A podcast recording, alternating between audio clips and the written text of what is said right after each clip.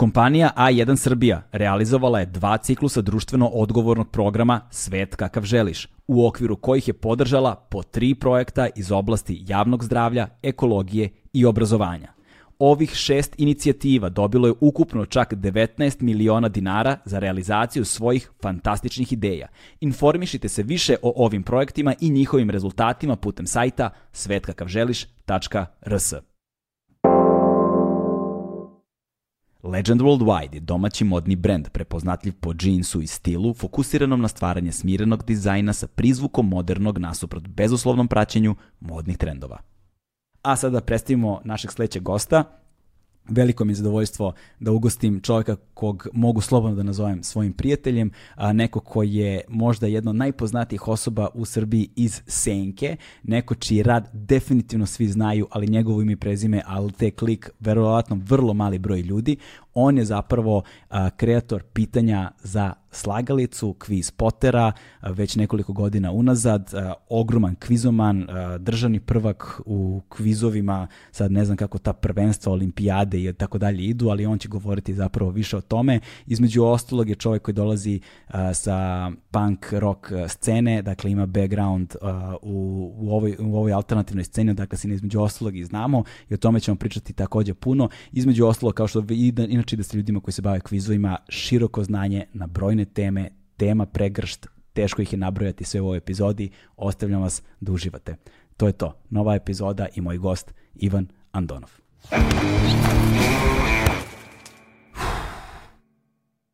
Hmm.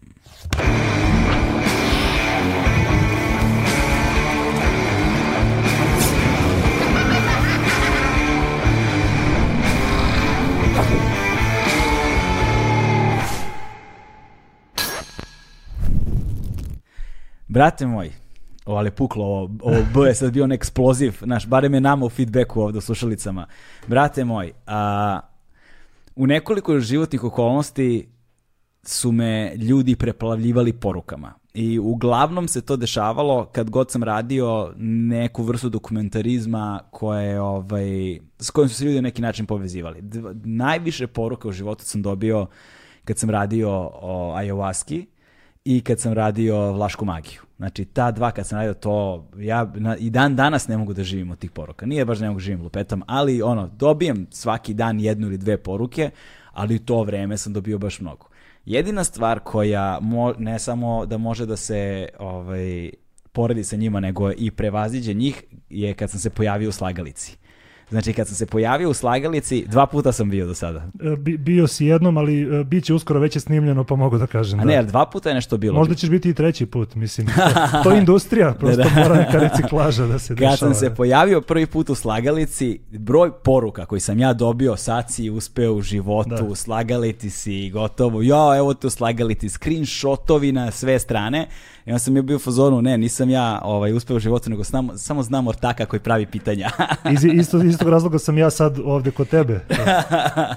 Zato što znaš ortaka koji pravi podcast. Pa da, i odmah na početku da pozdravimo uh, Pro Gym teretanu, prošli put nisam pa sam teo trener da me ubije, a odatle se ti i ja znamo vrlo je u kontekstu ove emisije. Da, da, da. da. Tako da ja sam, brojao sam čak, nisam drugi nego treći ili četvrti čovjek iz te teretane, tako da ako želite da dođete u Agelast, idite u Pro Gym da vežbate. Čekaj, treći, četvrti čovjek iz teretane, ko je još E, bio? Pa, znači Miloš uh, Ujedinjene nacije, ono, Da, jeste, da. i brate Mikri, i Eufrat, A mislim. dobro, ali... Znaš ih i druge priče, ali, ali oni i su iz Miloša, teretane. i Miloša i, i, i njih ne znam iz teretane. Da, dobro, da. Znaš, ovaj, i tebe znam Pa da, viđali smo se onako sa, da sa, sa panka. se skapirali i to sve i posebno trenere Marka Mladenovića, Marka Strugara, Škeja i Zorana Čiču, Čileta, našeg poznatog ne samo trenera, nego i glumca iz filma 1 na 1 i serije košarkaša.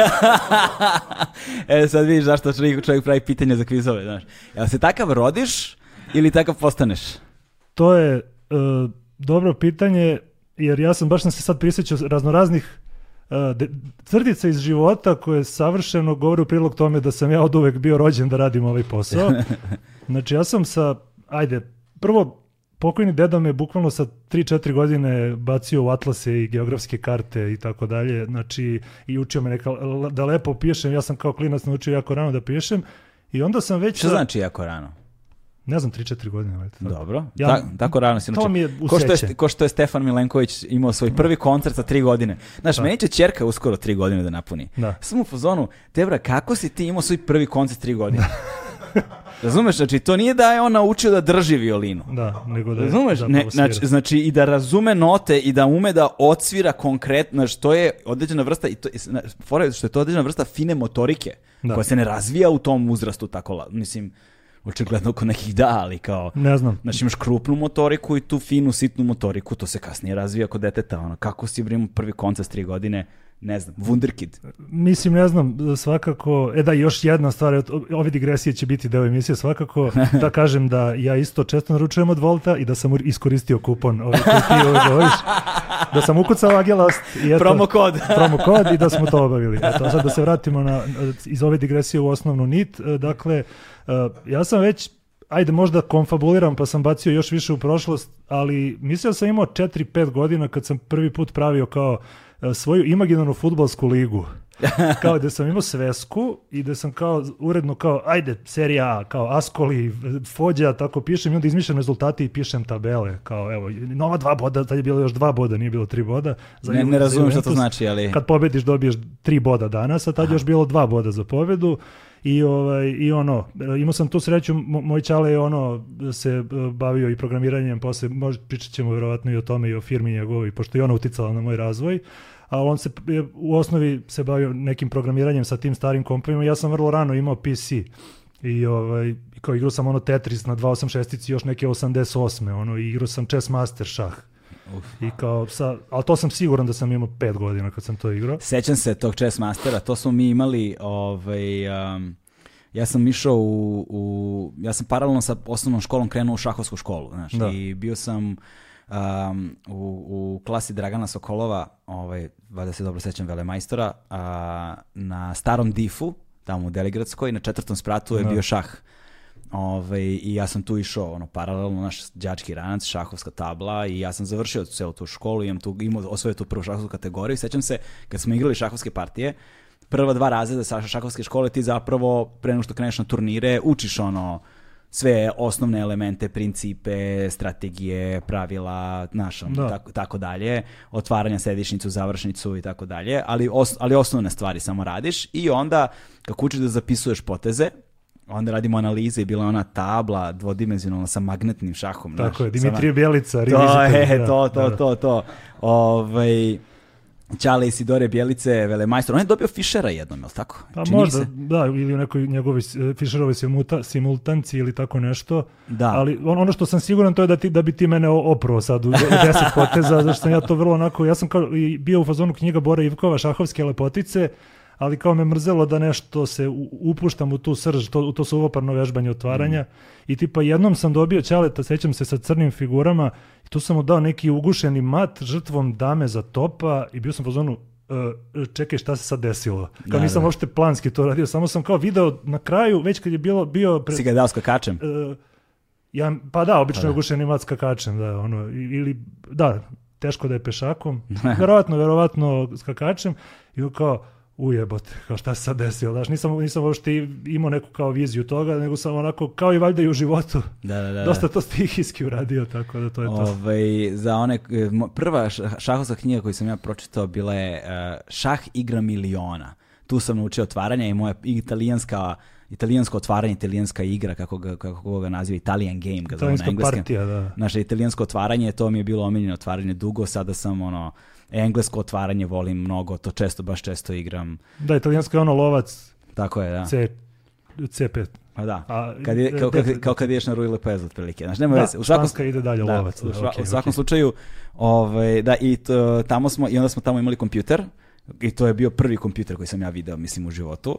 Ovaj, I tu, je, tu smo mogli protiv kompjutera da igramo Pa da. šah i to je bio taj chess Igrali smo istu igricu u isto vreme. Da, da, Eto, da, da, da. To verovatno. To su te generacijske stvari kad smo sličnih da, godina, znaš, pa nije, da. nije svet bio bogat uh, izborima kao danas. Pa da. I I da, što se tiče detinjstva, i onda, ovaj, pa ne znam, to, to, to su došli, da, setio sam se, životinsko carstvo. To wow, da. Mene su, mene su kao roditelji posle su mi govorili kako sam ja sad navodno sa dve i po tri godine znao broj jedan, Volvox, ne znam, Paramecium, ovo ono kao da sam znao da nabrijam sve te životinje. Tako da kažem, opet je to na neki način, ne, ne mogu kažem to po rođenju tako, ali svakako i jako ranom detinstvu. Da. E sad, da li sam se rodio takav, ne znam. Ali dve stvari tu. Ovaj, jedna je, čoveče, sve se koliko je to davno bilo. Album Životinsko carstvo, ja sam imao taj album i to je album je bilo baš teško popuniti. Ja ga nisam popunio nikad. Da. Bio je nešto ogroman, ali je fora bila sličice koje se dobiju u čokoladici. Oni mislim da to i dan danas postoji, jel tako? Ima samo su samo lepio i moja bratanica E, da. je popunila album, zajedno smo ga lepili. E, ali ja, ali tada nisu bile da. samo lepljene, nego si imao ono oko lepak i Da, kao da. lepiš sličicu, Jeste, jeste, da. Kad, kad ono od čoko- čokoladice ovako odvojiš od one folije, ostane neki tragić kao, Da, da, da, da, da, da, kao da, da, si da. zalepio žvaku. I onda to, lepiš. A druga stvar, ja sam isto, sad to nema šanse tako nešto da, znaš, neverovatno je koliko su klinci kapaciteti, sunđeri da upiju stvari. Da. Ja danas to ne bih mogao da uradim. Siguran sam da ne bih mogao, ali meni je majka poklonila onaj Bremov život životinja i to je lege. Mislim da su to svi u kući imali tu knjigu, ono, nemam pojma, ali kao Bremov, Ja se ne sjećam iskreno. Bremov život životinja i da sam ja naučio sve životinje iz knjige na pamet. Da, to je, To je okej. to je taj slič, sličan, sličan fazon. I da ono, meni kjevat s vremeno otvori mi knjigu na random stranici i ja pogađam koja je životinja. Da, da, da. Tako da eto, to je bi- bilo je životinsko carstvo, uh, bi- bili su uh, ti, da kažem, to sa pisanjem sa atlasima, ali prosto ja mislim da je stvar osnovno kako mi radi mozak još od malena, da šta god se dešava oko mene, da ja to nekako upijam i da nekako analitički posmatram. Što se posle videlo i, ne znam, recimo kad sam igrao košarku, što je bilo kontraproduktivno za mene, ali ja sam recimo uvek brojao koliko sam dao poena. Što, što je suicid za košarkaša, znači ti, ti to ne radiš, to je čisto ono, neki egoizam i neka ono glupost. Da. I sigurno bih davao više poena da nisam brojao koliko sam dao. ali prosto meni mozak od uvek tako radio. Znaš. A, ovaj, a reci mi, jesi, jesi ono, ideš ulicom, ne gaziš liniju, brojiš tablice, semafore, E, Pa da, ono, to s linijom je bilo kao neka fazica, otprilike kad sam gledao As Good As It Gets sa Jackom Nicholsonom, zašto on to radi u filmu, pa mi je bilo zabavno. Ali ne mogu, ne mogu da kažem da, da imam kao... Ljudi se mnogo olako razbacuju sa terminom OCD, ono, znaš, ali, ali u suštini imam neke kao, evo sad recimo nisam ostavio ovu svesku paralelno i ne pogađa me, ali kao ajde, da, može, što da ne, evo i hemijska. Kao. ali kao ajde, da. Da. Ja sam, ja sam e, sa linijama, stepenicima, um, semaforima i automobilskim tablicama baš imao i, i teško sam se oslobodio od toga. Da, Znam, znam da sam zaticao sebe da se mučim, da prestanem da mislim na te stvari, Da. ali govorim o periodu, recimo, prvi razred osnovne škole, tako nešto, znaš, i Da. znam da je to trajalo dosta dugo. Da, da, ima toga. Znaš šta, ja imam problem recimo sa simetrijom, to je sa asimetrijom. Iako sam kroz ne- neke, od kad sam dublje uronio neke razne forme umetnosti, sam ono, zavoleo, i brat moj arhitekta, pa mi je on objasnio koliko je asimetrija zapravo cool. Ali recimo ja, eto, neko kao ti, imam i ja tu neke tetovaže i sad, ovaj, kao levo i desno rame, kao fuck, ono kad sam istetovirao, jebote, ovo mi je kao malo više nazad od ove. I gledam se ovako gledalo, to je na- znači sad, pre 3-4 godine, nije to kao klinac. Mada klinac, ono, okej, okay, očigledno to dete u meni i dalje šljaka, ovaj. E, i, ovaj, I kao gledam, jebote, nije dobro si me, da li dodam nešto ovde, kao da izjednačim, kao, znaš, Da. kao, aj neću, ajde bre, ono, kao, fenomenalna tetovaža, a, ajde da se okrenem malo na ovu stranu. A reci mi, o, koliko dugo ti se zapravo radiš slagalicu? ja slagalicu kao konkretno tu emisiju radim tri godine, Mhm. a TV kvizovima se bavim evo već punih deset. Da. E, To je zapravo trenutak kad je- smo svi provalili da je slagalica počela da se modernizuje. Da, se Da. pojavljuju ono moderni pojmovi. Znaš, sećam se jedan od prvih koji je na internetu se zavrteo kao popularna hip-hop grupa iz Koteža ili tako nešto, Bad Copy su, mislim, tu više Da, puta da. bili. I onda Marko Nastić, pa svi. Samo odjednom sam počeo da primećujem na društvenim mrežama kako se pojavljuju screenshotovi. Jo, Znam da si šerovao MKDSL. MKDSL je bio Da, i to da. više puta. To je, Da. to je ono, on je baš za slagalice ko stvoren. Da, da. Još ima, znaš, on ima super uh, akronim kao šta to znači, ali to je za slagalicu preteško. Ono, ma- mama kaže da sam lep, Da. znaš, ali to je super ovaj, da se postavi u nekom kvizu malo više. Da, da, neverovatno je to, znaš, u, u krugovima iz kojih mi dolazimo, ja ne poznajem nikoga ko ne zna šta znači MKDSL, Da, čak i šire od toga, njegov brend je veći od njega, Da. čini mi se, znaš, mislim da njega ljudi neće prepoznati na, na, na mestima na kojima će znati šta znači MKDSL, ono. Da, Ali, ali s druge strane, znaš, to nije uzorak za, kao na nivou cele nacije. E sad, to je možda, mo- to je možda recimo jedna od tema koje bi, mo- s kojom bi se mogli počnemo razgovor o slagalici. ovaj, koje je pravo pitanje za kviz koji je toliko veliki? Dakle, slagalica je nešto što se gleda već kroz mnogo generacija. Koliko Da. godina se ona Od 93. Znači Devet- skoro 30 godina. da. Skoro 30 godina je slagalica na TV-u. Je li ona na početku bila muzička slagalica? Zvala se muzička slagalica, imala je druge igre, ono, Da. nije ni bilo ko zna zna uopšte. Nije bilo ono, tangram, ono, sklapaš. Jo, Tangram, sećam se. To je bila Ono, tabla na kojoj su tabla, pravili. Da, i na kojoj sklapaš zadatu figuru. Ono, bilo je, uvek je bila igra slagalica sa slovima, ova sa brojevima, moj broj, ali moj broj nije bio ovakav, nego je bilo fazon jedna, jednu cifru, samo ti izaberu, možda bude samo sedmice, samo kečevi i onda dođeš do broja iz što manje tih cifara, ono, potpuno je bilo drugačije. I mislim da je ovaj skočko koji se tad zvao Duga, inače, ovaj, pa je bio i onaj neki vic, kao čist račun Duga, Duga, Skočko, Herco. ovaj, je bilo, pa je onda Skočko tako kao neki e, identitet brenda, on, brand awareness neki oskočka je ubačen da bude kao on, da se igra zove tako i, i to je zapravo, ja mislim, glavni razlog zašto ta igra opstaje sve vreme, zato što je skočko u njoj. Da, da, ba, znaš šta, meni je to najdosadnija igra, iskreno, ja više volim Da. ko zna zna, ali, uh, ali ima sad fora isto za tu igru skočko, znaš, karo, karo, Pa znaš, to ti je, to ti je ono kriptični rat zvezdinih i partizanovih navijača, znači to ono, ne znam da li si to ne, primetio. ne, to tek ne pratim, da. Pa to je počelo uh, tako što je neki čovek pre jedno 7-8 godina rekao uh, na prvom koraku volim, volim zvezdu, zvezdu, kao tako je otvorio i onda su se tu primili mladi navijači zvezde i počeli da otvaraju sa srce, srce, zvezda, zvezda, a onda su navijači partizana koji dolaze i kojima je stalo do tog, toga, da govore zvezda, zvezda, karo, karo. Ja. E, razumeš? I, I to traje, i to traje već, ono, i, i naravno imaš treću grupu ljudi koji boli dupe za to i koji govore ne, skočko, skočko, tref, tref, mislim. znaš. Vidiš, nisam imao pojma to, Da. moguće se ljudi bave tek stvarima? da, da, da, ljudi se... Imaš Koliko, se, če- koliko se to često dešava? Pa, u svakom mesečnom ciklusu par puta sigurno. Ovaj, tako da, e, ide i u ovom sad e, superfinalom koji se emituje dok mi ovo snimamo. Bio sam na snimanju nekih epizoda i znam da će biti i sad. Da, da, e, i danas kada snimamo, između ostalog je prvi dan, prvi sneg je pao danas. Prvi sneg je pao. Prvi danas, sneg je pao danas, de- decembar 2021. godine. Joj, čoče, svaki put, svake godine mi je sve teže da pogodim koja godina. Znaš, Da. kao da zaboravljam u kojoj godini živimo. I onda imamo onu malu stanku pre nego što kažem posljednju cifru 20 prva, kao prva, da, da, jeste, kao nije 20, nije još 22, 21. A brojiš mesece na glavcima Kako prstiju. ne, ko to ne radi, ali mislim to svi rade. Pa ja ne radim.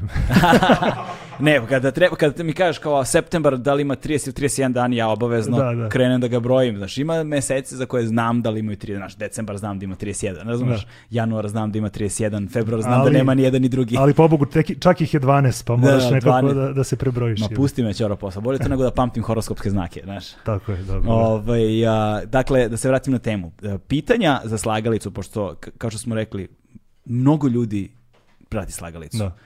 Ove, I to su jedna od redkih, ja mislim, jedan od redkih fenomena na televiziji koji dalje može da okupi celu familiju da se niko ne posvađa.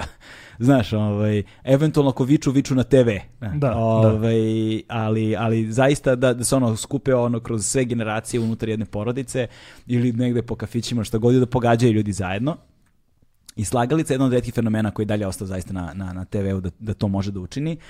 I, pra, i postavlja se pitanje šta je pravo pitanje za slagalicu, šta je, šta je pravi nivo i kako, kako, ih, i kako ih klasifikuješ ono kako se recimo idu ciklusi i budu sve bolji i bolji takmičari. Da, Znaš, kako, znači sad pre svega pričamo o igri ko zna zna, pretpostavljam. ne, Ali govorimo generalno, uopšte, da, gena- generalno, mislim sad, pretpostavljam da za one brojeve i za, za slova i to ne možeš ništa da učiniš, to je šta ti izbaci. Pa za slova mogu da učinim, to, to sam demistifikovao u prethodnom intervjuu, pa je izašlo kao na internetu, otkrivena prevara u slagalici, kao mi zapravo određujemo reč unapred, a sad mislim, uh, uvek bude bar desetka. Aha, aha, određujete reč i- napred. Da, zašto? Zato što je bilo ranije u početku slagalice da vičeš ono random stop kao. I ono izađu ti tri slova dž, brate. I ono ne možeš da sklopiš reč od tri slova bukvalno. Da, da. I to je minut mrtvog programa na televiziji. Mnogi gledalac će da promeni kanal, razumeš, ono, to, Mm. ono, i tako da prosto je, još pre nego što sam ja počeo da radim je ustanovljeno, znači da uvek postoji neka reč od barem 10 slova koja može da se nađe,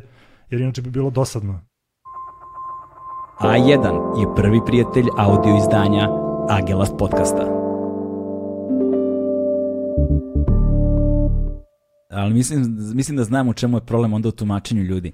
Zato što voditeljke kada, kada, kada kažu mi, i mi, Mi. smo našli reč, Da, mi smo našli mi, reč. ja kom- da, A mi je- smo naši reč, ne, mi smo zadali reč. Pa bukvalno. Jer, da. jer, tako, je jer tako ispostavlja se da su slova bila random, a ovaj, i da se onda reč naknadno pronašla, da je kao recimo kompjuter ili ne znam ko program, software, šta god pronašao reč od tih random slova, a zapravo je reč već bila zadata Pa da, unapred. koja postoji zato što, rekao sam ti, I a, tu, na, I tu nailazimo zapravo na zabunu u tumačenju. tako je, a u mom broju i u skočku jeste sve tek kompjuterski izlazi i sad, e, koliko znam, ukinuli smo da broj zadati bu- može da bude na nulu ili na keca, pošto je to, ja mislim da je skroz to ukinuto, Mhm. pošto ne boravim na snimanjima, mi samo ponekad odem, nego da prosto mora da Ne, bude... video sam da broj izlazi na nulu. Bio je do skora, da, ali sad ja mislim da je sad od sad će izlaziti od, od ovog sad ciklusa koji se emituje da će bar na dvojku da bude, da ne bude ono broj 13, pa se onda svi nasmejemo i rešimo to za 10 sekundi. Prosto ono besmisleno je. Da, Da jedan lik dobije ono 913, a drugi dobije 15 kao. da, da, da, da. Tako da to, za te, te dve igre su ovaj automatski, a sve ostalo pravimo kolege i ja odmah da pomenem, znači Bojan Lukić kolega isto ovaj poznati kvizaš i tu je treći kolega koji je bio tu još pre nego što smo mi došli kao nova ekipa koji je autor igre korak po korak ovaj, kao samo koncepta, Nenad Pišteljić i eto nas trojica Mhm. to radimo. Mislim, i na kraju ide sve kroz mene, onda ja šaljem. Znači ja sve to i obrađujem i pravim svoje i onda šaljem uredništvu. Ovaj, na dalju obradu koja je obično minimalne izmene su tu ili, ili nikakve i onda to ide u e- etar. E da, sad tu ćemo do tu, treba, trebalo bi da zapišem uh, fus notu, Evo, ja ali, evo da, ali, evo da, ali evo da zapamtimo da tu sad imamo, uh, kad pošto prolazi kroz uredništvo, tu ima, pored toga, težin, po čemu tek treba pričamo o težini pitanja, da govorimo o tome i klasifikaciju vrste pitanja, Da. šta sme da se pojavi Tako je. na, re- na nacionalnoj Tako je. televiziji, šta ne sme da se pojavi, da onda ta pitanja idu u neke druge kvizove o kojima ćemo isto Tako je. govoriti. Ili nigde. O, ili nigde, ili nigde, ali da stavimo to kao evo fusnota jedno za kasnije u razgovoru. A, Znači da se vratimo da, da vratimo se na to, težina pitanja. Da, znači ovako, I, I korak po korak, i ne znam, spojnice, i ko zna zna, i asocijacije, i sve kao težina pitanja kako se određuje.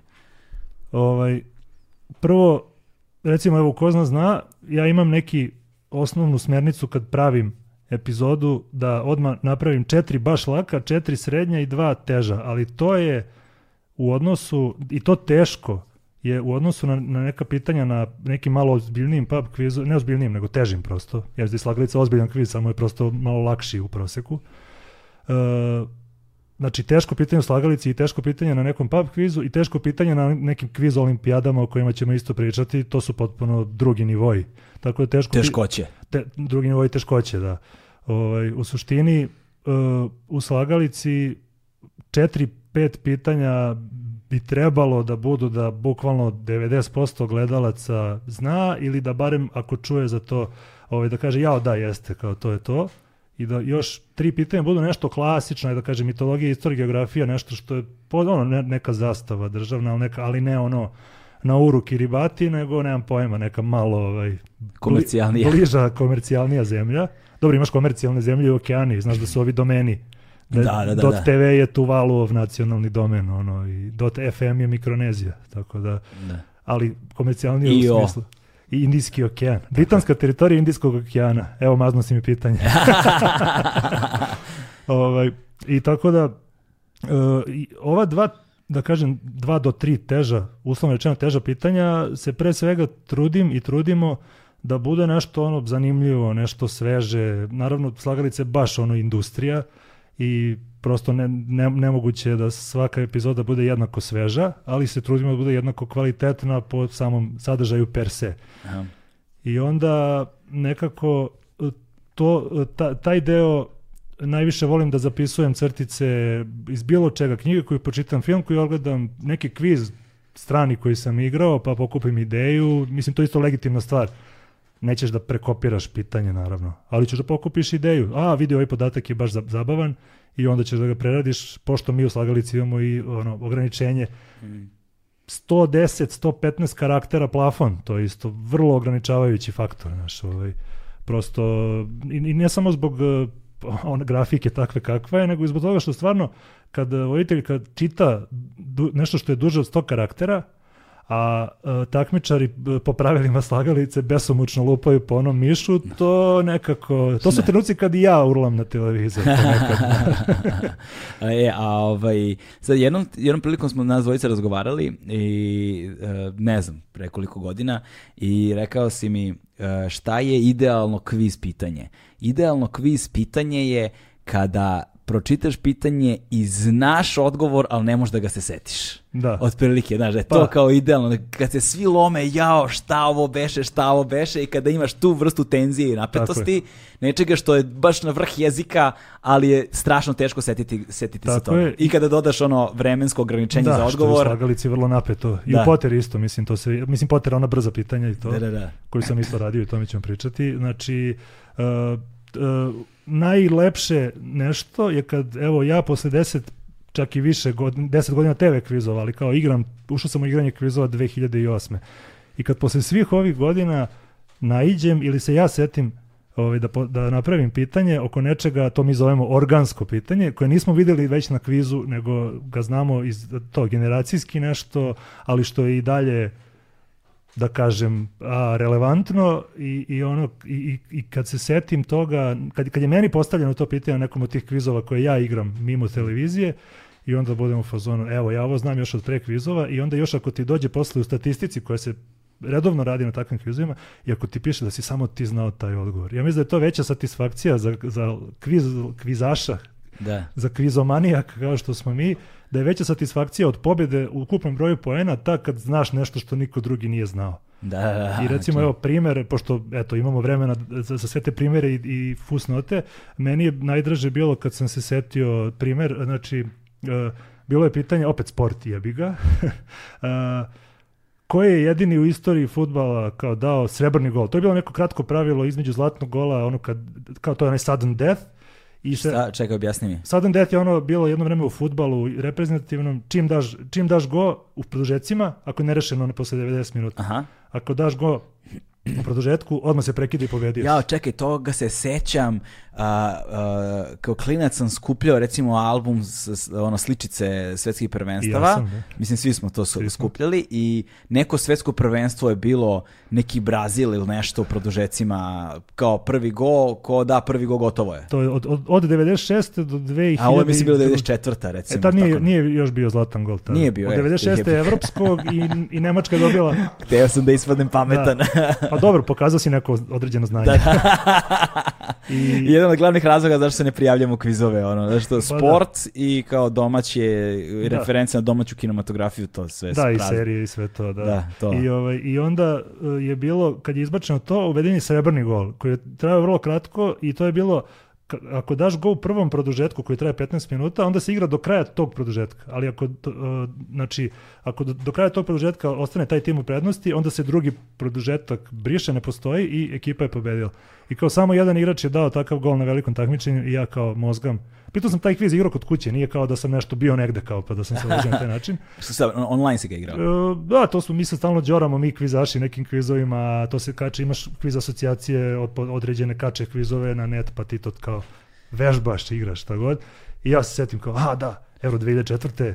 Grčka, Češka, Trajanos, Delas, kao, a setio sam se toga, to nikad nisam vidio na kvizu bio, nego kao ja sam to gledao i kao to ili neki koncerti na kojima sam bio, pa znam za to, znaš, tako neki događaj, to je, to je super što i posle svih ovih godina bavljenja kvizovima i dalje se dese takve stvari. Naravno ređe nego kad sam počeo, ali to, znači nešto što si znao zato što si bio tamo i, ili si to radio. Koliko je teško zapravo iznenadite, iznenaditi te uh, pitanjima kada igraš sa nama običnim smrtnicima nešto? E, pa zapravo kada kažem običan smrtnik postavlja pitanje, to je mnogo zajebanije i pogubnije za nas koji sm- smo naštelovani na taj e, kvizaški baždaren mozak. Zato što ja znam kad sam ja počinjao, kad sam prvi put radio TV kviz, to je onaj put oko sveta. Da, pričat ćemo. Da, sve. Tačno vidim razliku u svojim viđenju celokupnog tog sistema, šta je lako pitanje, šta je ono prosto dobro pitanje. Imao sam recimo uh, najosnovniju grešku koja, koja je ono baš no-no u kvizu, da pitao sam, i to je u emisiju ušlo tad na početku, to pre 10 godina, kako, kako se zva najpoznatiji kao poljski kompozitor. Znači ti ne smeš da pitaš ko je najpoznatiji, to je znači potpuno relativna kategorija. I onda ovaj Ili ko- ko je najbolji? najbolji, naj, to, to je, znači, nema. Znači, sad, sad mi čak ni u slagalici ni ne dajemo, zato što se snima, mada izgleda da postoji dosta gledalaca koji dalje misle da to ide uživo, ovaj, ali zapravo se snima napred i, i onda mi ne, ne, ne mogu kažem ko je sad trener neki, ko je sad oženjen, ne znam, ko je u braku, oni za dva mjeseca mogu se razvedu. Da, da, Ne, da. ne daj Bože, isto ljudi umiru, mislim, ono, znaš, stalno. Ja ti, ja ti visim na onim recent deaths na Wikipediji, ja svaki dan uđem da vidim ko je umro danas, razumeš? To mi je, ono, to stalno radim. I, Kako ti trošiš svoj život, brate? tipa, na smrt. tipa, ono, uh, vidjet ćeš u slagalici bar jedno mesečno pitanje, koji nedavno preminuli? da, da, da, da, da. I, ovaj, šta je bila osnovna, šta, o čemu smo Šta je pričali? pitanje koje ne smije da se postave i... Aha, o tome smo pričali, da. Da, u svakom slučaju, i čime meni iznenađuju, čime meni Da, da, da, iznenađuju... da. Obični smrtnici. Obični smrtnici, da kažem. Uh, ljudi koji se ne bave kvizovima profesionalno i ne igraju pub kvizove redovno, to sve oni imaju potpuno drugo viđenje toga svega i onda pokušavaju da profuraju, prosto instinktivno oni daju nešto što oni znaju i za nešto što oni misle da su- svi znaju da je to lako. Mm. Znači ti konkretno ti, ti imaš uh, viđenje mene kao da se bavim kvizima toliko dugo da, da sam ja pročitao nešto mnogo knjiga, ali mislim ti bi me satro ono kad bi počeo, ti si završio svetsku književnost i ti bi me satro kad bi počeo da mi postavljaš pitanja iz književnosti svetske za koju bi, tebi se čini da to svi treba znaju. Ne, ne, ne, pazi, uh, ima um, nešto zove se Dunning-Krugerov efekat. Ovaj, možda sam to pominjao više puta u, u podcastu, ako jesam, izvinjavam se svima koji su Tako slušali. je, i ja sam ga isto obrađivao na kvizu, da. Da, a, e, da, i onda u Dunning-Krugerovom efektu postoji ta, ta, dakle, taj koordinatna, koordinatni sistem, dakle, o, osa, ono, vertikalna i horizontalna. E, horizontalna osa je, e, koli- odnosno, nivo znanja, a vertikalna osa je a, samopouzdanje koje Tako je. imaš. I onda postoji ta jedna tačka, dakle, što se, ka- kako se po, ideš horizontalnom osom, dakle, kako ideš horizontalnom osom znanja, tako vertikalna osa samopouzdanja raste ali u jednom trenutku ti imaš toliko znanja, kako je to uh, Neil deGrasse Tyson čini mi se govorio, koje je najopasnije znanje. Uh, kada, kada znaš uh, uh, kada znaš dovoljno da misliš da si u pravu.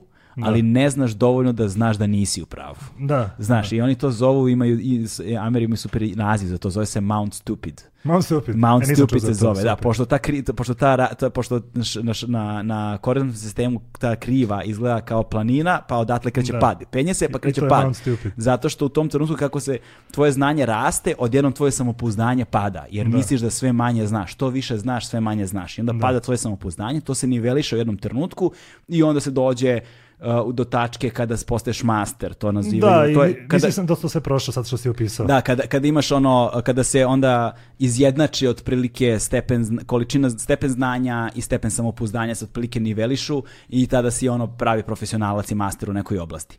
E sad, kao da- kada ima taj Mount Stupid, i, znaš, i ta, taj pad kad ide, tu se u tom Dunning-Krugerovom efektu se desilo još nekoliko stvari koje su vrlo zanimljive, a jedna od njih je da ljudi uh, pada im samopou... kada, u trenutku kad im pada samopouzdanje, to se dešava sa ljudima koji znaju dosta.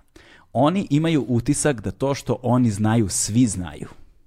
Znači, to je recimo kod pre- predavača, profesora, nastavnika, ljudi koji se bave, ne znam, nekom metodologijom, pedagogijom, što ti ja znam, vrlo često problem u prenošenju znanja. Da. Ja imam vrlo često problem kada go razgovaram sa nekim stručnjacima i, vrlo, i, i zato moram da imam te pripremne razgovore, jer oni su navikli da se obraćaju isključivo svojim kolegama ili studentima Ili na studentima, fakultetu i tako dalje, ljudima koji razumeju terminologiju, kojima se tona pojmova pretpostavlja. To je gomila pretpostavljenog znanja koje zaista nije pretpostavljeno. I to je, da. To je pakao međuljudskih odnosa generalno. Da, Na- generalno, znači, generalno, da. ti Ali, eto, ali to se pres, pre, evo viš, preslikava se na kvizove o kojima ti Da. govoriš. Kad ljudi smišljaju pitanja, oni misle da to svi znaju. Tako je, to je, mislim, prosto deset godina već štelovanja i ono osluškivanja, gledanja emisija i, ajde da kažem, ponekad i čitanja komentara na netu, mada to ne treba puno raditi. to ne treba nikad raditi. to ne treba nikad raditi. Ali u svakom slučaju, da, tačno vidim taj prvi kviz, pa i čuveni naš mim iz tog kviza koji smo već pomenuli pre emisije, čuveni Abu Džaba da bila. Da, da, da. da. Znači, to je pitanje bilo, kad sad kad gledam samo pitanje, kao pitanje je bilo loše. Aj, aj samo se, da, ajde pre nego što pređemo na to, moramo to iz početka da ispričamo. Dakle, ti si 2000 koje godine? Uh, kad sam, taj kviz, Da. uh, taj kviz smo 2011. godine, To je prvi kviz koji ste radili. prvi kviz za televiziju koji sam radio i to sam imao sreće da ubacim u kontekst uh, ceo. Znači, Če ja sam reći kako se zvao kviz. put oko sveta, Gde je bio taj kviz na, emitovan? na B92. Da, Tako tako, razumeš to, znači, Dobro, o- da. ele- ono, establishment podaci, Da znaš kao, da, da. se, da se prvo snađemo, e, i, ovaj, i na tom kvizu si uradio šta? Dakle, prvo bih se vratio još malo u prošlost da bacim u kontekst da je, znači, moj otac, moji roditelji su imali tu firmu Company, koja je bila vrlo ono, eminentna medijska kuća, radila je svašta i neke spotove emisije i tako dalje. I, on, I ja sam radio za njih i neke druge stvari, o tome možemo kasnije o tom nekom mom putu i šta sam ja sve radio u životu, ali da sad držimo kviza. Ovaj, uh, on je bukvalno se 2011. našao sa tadašnjim urednikom uh, programa uh, B92 Igorom Stojmenovim i kao, ej, ajde, hoćemo, e, imamo šest, hoću da imam še, kviz u šest. Ajde pravimo kviz, znači, bukvalno da- radim danima od šest, hoću da popunim da imam kviz, totalno od nule, totalno da mi nešto smislimo. I to je bila postavka. Ja sam se pre toga bavio e, enigmatikom, pre svega. I, ovaj, i ono, e, najviše sam se bavio anagramima, učestvovao sam ono u, u prvenstvima Srbije, upravljanju anagrama, to isto postoji. Ja sam ti inače, ne znam, verovatno, ne znam da si čuo ko je Ester Ledecka, to je ona čuvena Čehinja što je uzela na istim zimskim olimpijskim a, prvu skijanju i to na pozemljenim skijama i onda je se prebacila na snowboard i onda je u snowboardu osvojila zlato. e, ja volim da kažem da sam ja srpska Ester Ledecka za siromašne. Ja sam, ja sam bio prvog Srbije i u anagramima i u kvizu. ovaj, tako da, on, ona ti je super, ono, Kralj obskurnih informacija. opcija informacija. I e, 2011. se mi nađemo i, i mi tu mesec dana mozgamo, tu je bio i naš poznati reditelj Dejan Karaklajić i Ćale ja i Stojmenovi, mi tu nešto mozgamo, e, postavljamo, pošto ja to nisam imao, ja sam radio već kr- kroz medije neke stvari, ali nisam radio kviz i sad mi postavljamo ovaj, kao kako to treba da izgleda sve i meni jedan dan samo izađe bukvalno, aha okej, put oko sveta Geos može, prva igra Evropa 5 puta 3, druga igra svet, 2 puta 4 i teramo tako. Treća igra za nagradu i to je to. Inače, bukvalno nešto vrlo, vrlo prosto, a, ovaj, ali posle mesec dana brainstorminga nekako je onda to, to se tako i desi. Ono ti ispadne nešto jednostavno što je zapravo pilo vodu i bilo je dosta zabavno. Šta znači 5 puta 3, 4 Uh, puta 2? imao si ovako uh, tri države, ne, ili pet, pet države, ne, tri, da, tri države, uh, pet oblasti, vrednost 1, 2 i 3 poena. To je bilo. I u, svakom, uh, u svakoj uh, emisiji je prva igra gde jedan otpada, znači tri takmičara su na početku i posle prve igre prvi otpada i u drugoj igri ostaju dva takmičara. I to je već bilo, bilo problematično u startu, recimo, problematična stavka što su pitanja od 1, 2 i 3 pojena i sad ti treba da proceniš. Još ja sad tada sa vrlo mršavim iskustvom treba da vagam koje pitanje je teže od kojeg, znaš, to je vrlo problematična stvar. I onda ovaj, imaš kao u jednoj epizodi, ne znam, Austrija, Srbija, ono, Italija, pa u drugoj vrtiš, ono, stavili smo čak i Maltu i ne znam, sa, ne znam da smo baš San Marino, ali bilo je tako i tih manjih država i onda imaš ono, geografija je ono zastupljena, ali ne više od muzike, filma, gastronomije, A Srbija Sve. zna San Marino, brate, mi smo to pratili kako se igre bez granica. igre bez granica. San Marino su bili ono apsolutni dominatori tamo. Sad su ti, ovaj, inače, ej, to, to je jedna stvar koju sam sjetio skoro, koju nikad nisam vidio na kvizu, kao, se- sećam se kad sam ja kao klinac pratio da je iz Jugoslavije, da je jednom pobedio mali lošinj, to sećam tačno, i da je bila euforija, ono, da ne, širom Jugoslavije je bila euforija što je mali lošinj pobedio igrama bez granica. Ovaj, a, a za San Marino, da, ono ima, ne znam, ovaj, velika nagrada San Marina Formula 1, koja se inače vozi u Italiji, ovaj, ali tu kao blizu. Da ne znam, nešto su prebacivali to sve. Ja sam sad ono, ja sam sad prema sportu imam isto mišljenje koji ti, samo što ga dalje pratim zbog kviza, što mi je to posao. Da, da, da, da. da. Ovaj, I uh, vratimo se na kviz Put Da. oko sveta. I onda smo ovaj, to razvijali i pravili te epizode uh, celu tu zimu, da kažem, i na proleće smo počeli da snimamo. I sad, problem je bio u tome što smo, i Ćale i ja, bili, ja ono koji mi je to prvi takav posao bio, što smo tome pristupili baš kvizaški, da to bude nešto kvizaški, da bude zajebano, kao, da budu neka kao zajebana pitanja, to sve. A e, Stojmenov i Karaklajić su prosto gledali to sa aspekta isključivo televizije i kao, brate, znači mora bude gledljivo, mora bude kao da ljudi to gledaju da bude da ne bude preteško, da bude šareno, da bude pop kulturno.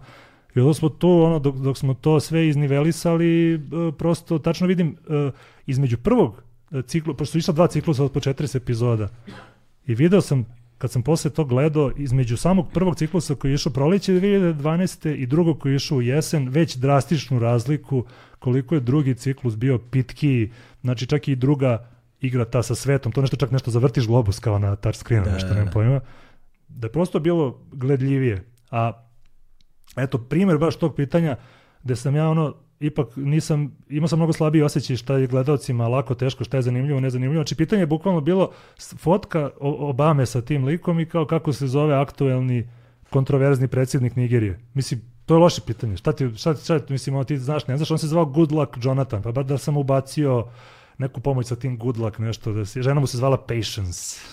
ovaj, ali mislim, iz ugla konkretno igrivosti kviza, to, to, se, to se kod nas zove igrivost, to je loše pitanje, ali su se takmičari Mladen i Mirko potrudili da to postane najbitniji trenutak u našem kvizu. Ja sam bio tad na snimanju, gde je ono već poznato Mladen. Ono, ono što kao ja mislim da je svima poznato, ali da ispričamo, upravo pričamo i o Danin Kruger i o tome. Znači, ovaj kao Mladen Mitrović, kao uh, Rimpu Tapač, Rimpu na Badežile AK. Mi- Mi smo bili tamo, ono, ja gledam kamermane, svi su na ivici da umru od smeha, a ono, kao, kao ono iz uh, Pasje popodne kad je John Cazale rekao Wyoming, pa su svi umrli od smeha, ono, pa su jedva se suzdržali da to ne propadne. E, molim vas ponovite, kaže Jovana voditeljka. E, Rim Potapač im ne žile AK. Nije ponovio sva slova isto, to sam posle analizirao. Kao, a, n- ne, a i vreme je isteklo i ona je to vrlo dobro hendlovala. Mirko, probajte vi. Mirko. Abu džaba da bila.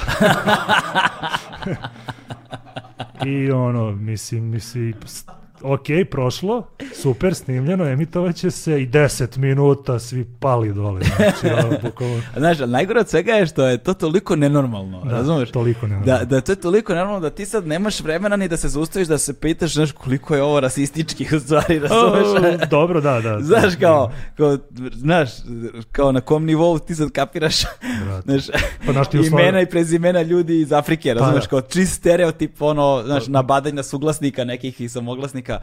Pa, Znaš, to imaš i u slagalici isto takmičar kada odvali. To, Da. sam, to sam pričao u prethodnom intervju što sam dao. Kolona, kao asocijacija polje, nož. I joj kaže, kolona žica. Kao, dobro, okej, ne. Kao, ajmo dalje. Ajmo dalje. da, znaš, sad zahvaljujući internetu te stvari postaju viralne ovako. Odmah, odmah, ovako, odmah, znaš. odmah, odmah. Slagalica je već u posljednjih nekoliko, mislim, sad da kažem epizoda, ne epizoda, ali recimo posljednjih nekoliko meseci svašta se nešto desilo na slagalici. Pa da, da, ima, mislim, ono, prosto sad, koliko sam ja shvatio, nisam, nemam TikTok, ali na TikToku je postala vrlo rabljena slagalica i, i, i sama vojiteljka Kristina se u emisiji našalila, ono, kad su takmičari imali neke onako e, lascivne re, re- pokušaje, tipa jedan je rekao obnaživati, a drugi je rekao nešto slično, isto zaboravio sam šta, i, i Kristina kaže, ne gine nam TikTok. Da, ne gine na Znaš. TikTok. Ne, jedan je rekao nešto, uh, sad ću da lupim ja, znaš, uh, kako je rekao, nek vaginalizaciji, ne, šta, šta je rekao? Ja mislim da je bilo nešto Tako tako, baš nešto. va, vaginacija. Vagina, tako nešto. tako nešto je lik, lik rekao i odmah je predvideo da će da završi na Pa YouTube, da, kao, znaš. možda neko to i svesno uradi, kao nemam pojma, znaš. Između ostalog, Da. između ostalog. A, a čekaj, ali ova legenda, kako se zove, najpoznatiji igrač slagalica svih vremena. Slavoljub? Da, da, da. Pa verujem da jeste, da. Svakako, ovaj, bilo ih je još, ono, ne znam, onaj Sajo što govori blagodarim, ono, to je bilo, ovaj, No, ti tad nisi bio tu. Ja nisam bio tu, ali ja, ja sam se takmičio inače u slagalici, bio sam takmičar, znači, ovaj, to može da pričamo i o mom delu kad sam ja išao na kvizove. Ajde da se vratimo na to, pošto mi je zanimljivo, jer sad si me podsjetio i kako se zove ova devojka što je u Poteri Milica. Milica, tako, našao sam neki snimak i ona je bila učesnica Da, u da. kvizovima, isto I- mislim da sam našao neki snimak da je u slagalici. I ona i Žarko isto tragač je bio, da, da, da. Da, i on, to je sad vrlo zanimljiv put jednog uh, kvizomana kroz zapravo iskustvo učestvovanja Pa u to je bukvalno kao, kao neka re- regrutacija, mislim, znaš, ono, bukvalno, Uh, rite of passage, kao vatrno krštenje, Da, znaš, da. moraš da si učestvovao u kvizovima na televiziji pre nego što si se oprobao u pravljenju kvizova. Dakle, uh, kada ti i na koji način ulaziš sad da li se pod kvizomanima smatraju ti anagrami i sve te stvari, ono, ili kao, naš, uopšte u taj svet, kako se taj svet jednom rečju možda, imamo neko ime, zove, taj enigmatsko, kvizaško, Pa je, bukvalno tako, da, ne znam. E, generalno, e, imaš, na engleskom je to bukvalno quizzing i puzzle, puzzles kao, znaš. Da, da, da, da. Tako da to, nema, nema neki kišobran termin da ja znam. Aha, Ovaj, ali svakako da, anagrami su vrlo, vrlo zahvalno oruđe meni, kao sa večer, sad sa iskustvom, sad opet malo, ovaj, off, nije off topic, nego malo samo skrećem, e, ta, to masteriranje anagrama mi sad pomaže da ga tačno nekako ubacim kao pomoć, ali da ne bude anagram u prvom planu, nego da bude samo kao pomoć, a da pitanje bude, da težište pitanja bude na nečemu konkretnoj nekoj informaciji, elem.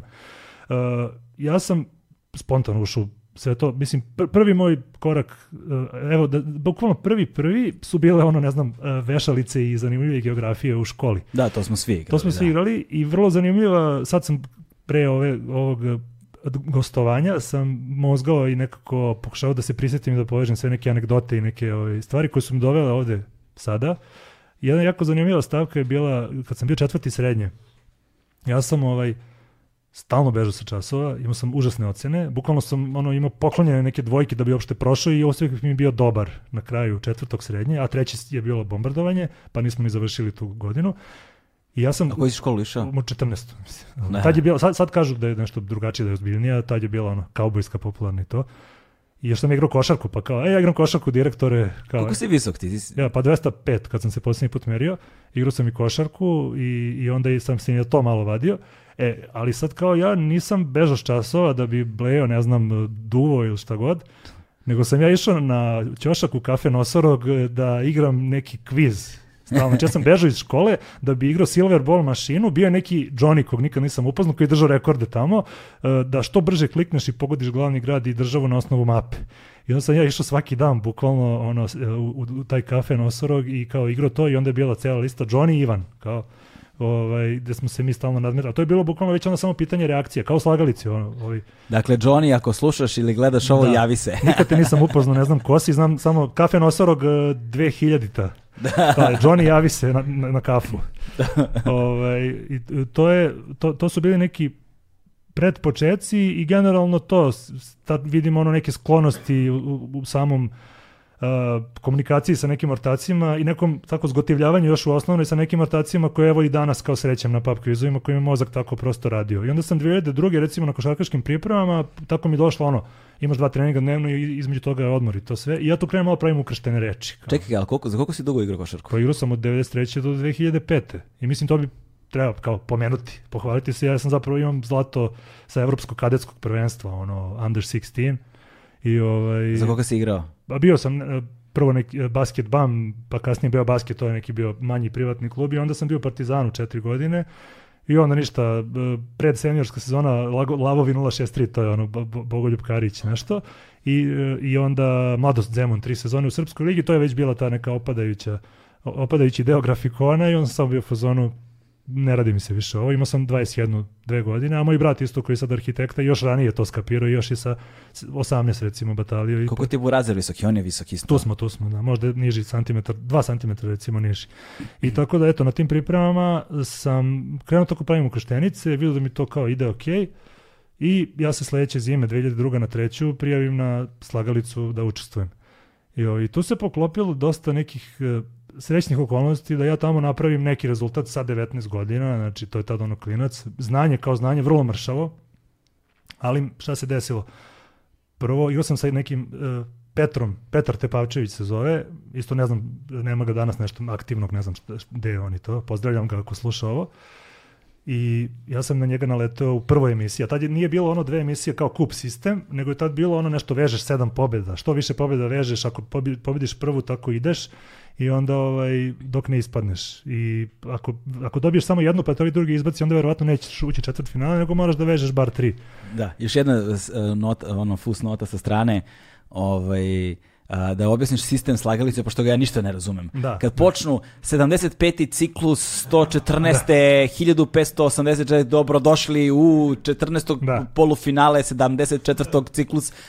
Brate, što pričate vi? Da, to treba zapravo možda grafički da se obogati, ali sad je vrlo prosto, ono, osmina finala, dve emisije, ko je bolji, četvrt finale, polufinale, finale, mislim. To kad dotle dođe, znaš, Da. dotle ja nemam pojma šta to pričaju, o čemu se mesec. radi. I, to je, ali, ranije je bilo I to koliko konfuzno. tih bre finala ima Da. go, toko godine, pričat ćemo posle, Da, ali ima. da pojasnimo malo tu strukturu slagalica, ali posle. E, Da, i, i ja sam uh, vezo imao sam tu sreću da protiv Petra e, dobijem u igri, tad je bila igra Berza koja sad ne postoji isto, koja je inače super igra, ali mnogo dugačka i onda sam, pričao sam ja sa uredništvom i o tome da li da je vratimo i ljudi me pitaju za tu Berzu stalno, a tu imaš ono, e, imaš 20, odgo, 20, 20 pojmova i, iz neke oblasti i onda licitiraš na koliko ćeš, misliš da ćeš odgovoriti i ti ideš 11. Onda kao u igri kartama, kao u preferensu. Moje je 11. Ej, preference nikad nisam naučio da. da. igram. To je još jedna stvar koja mi je ostala. Uh, bridge, pre preference, misterije, kartaškog, ono... Da, da, ja sam, moj, moj čal je baš ono ozbiljan igrač preferensa i onda sam ja uh, s njim dosta blejo igro i kako se zove i naučio ajde, nisam nikad postao dobar igrač, ono, meni da. su te sve stvari koje uključuju logiku, zato sam se ja u kvizovima, u kvizovima, znaš, je, to više neke činjenice i, i ključna reč je asocijacije i funkcionisanje mozga na nivou asocijacija. To da. je meni ono... Znači, ne znam ko je gori od nas dvojice sa ovim meandriranjem i digresijama, vratimo se na temu. Tako je, ali pričamo o kvizovima. to, su, je, to da. su kvizovi. Da. Mislim, sve, sve je, to je dobro s kvizovima, sve je, sve je relevantno kad se baviš da. kvizovima, bukvalno sve. Da. Nema digresije. Sve je digresija i nema digresije. E, I ja ovaj, u toj berziji, uh, ako izlicitiraš do 13 i ovaj kaže dobro, igraš sa 13, a 20 ima ukupno. Ako pogodiš manje od 13, protivniku idu tvoji poeni. Ako pogodiš 13 ili više, onda tebi ide toliko poena koliko si uzeo. I dok se to izlicitira, to je zato je ta igra nije toliko televizična, zato što to traje ono 5-6 minuta emitovanja dok ti to sve izlicitiraš. I meni u prvoj emisiji, klincu koji prvi put u životu na televizijskom kvizu, dođe ono futbolski klubovi iz kojih su zemalja, a ja ono, u slobijena vremena ti si mogao s 15 godina da uđeš u kladionicu i da samo odigraš tiket, razumeš, sad ono klinci žickaju ispred kladionice, kao čiko, možete mi uplatite tiket. Ono, horor, te, te kladionice su Tako horor. Tako je, da, imaš kod mene u kraju odmah dve čim izađeš. I ovaj, Pa mislim da svuda ono izađem sad ovde kroz prozor da pogledam imam svuda, pet verovatno svuda, kladionica. Svuda. Ako nije, pa kao. Ako nije barbershop ili Maxi, onda je, ali kladionice su... Ako nije menjačnica, pekara, naš, pa da. ili Maxi, onda je kladionica. Tako je, tako je. I, ovaj, i ja sam se ono, potpao pod te trendove mm. i kladio se i to sve, joko, brate, 20 od 20 na keca, znam se ove klubove, ono, igram kladionicu, kao... I ja tu uzmem čoveku 20 od 20 i na kraju emisije ga pobedim tri razlike. Znači, bukvalno da nije bilo te igre, da mi je upalo nešto drugo, on bi me sigurno pobedio i to moje učešće bi se završilo nezapaženo. Međutim, ja njega dobijem i onda se tu dolazili su me dolazili su mi posle ovaj, drugi takmičari koji nisu toliko bili jaki ja, ja vežem 7 pobjeda. Pritom isto bilo zanimljivo da sam da, zapravo dve zanimljivosti. Prva je da sam, pošto se to snimalo 5-6 u danu, ali tada ono jedan takmičar vezuje sve epizode I ja, ja sve vreme snimam u istom duksu, brate. znači, to je cijela, cijela nedelja nisam se presvukao, razumeš? Ka, plavi duks. Ovo što i dalje nosim u teretani, inače, ono, tad sam, ja imam jako stare dukseve. I, o, i kao, brate, ono što se nisi presvukao, pa kao to se snima sve za jedan dan.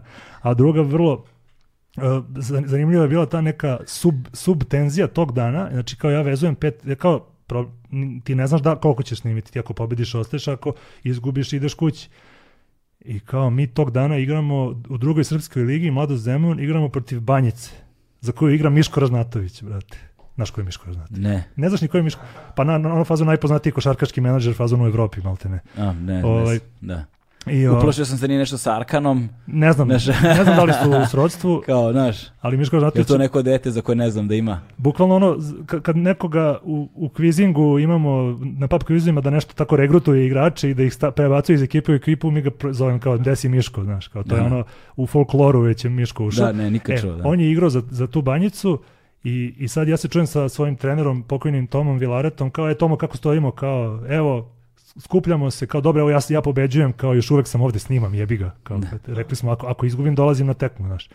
I kreće treća, četvrta epizoda i na kraju se čujem s tomom. Kaže, e, pa pobedili smo službenim rezultatom 20-0, za banjicu su došli samo Miško i još trojica. Nisu imali petorku, brate. A pritom nije bilo, znaš, kao Miško koji kao zauzet čovjek, ono to radi to što radi, pa kao da je došlo petorica, a da Miško nije došao, nego je kao Miško se iscimo, a on je tamo igrao sam, fazom davao po 45 poena, ono. I ima još jednog lika, Đamšija jednog, koji je davo 20 i ostalo ne znam ko su uopšte bili ti ljudi. I potom došao je Miško i još trojica, a ovi nisu došli i onda nisu imali petorku da počne utakmicu. I kao sve se, sve se dobro svršilo, kao mi smo pobedili tamo na tekmi, ja sam pobedio u Slagalici. I onda dođemo u četvrt finale, i pobedim e, neku gospođu Biljanu iz Pančeva i u polufinalu me sačeka isti taj Petar Tepavčević i odvali me. znači, tri emisije su sigle, stoji nešto razlike opušteno. Znači, ja budem četvrti u tom ciklusu na kraju. I, ali zanimljivo je to što sam ja od tada pa do svog posljednjeg učešća na TV kvizu što me prati kao neka kletva nešto, nemam pojma. Ovaj, znači prvo u tom ciklusu slagalice, bukvalno samo u tom je bio neki problem sa sponzorima, to se samo tad desilo i nešto ovaj, ovaj što je pobedio u ciklusu uh, mora da i nešto sa tužbom da preti da bi dobio eh, Pentium četvorku glavnu nagradu tako dalje. Ja sam bio četvrti pa nisam mogu ništa ni posebno da dobijem, ali kao eto to je bilo prvo. Drugo, bio sam u najslabijoj karici, ali to je bilo lo, ono bez veze sam prošao, mislim bio sam i loš. O, najslabija karika. Sandra to, Lalatović. To je bilo na BK, ili tako da, da, nešto, to bi, ja, bože, I to, to sam potpuno zaboravio. To je licenca, to je ono Da, isto da, da, britanski da. kviz, kao i sve što ima veze sa kvizovima, sve ali ta, ali, ta, a ta, ali ta najslabija karika nešto mi nije... Da, to ti znaš, je ono, takmičari te, uslo- uslovljen si tome kako si utisak ostavio na kolege, onda te oni ono, ispraše, znaš. A, ako najviše znaš, onda isto mogu da ti izbace zato što kao ti ćeš onda uzeti pare, kao, znaš, ima taj moment e, da prave tenziju između takmičara i to. Da, znači, Da. ono, prevlađuje taj koncept. Mislim, ume i to da bude dobro. A šta je beše bio neki kviz gde kad nešto ne znaš pitanje upadneš u rupu? E, dobro, ne znam, e, ne sjećam se kako se to zove, ali znam za jedan kviz koji mi je isto bio simpatičan, a nema veze s nekim ozbiljnim kvizingom, to je Distraction, to je vodio onaj Jimmy Carr, komičar, Aha. i fazon ono, ti kao odgovaraš na pitanja, a on dovede nekog da te bije peškirom po nogama. ovako. znači čisto ono, entertainment, ono, više Da, nego... Jimmy Carr, on je radio ono 9 out of 10 cats, ili tako nešto se Jeste, zvalo. to je da, ja inače sam vrlo slab, prosto stand, komi, comedians i stand-up comedy nije moj neki fah, tako Da. da. ima, re- recimo, znam da ovaj dečko Filip koji radi hrvatsku pitanja za hrvatsku potjeru, da on, on je baš ono, on, on bukvalno, kad umre neki stand-up komičar, ono, sad je, kako se zvane što je umro, Norm MacDonald, Aha. I on ono kao, brate, otišla je veličina, i ja kao, ko je ovo, čekaj, Google, kao, znaš, nemam pojma, ono, znam ono neke osnovne, i od, od tog šova jedino sam kao volio da gledam Conan O'Brien, ono, Da, bio ko, ko, da. Norm MacDonald je bio uh, komičar komičara. Da, da. Razumeš, to da, znaš kako, da. kao što, što za muziku imamo, imamo običaj da kažemo, postoji muzika koju slušaju svi, postoji muzika koju slušaju muzičari. Tako je, tako je. Ono, bendovi, izvođači koji slušaju drugi muzičari, znaš. E, tako ti je u, u stand-upu, ono, Norm MacDonald je bio lik kojeg su obožavali svi komičari. Da, da, da. Znaš, imaš, ima, imaš da njega, Dave Attella i tako tu neku ekipu imaš koje su ono baš kao komičari na koje se ugledaju svi komičari, Da. ali koji možda nisu, dobro, Norm MacDonald je bio negde, Attella recimo nije uopšte, znaš, su, to su ono komičari koji nemaju tu vrstu komercijalne rasprostranjenosti Da. mainstreama. Znaš, i Norm MacDonald je bio strahovito kompleksan, znaš, on nije imao ni, ni, ni, ni humor na prvu loptu, on ima te suptilne punchline-ove koji samo provejavaju da ih ti ni ne provališ, Da, nego da. moraš se zaustaviš, da vratiš unazad, viš ujebote, znaš, jako kompleksne strukture, ono a, a, a, fora koje je pravio, jer na primjer on ima, ima tih čuvenih ono i čak sam i gledao klipove gde kao a, a, raščlanjuju strukturu Da. njegovih viceva da pokažu na nivoje na kojima je on razmišljao, Da. znaš. Na primjer, on je imao setup, imao je, imao je, imao je, imao je, imao je, imao je ono, uh, punchline koji je došao nakon 12 minuta setupa. Znaš, zamisliš Da. šta je 12 minuta bez smeha na bini. To bi ja bio da sam stand-up komičar. Znaš, razlika je u tome da li si to radiš da si loš Da. ili radiš si majstor Da. toga, znaš, i da držiš tenziju sve vreme. A Bill Hicks? Je Znaš, on? Bill Hicks je legenda. Zato što ja, ja njega znam sa omota Tulovog albuma. Ono. Da, da, da, Another da. Dead Hero. Znaš, Jeste, ono. Bill Hicks i James Maynard Keenan, pevač Tula su bili BFFs, ono, Da, naš, da, najbolji da. ortaci su bili i, i, i, Keenan je zapravo um, a, želeo da bude stand-up komičar, on je otvarao za Bill Hicksa godinama, Da. ovaj, ali se Tool karijera ispostavila mnogo, Pa da. mnogo boljom i, da, daleko, i daleko je talentovaniji pevač bio nego što Da. komičar ikada bio. Nisam, nisam imao priliku da slušam njegov, ja sam tražio sam njegove stand-upove, ali to je strašno obskurna stvar. A bio je u Green, našao. Bio je u Green Jelly isto, znaš? Da, Isto pre, ono, tri mala praseta i to. Ne, ovaj, ali, ali nije, nisam uspio da nađem njegove, ali sam nailazio na komentare po internetu starijih ljudi koji su ono, fanovi Tula i to koji su bili na njegovoj nastupu, Da. rekli su da je bio užasan, Da. ovaj, da nije dobro, bio da. dobar. A Bill Hicks je bio jedan od prvih uh, koji, poput recimo Georgea Carlina i to, Da. koji nije imao haha humor, znaš, Da, da, koji ti zapravo gledaš, da, da. gledaš i nije smešno. Da, znaš, da. on je kao pojava bio strašno snažan, eksplozivan, Da, da. agresivan. a, znaš, on je, on, je, on je radikalno menjao strukturu i formu onoga što stand-up jeste. Znaš, i Da. on je u to unosio... Evo da više tu- zapišem, možda ga ubacim u kviz. da, on je, Zapišem više unosio, on je više unosio tu filozofiju, znaš, i kao a, a, a, stavove neke koji su koji nisu bili uobičajeni za stand-up komediju Da, to, to da. svoje vremeno, znaš, ali nije dovoljno dugo poživeo Da, da bi, da, znaš, ostao je legenda, ali ko zna kakvu bi transformaciju, kako bi konačan oblik te metamorfoze izgledao da nije, on je od raka umro nešto, Da, vrlo, da, da. vrlo brzo, da. I da, da nametnem svoj kviz znanja, ovo bukvalno znam sa kviza, to je onaj Mitch Her- Hedberg. On je isto Mitch rano Hedberg. umro, isto je bio mračan, koliko ja znam. Pa on je, da, on je bio mračan, on je fore koji njega bio, on je bio one-liner. Mhm, On je, on je, on je, da, on je, on, njega da, on, da, on i ovaj, kako zove, Steve, Steven Wright, ja mislim da su njih dvojice najpoznatiji one-lineri, ono, Da, da, da. da. na, na svetu. Ovaj, I Hedberg je bio, znaš, a on je, on je, mislim, od overdose umro, on je heroinski Moguće, da. zavisnik bio. Da, da. I što je potpuno fascinantno, ovaj, njega kad gledaš, kad gledaš njegove snimke na bini, njemu se trese ovako ruka, sve vreme od treme koju ima. Da, on je da, imao da. tre- na tremu neviđenu. Da, da, da. Dobro, i to, i to se vežba, to i ti i ja znamo. Da, da, da, između ostalog. Gde su nas dvojice stali? Stali uopšte? smo kod mojih učešća na kvizovima. Da, da, da, da. Držao sam nit čvrsto da, Da, smo pričali stand-up to, to. komediju. Najslabija karika. Najslabija da, smo stigli. karika, uh, onda je posle bio, nek, uh, bio sam u onom kvizu uh, Super genije, to je ona domaća verzija onih pitanja za šampiona uh, po licenciji uh, francuskoj, ja mislim da francuska, pa su samo malo preradili da bi bilo do, domaći proizvod i tu, i, tu, i tu je moja najveća zarada u životu na TV kvizu, to je 8000 dinara. Zato što sam pobedio fazon u jednoj emisiji i onda sam posle izgubio u finalu uh, sedmice. Uh, pro- potom sam učestvovao u kvizu tad sam već i uh, flertovao sa, mislim već sam već je uh, ovaj put oko sveta iza mene i tu već polako ulazim u, u svet uh, RTS kvizova i kucam na vrata RTS-a, e tad sam još učestvovao na uh, toga se niko nije setio. Engleski uh, original se zove Pointless i to je neki onako poseban kviz gde oni rade ispitivanje, anketiraju ljude, ne znam da li na ulici ili dovedu ili šta god, verovatno dovedu u tu, tamo gde se ispituje javno mnjenje i onda ispitaju 100 ljudi za neke stvari kao nabrajte, evo sad bio je primjer u mojoj emisiji, nabrajte srpske opštine koje počinju sa moglasnikom.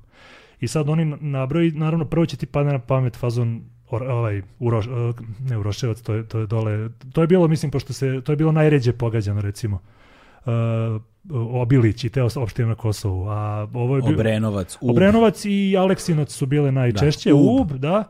Tako, Aleksandrovac već malo teže, a ove na Kosovu koje prosto ljudi, e, znaš, često ti ljudi koji odu na kviz, e, prosto, sad, sad sam igrao kviz u nedelju, u subotu neki, ono, to između nas, i bilo je pitanje kako, gde, gde su rođeni Dačić i, i košarkaš Dejan Musli u bivšoj prestonici. I meni, brate, mozak uopšte nije otišao na Kosovo, to je ta ona, si- cela situacija i to sve, prizren je odgovor. Ja sve vreme vrtim, Kruševac, Smederevo, Da. Ra- Raška, Ras i to sve, znaš, sve to odgovor je bio prizren i to je prosto tako. I ovaj, i uglavnom, to je bilo poenta tog kviza je bila da odgovoriš e, što manje očekivani odgovor, znaš.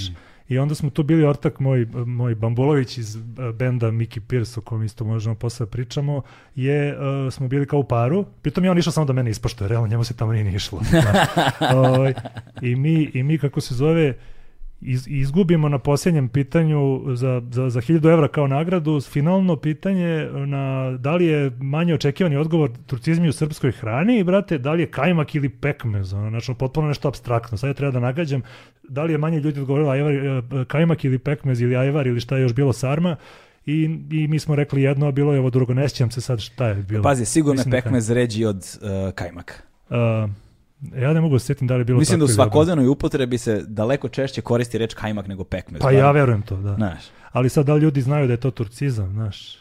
Ali opet, znaš, pitanje je kako ta anketa tačno izgledala. I uglavnom, šlag na tortu koji je za- zapečatio moje učešće na televizijskim kvizovima, pored toga što sam sad, jeli, tu gde jesam i prosto ni, ni, uglavnom i ne bi ni smeo da učestvujem, je kviz eh, Kolo sreće na Happy-u, koji su vodili Manda i Soraja, koja je okretala slova. Jao, čekaj, kolos, i to mi sad zvuči poznato. E, A to je je Wheel of Fortune, to je američki kviz, mislim, ono, koji je Da. ono, samo vrt, Kolo sreće kao vešalice fazom sve. I ja to snimim, pobedim, znači osvojim pare, nekih, za jednu emisiju nekih 700 evra nešto bilo fazon.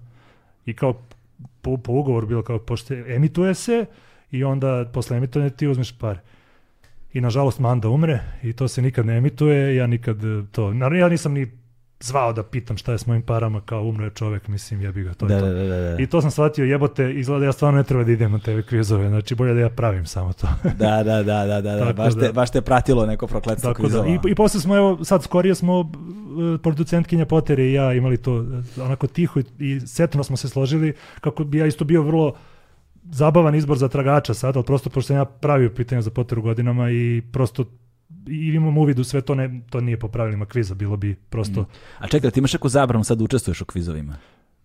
Pa, na drugim televizijama? pa ja mislim da bih možda mogao na drugim televizijama, ali nemam ni želju, mislim, tako da prosto to, to pitanje nije, nije nešto ni bitno u ovom trenutku, ali verovatno, verujem da bih mogao da učestvujem na tamo, na naslovnoj strani ili na onom totalnom obrtu ili tako nešto, ali... Ja ne znam šta je naslovna strana, šta je Nešto, ovo na Happy, ovo je na... Ne znam, ne Koliko kvizova trenutno ima na televiziji? Brate, ima, evo u subotu mi rekoš ima neka vrteška. Kako nemam pojma šta. Ima na RTS sad ima tri kviza, ima Dobro, plus ovaj Ja volim Srbiju koji je nešto između kviza ono sa Neletom i, i, Aha. i Okanovićem. Ovaj, e, to je kao četvrti. Ima, ima Slagalica Potera i ima Stigni me ako znaš, popularni smaz. Ovaj, gde su ljudi Iz nekog razloga smaz zvuči loše. Da, iz mnogo razloga. E, I tu su ljudi obučeni kao čikice, oni ljuti se čoveče i onda nešto se jure po tabli i odgovaraju na pitanja. To je treći RTS-ov kviz koji isto Gde se to je, gde na na RTS? RTS-u nekim danom u nedelji. Kažem, mislim, ja sam se bukvalno sad fokusirao samo na slagalicu. Ja, ja samo slagalicu gledam ono. I to uglavnom na YouTube-u, pošto kanal je vrlo ažuran, RTS-ov. Slagalica kanal, bukvalno u roku od 10 minuta posle emitovanja emisije će već biti na YouTube-u. I ja to, znaš, preskočim one razgovore i, one, ono, i preskočim iz kočka i u, u ostalom mi samo ogledam igre koje sam ja ili koje smo kolege i ja pravili. Ogledam šta mene zanima i ono, znaš, udaranje u miša i to sve, to sve ispe, samo ono. Da, kako funkcioniše to udaranje u miša, mislim, kao, znaš, koji je mehanizam tu? To je Pošto, oni se, pošto ti čuješ kad oni klikću ko sumanuti. I kao da, i kao ko, ko je tu brži, kako to kompjuter registruje, ne znam. Da, da, da, da, da, da. Znači prosto, e, možda se desi da se u nekom trenutku ubaci neki taster. Sad, to je zanimljivo pitanje, to je, to je kontroverzno pitanje slagalice, zato što sa ugla, iz ugla nekog kvizaša, ono, to sve, to je, to je, to je loše, to, je, to nije u duhu kvizinga i odgovaranja pitanja, to je sad ono, bukvalno kao da igraš so, Sony, ono, naš atletiku na Sony, znaš, Da, da, da. bukvalno i kao ko će brže. Ali, to je prosto televizično, znači nije slagalica samo e, nadmetanje kvizaša u znanju, to mora bude gledljivo, to prosto je zanimljivo i verujem da dosta deca gleda. Znaš, kao Da. deca u fazonu, a vidi, ovi se polomiše, ovde ha, ha, ha, kao tata vidi ovo, kao, znaš.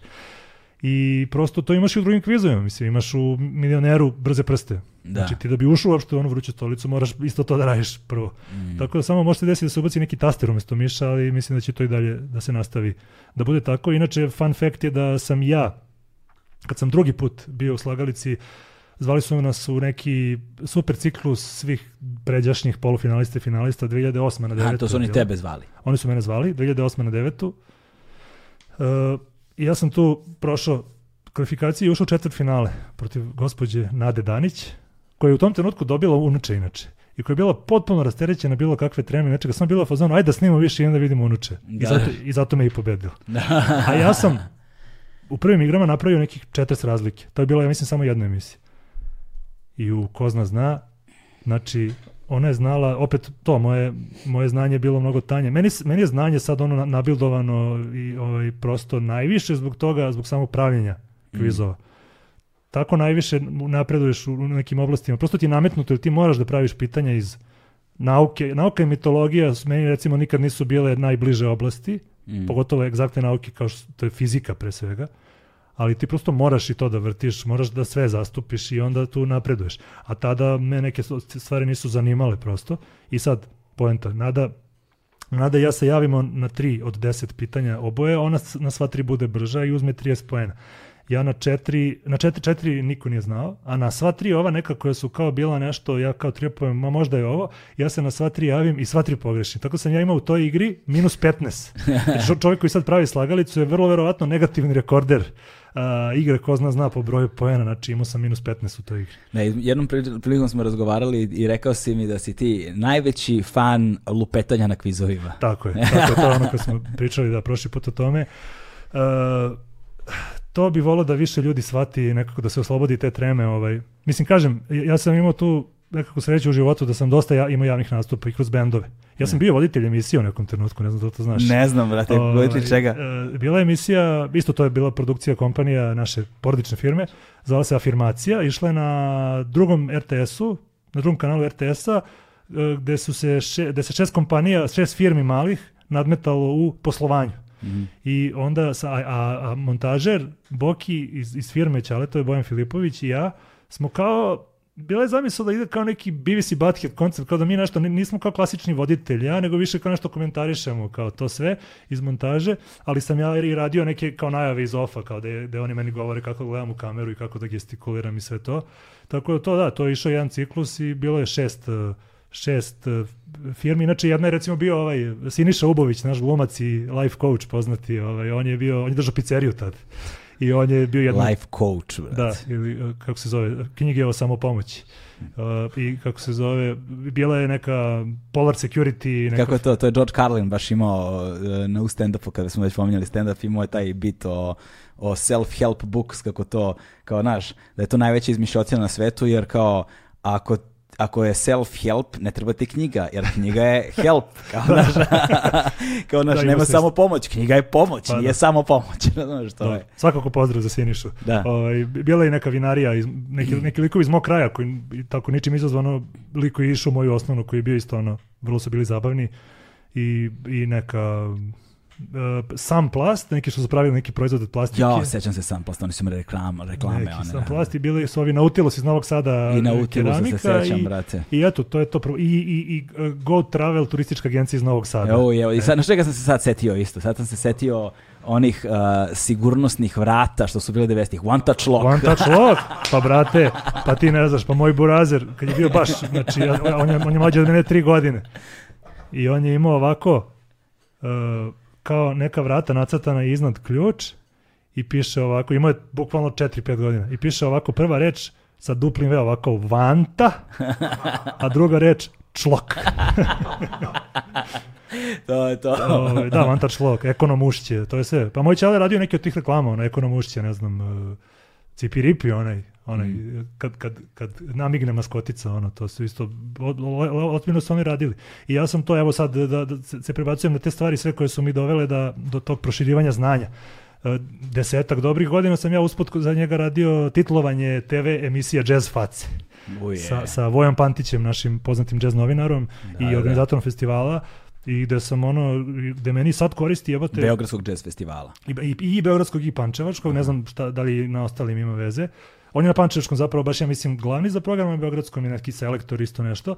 I, da, mislim da je Dragan Ambrozić. Da, trebalo bi da. Uh, I u svakom slučaju, to sad gledam kako sve što sam radio u životu je fantastično za moje sad uh, kvizing. Ja sam bio turistički vodič.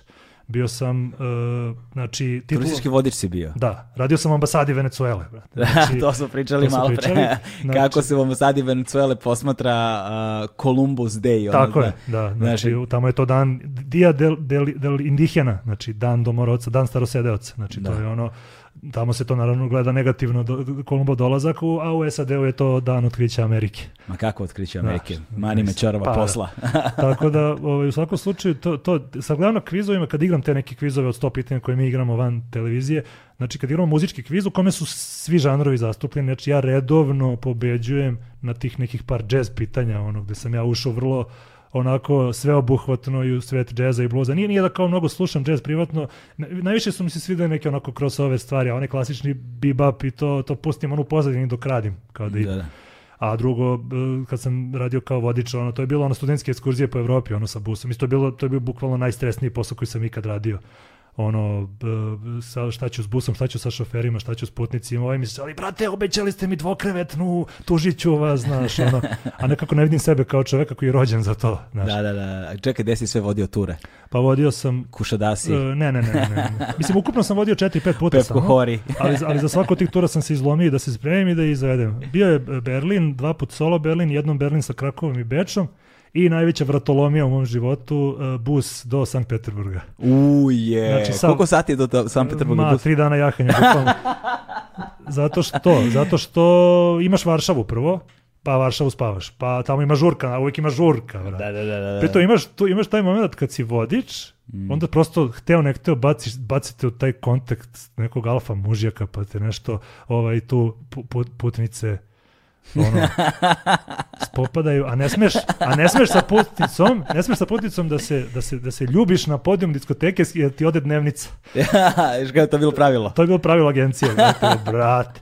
I ono, pa šoferi stalno, pa šoferi kao, jebote ono, uh, ovi kao, idemo ovuda zato što je 100 km kraće a kao naplaćuje se po kilometru i onda šoferi, brate, ako ćeš ovuda da te vozimo po ovim džombama, onda je to 100 evra. I onda ja kao zovem gazdu, kao ovi hoće 100 evra za ovo, kao znači, sve vreme tako. Pa su neki šoferi u Berlinu uh, prokockali u nekom kazinu pored, neka birtija, brate, sa aparatima, su prokockali ceo kao pare za gorivo na nekim automatima. Ja. Znaš, znači, pa kao, ali taj deo, taj, taj lepi deo... I, Čovječe, koji ono svet, uh, morat ću da vedem u Ne, goste nekog turističkog vodiča da priča. ne ono, viđem. znaš. Znači imao sam šofera e, i na isto toj ekskurziji kao vozimo. Ja kao napravio neki miks. I, i šofer koji je kao član, član onih Alcatraza ili zabranjenih neke od onih hardcore navijačkih grupa Partizana i sad vozi on i, i kao i kreće ajsni grutin papučar, vrate, na, ja, ja, ja kao napravio neki kao urbaniji miks malo. Je bila je takva ekipa na ekskurziji, ono, onako, studenti arhitekture. I on vozi, vozi i kao i kreće pesmi, ono ovako, samo ovako, obe ruke s volana, ovako, oženi smo našeg čavu, iako je mlad, i ovako, kao vozi autobus i ovako, bre. Ja rekao, brat, znaš. Za one koji slušaju, uh, Ivan Andonov je upravo pokazao kako su obe ruke u vis.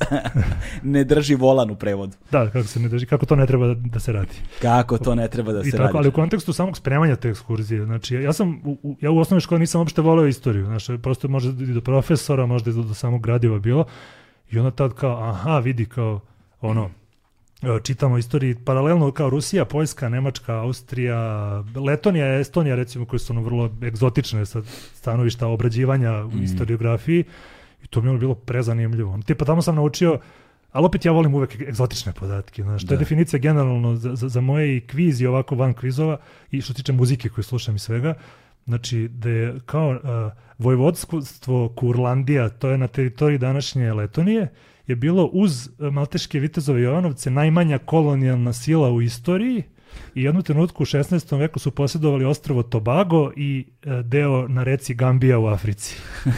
I tako neki mi to, wow, kao vidi ovo, znaš, kao to, ovo mi je super zanimljivo. Ali to znači, najviše se loži na te obskurnosti. Ne? Pazi, ovaj, sa ovoliko godina iskustva sada u životu mogu pouzdano da kažem da ne postoje dosadni predmeti, sve je do, Da. do, do, do pedagoškog pristupa, znači do ono, nastavnika, profesora, učitelja, sistema u kojem si i tako dalje, a vrlo je specifični predmet, istorija je vrlo specifičan predmet u tom kontekstu, jer bukvalno ako postoji predmet koji ne može da bude nezanimljiv, koji Da. ne može da bude nezanimljiv, to je istorija. Pa, da. Znaš, to znači istorija je doslovno do onoga ko ti je prenosi. Da, a znači, meni u- isključivo do toga. A meni u osnovnoj geografija bila prezanimljiva zato što sam imao tog svetu geografa koji je bio Znaš. potpuni car i koji je bio ono, bio je ovako ka, prilično ka- karikatura ovako fizički, a bio je vrlo onako zagrejan, grlat, Da, da, da. sve to i mi smo obožavali geografiju, znaš, ono, tako da, Da. da, upravo da, to. Da, znaš. A recimo predmeti poput muzičkog, likovnog i to, to, su, to se nije se smatralo uopšte ozbiljnim predmetima. Da, Znači, ba, mi kad smo odrastali,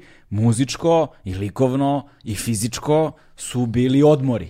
da. To, da. to, Pa je to, jest, to je bilo jest, da. pauza, to je bio odmor, to je bila razonoda, to je bila glupost. to Pa je bilo, čak i tehničko, rekao bih. Pa, znaš, Jesi imao pa, domaćinstvo ti? Jesam, da imali Da. smo Imao domaćinstvo, sam, pravili da. smo one pečate od krompira i gluposti, Ja se ja znam. sećam se uh, na razboju u, tro- u Trobojci SRJ valjda je bilo kao plavo, belo, crveno kao Da, na da, razboju. ne sjećam se ja toga. Inače da. sam ja, ja sam 83. ali sam išao s drugim, tako da sam ja posljednja generacija e, pionira Da, da, i da, posljednja generacija, mislim, domaćinstva. Jeste, mi smo bili posljednja generacija pionira i domaćinstva između ostalog. Ovaj, I mi smo posljednja generacija koja je imala oto.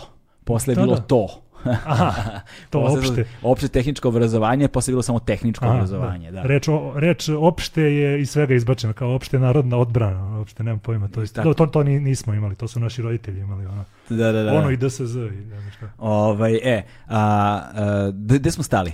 Pa stali smo kod mog hronologije mojih učešća na kvizovima kod i mojih svih stvari koje sam radio u životu, otprilike, To, da. i ovaj, a, dakle, zvali su te bili za to neko polufinale, polufinala, kako si U već slagalici, da. slagalici, da, i tu te odrala ova go- Gospođa go- Nada, da. gospođa e, tada, tada Taze Bakica. Tako je. Ovaj, I kako ti zapravo ulaziš u svet kreiranja i učestvovanja, dakle, sa druge strane kvizova. I kako izgleda uopšte taj svet s druge strane? Tu ima puno nekih nepoznanica koje me zanimaju s jedne strane. Da. I s druge strane, ver, pretpostavljam da paralelno vodiš neki kvizomanski život van onoga što vidimo na televizijama. Televizije Da. su samo najkomercijalniji aspekt kviza, Da. ali ne nužno najbolji, znaš, i verovatno Da, postoje... postoje. Televizija, tele, imaš televizija, televizija, pub kviz je pub kviz, ove olimpijade i evropska prvenstva, Mm. E, to su pa sve to, različite da. kategorije.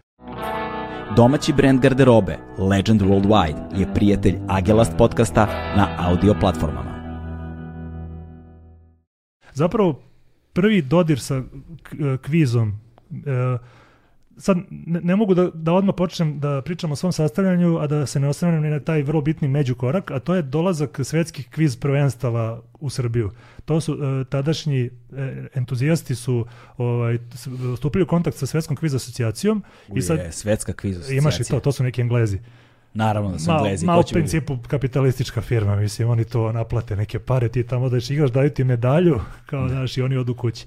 Dobri su kvizovi svakako, ali dobro, poenta je da mi, ja kao potpuno tabula raza mimo TV kvizova, kao isto nisam imao pojma kako to izgleda, gde e, nama stižu e, svakog juna kreću da se održavaju e, takmičenja ti ti dobiješ neki kviz od 240 pitanja, koji je on u Engleskoj e, i neki sastavljači, ne znam sad, neki su valjda Belgijanci, Estonci, oni su kao odavno u kvizovima, ne znam, Belgijanci, Norvežani, Estonci, e, Englezi, Finci, uopšte Ostrvljani, Irka, Irska i to, oni su kao to još pre, i Ameri pre 20-30 godina, a mi smo možda kao Srbija 10-12 godina u tome.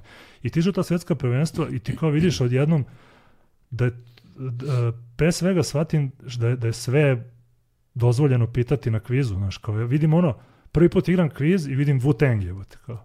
Znaš, ono, nikad nisam vidio pitanje o Wu-Tangu na televiziji, znaš, ono, bilo je slagalici nekog metala, ono, bilo je ono, uh, Cannibal Corpse. čuveni, bio Sabaton, pa ona, uh, sa, Bio je Cannibal Corpse. možda, ja, da kod nas nije bio, od kad ja radim, ali možda je bio, znam da je bio Sabaton, ono, Ili- Sabaton je popularan zbog onih prvi svetski rat tema i tako dalje. Da, oni se lože na Srbiju. Ali ima i ova Sanja Milovanović, jedna od naših najboljih kviz takmičarki, ona je učestvovala u slagalici, osvajala ciklus i, i ona je, bilo je pitanje, pre nego što sam ja radio slagalicu, kao koje je pitanje, iz koje zemlje je heavy metal grupa Sabaton i ona kaže iz Švedske i kao ha i onda je Sabaton okačio na svoj profil, poslali je karte za CERT i nju su prozvali Sanja Sabaton, kao nju se zovu Sanja Sabaton, znaš kao. Tako da, to je naš ono, Ne, metalci kad te dolate, to je tome, posebna kategorija životna. Ono. Ja sam jednom bio na pozdrav za Mileta, Lemilica je organizovao Sabaton koncert i to vreme sam radio u Domu omladine Beograd i taj, to je prvi jedini put da sam ja bio na Sabatonu. Bio sam u fazonu, daj brate da vidim taj Sabaton fenomen, ono šesti put dolaze, sve karte rasprodate za jedno poslepodne, Borazero, vidiš ekipu dolaze, na što su ortaci napravili kod kuće, one štitove, razumeš, viteške, znaš, dolaze bre, maskirani, ili goli do pasa s flašom vinjaka, znaš, on ne može da uđe na koncert, pa onda besi, znaš, i to. I to je masa jedna, gužva, razumeš? je bilo i šajkača, Ma bilo je pošto oni svega... pevaju o srpskim uspjesima u Prvom svetskom ratu. brate, pa. bilo je svega i svačega, razumeš tamo. Imam čak i snimak, ja sam to snimio telefon. Ja sam imam taj snimak negde, mislim da sam ga čak okačio neku svoju staru YouTube stranicu, to moram da pronađem gde se nalazi. Burazeru, trenutak kad Sabaton izlaze na binu. Znači, to... Ovaj, Gde je bilo to, u domu ili u areni? U domu omladine, u domu omladine u Amerikani je bilo. U da. sali Amerikana je bilo, to je bilo nekih 700 karata. Bio, imao sam utisak da je bilo 7000 ljudi. Prerasprodato, da. Ma imao da. sam utisak da to 7000 ljudi je bilo, razumeš? To svi kao jedan, dakle, die hard fanovi svi do poslednjeg. E, aj sad mi reci, je li tebi isto kao i meni najglasniji koncert u životu DRI u Domu omladine? Si bio na DRI? A, ne, nisam bio diraj do glavnog doma omladine, moj najglasniji koncert u životu. U, to je dobro pitanje. Do, bilo je baš dosta glasnih koncerata. Pazi, neki progresiv koji sam slušao. Dobro, da, neki... Naš, ono, dobro, naš Swansea. Pazi, a, Dillinger Escape Plan mi je možda... Brate, kad su oni bili? Nisu bili ovde, išao nisu, sam u tvornicu u Zagrebu da ih gledam. U tvornici, U, da, u tvornici. Pogotovo one normalne pesme njihove. ali- ne, da, znači, je to sa, sa ono Irony is a Dead Scene, to ono, to, te pesme, to je ne, na, nije realno. Nije ne, realno, baš- ali ne znam, znaš, to je možda bilo najbučnije, nešto, Najbučnije što sam, nešto. najbučnije nešto što sam gledao, pritom je bio slabo posjećen koncert pa i odjekivalo po da, sali. da, da. Ovaj, to je možda najbučniji. Converge, brate, ali ne, ali Dobro, definitivno Dillinger, Dillinger. Escape, oni su zakivanje. Dillinger Escape Plan su bili um, Dobro, sviđa mi se taj odgovor, pošto da, nisam ih ja nikad gledao, ali da Napalm Death. dobro oni su da tako Znaš, to, Unearth isto. Znaš, to Uglavnom su- neki metal, da. Uglavnom metalci, da, ne, niko ne može kome... Ovaj. E, i znaš šta? I dubsteperi umeju da budu jebote. Znaš, samo što sam obično... Onda prošlo je vreme dubstep. Da, da, sva sreća. ali, ali, ali recimo ti najbolji dubsteperi koje sam gledao, gledao sam ih na festivalima i na festivalskom ozvučenju, znaš, i onda Da. je to i na otvorenom i onda je to druga dimenzija zvuka skroz. Ja sam gledao i, i kažem, ne mislim da od, odlazimo od teme, pošto je ovo sve u kvizovima se vrti. Mm. A, hoću da kažem šta, sam ja gledao u areni, ono, od nekih, samo sam se uspevao da se nađem u areni u tim momentima. I, e, ja mislim, tri ili četiri vrlo priprazna koncerta sa publikom. Busta Rhymes, U, to je bilo prazno. Pre- preprazno? Jao, to je bilo jad, to je najjadniji rap koncert koji sam gledao u onda životu. Gypsy Kings koji je bio ono sedeći kao ok, onda moj, pošto ja volim i ove grč, grčke narodnjake, ovaj Mihalis Hadzijanis, čak i Kiki iz pilota bio specijalni gost. I, i, i, i pa sad, Tokyo Hotel, brate. Tokyo Hotel, Da, da, to, to, to je ortak imao karti, išli smo svi, da- to je bio provod i po. Jo, ja sam njih i upoznao uh, 2007. godine u Minhenu na dodeli MTV nagrada sam upoznao Tokyo Hotel. Znaš da je ovaj sam sad sa Heidi Klum, ovaj, onaj drugi, onaj drugi burazir. Ja nemam pojma, brate. Da, da, to ti je sve. I to ćemo Iskreno nemam Da, pojma. da. Tako da to, ovaj, uglavnom, da, opet aj sad da se vratimo na temu, čekaj polako. Da, da, da, da. Ovaj, Dakle, ti si se zapravo, kada je ta došla svetska kviz asocijacija, Da, zapravo to je trenutak kad si ti shvatio da. da nema zabrenih pitanja u kvizovima i da sve može da bude kviz pitanje. Tako je, da. I pa sam onda na televiziji na drugoj strani morao to da malo smirujem, da smirujem ovaj, Strasti, da. strasti.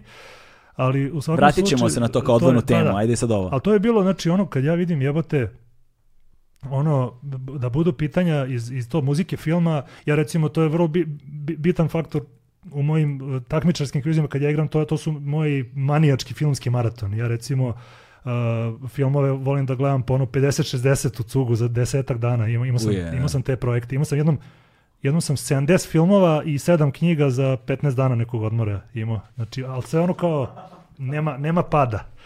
Znaš, sve ono gledam vrlo, Sad je samo pitanje kakvih studiju. filmova i kakvih knjiga, znaš. vrlo zanimljivih. Da vidimo, da vidimo da li da se divimo ili da se Pa za, užasavamo. za filmove svakako od, od recimo sećam se da u tom cugu od tih 70 od dokumentarca Terija Zvigofa Krambo, Robertu Krambu koji je ono jedan od najboljih dokumentaraca ono koji sam ogledao u životu i volim te ono preferiram Ber, od Bergmana do ono od, Sidney Lamet mi je omiljeni američki režiser u smislu Aha, aha. Ono, ovo superheroji i westerni su mi bukvalno na dnu, na dnu lestvice E da, ali vidiš, to je sada zanimljivo sa aspekta kviza. da Jer ako forsiraš Bergmana u odnosu Tako, na. Avengers-e, znaš, drugačija publika reaguje. to, to nije, nije nešto pitko i imamo problem generalno u slagalici da generalno ljudi e, slabo prolaze na filmskim pitanjima, e, prosto č- bilo, bilo iz čega. Jedino što ono možeš da izvučeš da bolje prolaze na domaćim filmovima. Da, a to, da, a to je, ja isto- sam, ja sam bukvalno obrnuta situacija. ja volim ljudima uvijek da potenciram to. Moj omiljeni domaći film, najomiljeniji svih vremena mi je Dečak iz Junkovca, znači Radomiru Belačeviću, e, e, neki Cinema Verite ili nazovi ga kako hoćeš, ali ja volim te problematične sadržaje, to gde ono si- sigurno bi ti imao šta da kažeš o tome da li je to etički. Zato ja volim onu hrvatsku emisiju Noćna mora, znači to je Da, vrlo da, da, da. etički problematična emisija. Da. Ovaj, I ne moramo sad o tome da razvijemo. Znam, znam Ne. da tvoje mišljenje o tome nije dru- drugačije od mog. Mislim, ja ni nemam neko mišljenje, meni je samo zabavno. Znaš, kao, Pa znaš kako, jedna stvar koja je važna da se razume kada se govori o tim stvarima jeste da moramo da ih postavimo u kontekst duha vremena. da, da. Znaš, mi živimo danas u radikalno drugačijem vremenu nego pre pet godina, kamoli pre deset Tako godina je. i više. Znaš, ti danas, je, ti kad uzmeš i pustiš, ne znam, ono, najobičnije hollywoodske komedije sa Adamom Sandlerom iz 2005. da, godine, gomila dana, političke nekorekt, nekorektnosti. da. Znači, to je ono, meriš uh, godine robije po sekundi pro, pro- Da. protečenog vremena u filmu. Tako je, Znaš, da. a ne govorimo o tužbama i se o... sećaš da je u 90-ih u tome naš dragi, inače naš sadašnji prvak Srbije u kvizingu, ko- ovaj, Nemanja Čedić, jedan od naših najboljih kvizaša, koga nećeš vidjeti na televiziji, koji je ovako vrlo jedan sk- skroman i povučen čovjek van kvizova, ali potpuni car, on me podsjetio da su 90-ih, kad je bilo ono pro- problematično e, u filmu, kažu my N-word, da je kod nas se titlovalo sa moj uglješa. Da, da, da, da, Brate, sećam znaš, se, ajde- sećam se, Ajde da, da. stavi to danas. Prvo, prvo u filmu da čuješ tu reč, a drugo da kod nas titluješ kao moj uglješa. Da, da, da, da, da, Uglješa je Znači, bilo, to je, to je, bilo je u ovom filmu, kako se zvao, um, uh, Don't be a menace. Da, da, uh, napaljeni uličari. Napaljeni uličari, Da, da, da. u napaljenim uličarima je Da, da, zapravo to, to, to. bilo kao, naš, crnce su prevodili kao uglješe. I- i- inače, inače moram da sad se nadovežem. Jo, ovaj, moram se nadovežem, moj najomiljeniji titl svih vremena, bukvalno. Uh, Pulp Fiction, neki, neka verzija, ono što je išlo na Artu, Palmi, trećem kanalu, onaj neki žućkasti titl što je bio. I Travolta dolazi ono kod Erika Stolca da reanimiraju Umu Turman. I, I sad, e, ne, pre nego što to se desi, on je kod njega prvi put i on priča kako mu je neko ogrebao auto, ono, znaš. I on kaže, some dickless piece of shit scratched my car. A ovi prevedu, neki Nikitović mi je ogrebao auto. Neki, Nikitović, Pazi, da. ti prevodi, ti prevodi su ludilo. Koji je, Vidio sam i reč braćala jednom u prevodu to je bilo koji je najdebilnije prevedeni naslov filma kod nas? E, ima i kod nas i u Hrvatskoj e, dobrih kandidata. Kod nas definitivno e, mangupi overavaju maturu, American Pie. Da, da, mangupi uveravaju maturu, brate. A u Hrvatskoj ti je... Ima jedan koji neću otkrivati, pošto tek treba bude slagalić, stavio sam kao pitanje, ali američka lepota e, vrtlog života. Vrtlog- Znaš je koji je meni kandidat. isto debilan potpuno? Uh, Notting Hill su kod nas preveli Ja, ja, u ljubav verujem, verujem. ja u ljubav verujem, jeste, da. to je baš ono Jeste, jeste. idiotizam na kub. Ima, ima toga koliko hoćeš. Tako, Ali ima i genijalnih. Ima i genijalnih, tako slobodnih provode, pa osmi putnik je recimo odličan. Da, da. Alien, osmi putnik je Da. sjajan prevod. A Backstreet Shawshank je ultimativni spoil, brate, u nazivu Da, filma. da, da, da. Ono, Bukvalno. Da, da, Backstreet Shawshank, on sa Shawshank Redemption, brate. Da. Da. da, da, da. Shawshank Redemption je, ja mislim, najbolje ocjenjen film na IMDb-u. Jest, da. Da. Ono, a znaš koje je ono čuveno kviz pitanje koje sam vidio do sad u kvizu 15 puta, koji je jedini film ocenjen sa ocenom 11, ono, zato što je fora u filmu, ta, to ti onaj uh, This is Spinal Tap, onaj, onaj mockumentary o kao metal bendu. Sa- Aha, da, I da, onda da. on tu, on tu kao na potencijometru kao, ja ću ga napanjem na 11, kao, znaš. I onda on kao iz te fore, tu, tu inače Harry Shearer, ovaj Simpsonovih, on isto jedan od glavnih glumaca, Rob Reiner je režirao to kao sve neka ekipa. Kako se zvao mockumentary kao istoriji filma, kao prvi film pronađen nešto? Mm, ne sjećam se. Mm, kao, znaš, da, da kao zapravo nisu, ne znam ko, nego kao našla nađena filmska traka negdje u Australiji. Tako nešto, ne mogu se setim, ima neki mockumentary. Mockumentary Hoće na da temu istorije da filma. To, a ima i ovaj što, što su kod nas ljudi masovno prihvatili kao ozbiljan film, ovaj slovenački uh, o jugoslovenskom svemirskom programu, Houston nešto. A, Houston, we have a problem. To, Houston we have a problem, tako zove. Ja mislim da se tako zove, da, da. Da, kao naš mockumentary koji kao ja, ja sam morao da objašnjam ljudima, ljudi kao to nije To nije stvarni film. to nije stvarni dokumentarni Ma da, film, da, ma to znaš. se dešava, da. Imaš, inače ima gru- grupa Bad Astronaut, onaj lik iz Lega Vegona, ima na- najbolje ime albuma ikad, Houston, we have a drinking problem. Ovaj, da, da, da, da. Tako da, eto, ajde da, da znači, da mislim, najbolj, može- najbolje ime za band. Pazi, je, to može, znaš, meni, ja sam razmišljao da me najbolji, meni je za, od hardcore bendova, a, bio je kanadski bend koji se zvao Life Ruiner, to mi je bilo Life baš Ruiner. dobro, jedna Da. reč, Life Ruiner, to mi je baš moćno ime za hardcore bend, ono, ali oni su bili neki straight edge, beat down, Da. nešto, a, i na kraju sad je lik, ono, kak, nisu prošli pored straight edge sad, Da, a ovaj, ali, ali, ali domaći bendovi su imali sjajna imena. Brate, osmi putnik 2 je. Osim putem, ali pazi, ništa ali logoped. Ništa logopedi, da. Vrh, vrh ime za bend. E, zna- Znaš da je, e, ne znam šta misliš o emisiji Državni posao, ali... Ne, e, ja to nisam nikad gledao, Ali, znaš. brate- ali mislim, kao čuo sam jako dobre stvari o tome i Da. znam ljude koji učestvuju u ono Pa da. to, naši, i koji su i scenaristi, što ja znam, ali nekako se nisam ukačio. To je išlo na TV Vojvodina. Da, idi dalje, brate. Pa da, ja. TV nisam nikad gledao TV, ne, ne, nisam te, ne, ne znam koliko Da, dugo nisam gledao TV, a onda se na YouTube pustim, ali vidim da, znaš, ne, nisam, znaš, nisam ukačio Pa od početka. malo, da, narodsko i to, hoću reći, oni imaju toliko referenci. Uh, pošto živimo... Video sam, video sam, izvini što te prekidam, video sam pre neki dan da su imali na, ovaj, brate, SMF uh, su imali, brate, da. E, nisam to gledao, ali kad sam, imao sam, na Poteri smo imali specijal sa njima i onda smo pravili epizodu kao u, u duhu emisije, da su njih trojica bili kao takmičari. I ja kao gledao sam malo više epizoda, tad sam ogledao i jebote, znači on provlači, to, ja mislim da to pre svega Dimitrije Banjac ili ti Đorđe Čvarkov, da je on baš ono hardcore punk, da vlada tom Ali mislim da je mlađa isto... Čekaj, ko je mlađa? Daško je mlađa. Mislim A da Daško je mlađa, da, ne, da, dobro. da, mislim da A, mlađa isto scenarista A, neki. da pišu to, aha, da, Da, da, da, moguće, da. pišu. I u svakom slučaju, on provlači, brate, nešto mu torbica priča i on vidi lave da ti kažem, nemoj da me lažeš. Znači, to je pesma od Osmo putnika 2, brate, i on provlači to kroz emisiju, kao, brate. Da, da, da, da, da, da, vrhunska referenca. To je da. to. Ali, to, je totalni A živimo, živimo u, tom vremenu kojem, što to meni odgovara u današnjem vremenu, što nekako živimo u tom humoru referencije, ono, znaš, sve to. I ja sam recimo jako voleo, kad sam bio mlađi, kad smo imali taj prvi naš band High Stakes, mi smo se drogirali NoFX-om. Da. A NoFX je, nije toliko više omiljen band generalno, zato što kao prvo muzika im je sve vrte isto i prave nove albume i sve to isto. A i taj njihov, oni, znači, sve pesme su im uh, gomile, kažem, ja sam, to sam ti rekao i ono pre, pre emisije, znači ja sam od NoFX-a naučio ko je Noam Chomsky, Gloria Steinem, Howard Zinn, ono neki autori koje je Fat Mike čitao, uh, ne znam, i, i ne samo ličnosti, nego i neke pojmove, ne mogu sad ni da se setim sam. Ali Da, prosto oni imaju jako puno referencija u svojim muzika, tekstovima. Da. u, u, muzika, znači ja, ja, ono, ja sam baš ono čovek auditivno, znači zato ja volim da slušam i ovo neki trash i narodnjake, zašto ja recimo to jako volim da pevam. Meni to najviše leži kad pevam sam kod kući ili na, ja volim karaoke, brate, znaš. Da, da, da. Ali ako me baš muzika, ako me se dojmi, onda se posvetim tekstu.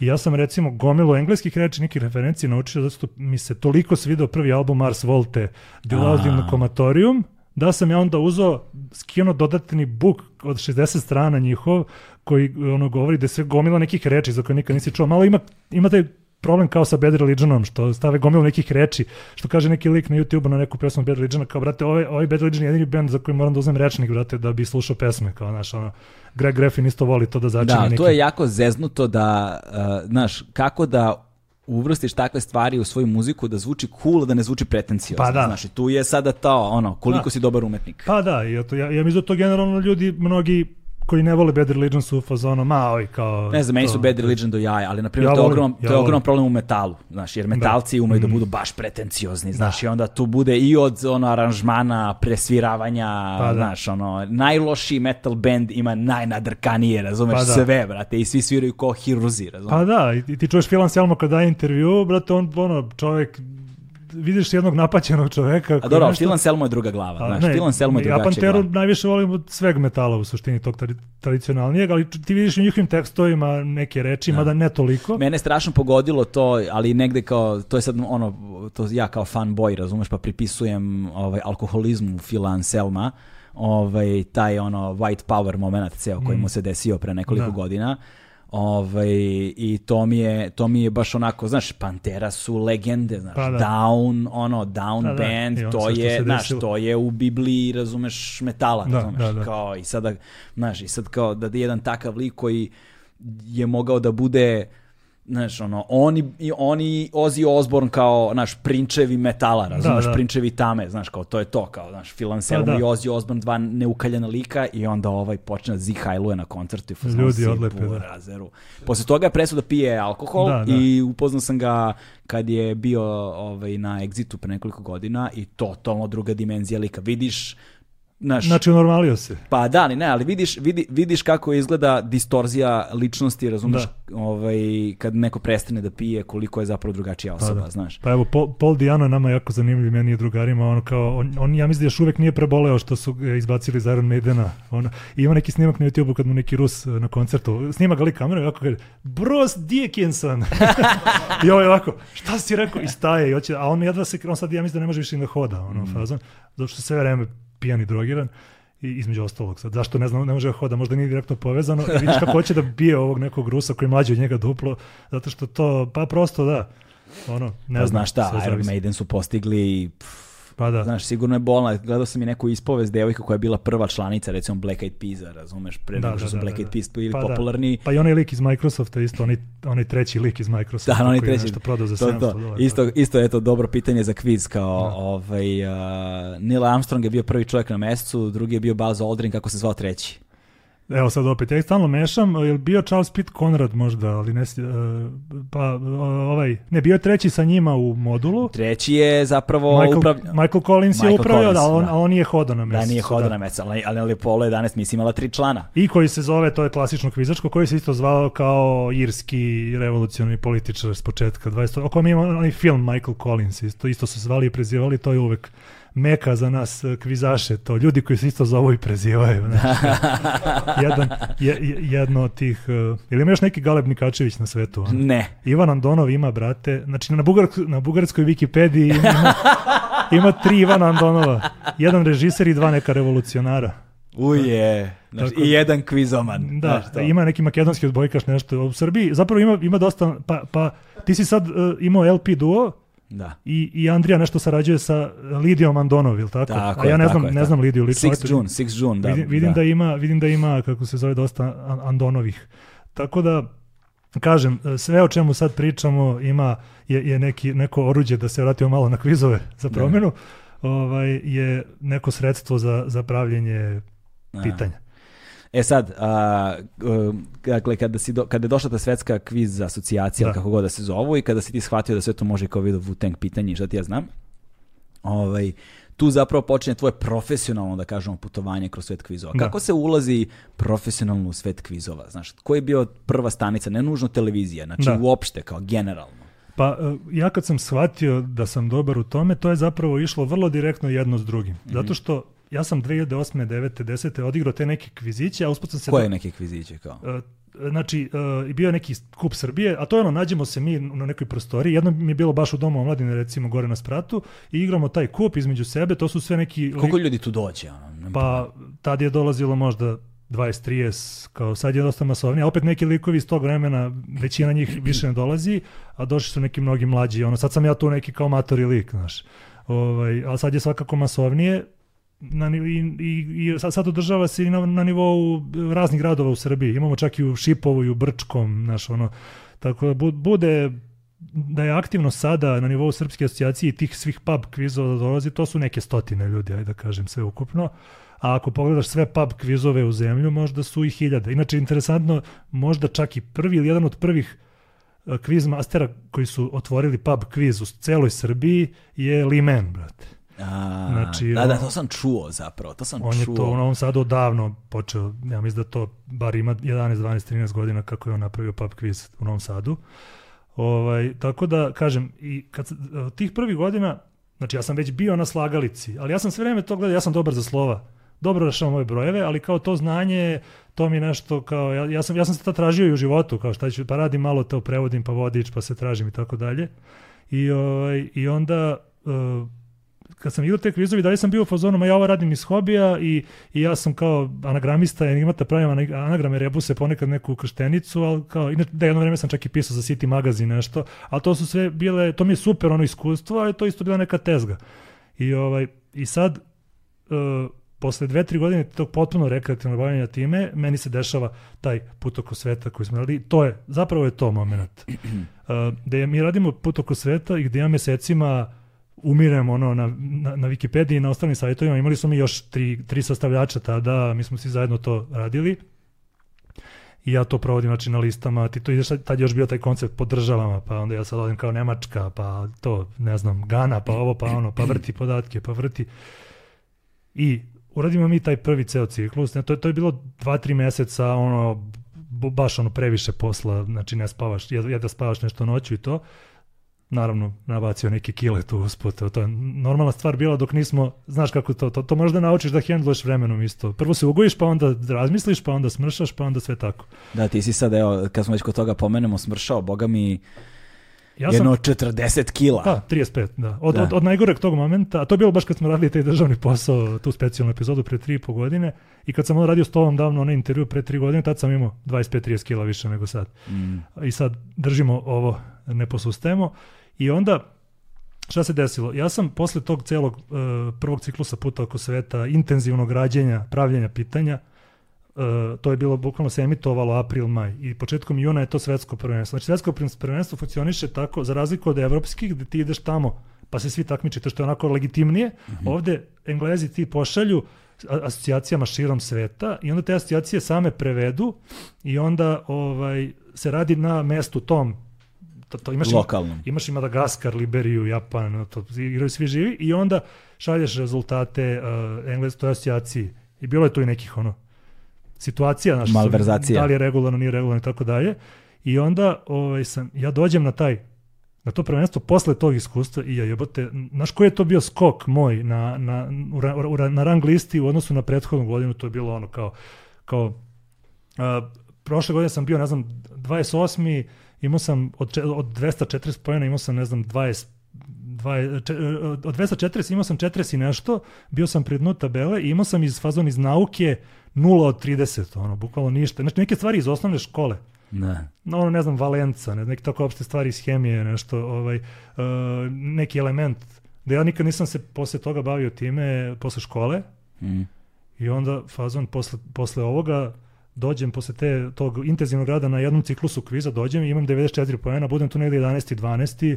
i kao, wow, brate, znači, ono, baš ono, vidim uh, direktno neke stvari sam već, znam da sam imao onaj neki uh, mezoamerički instrument, na marimba, što je sličan kao ksilofonu i vibrafonu, i to, to sam direktno pokupio, zašto mi je kolega poslao za pitanje za emisiju za tu marimbu, i onda sam ja to ubacio emisiju i tako naučio.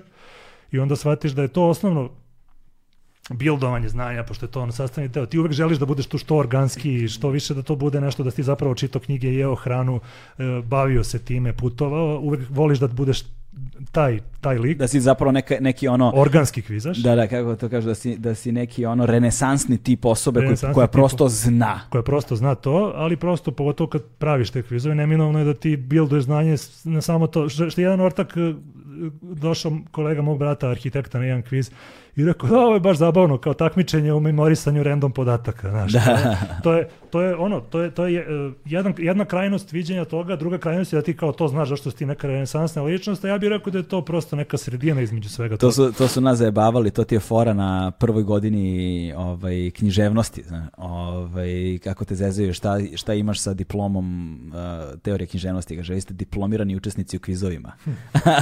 da, da. znaš, kao, to je to, znaš, ne, ni, ni za šta drugo nisi da sposoban. Da, meni, meni jedna drugarica rekla vic, koji sad mislim da ne stoji uh, za andragoge, ali ja sam čuo da su sad andragozi dosta traženi u posljednje vreme, ovaj, to, to sam čuo, ali kao da tada možda nije bilo ovaj, da, su tad, da je tad bilo dosta nezaposlenih andragoga pre jedno 15 godina. Je bilo kao šta pita zaposleni andragog ne, nezaposlenog, kao šta ćete od priloga?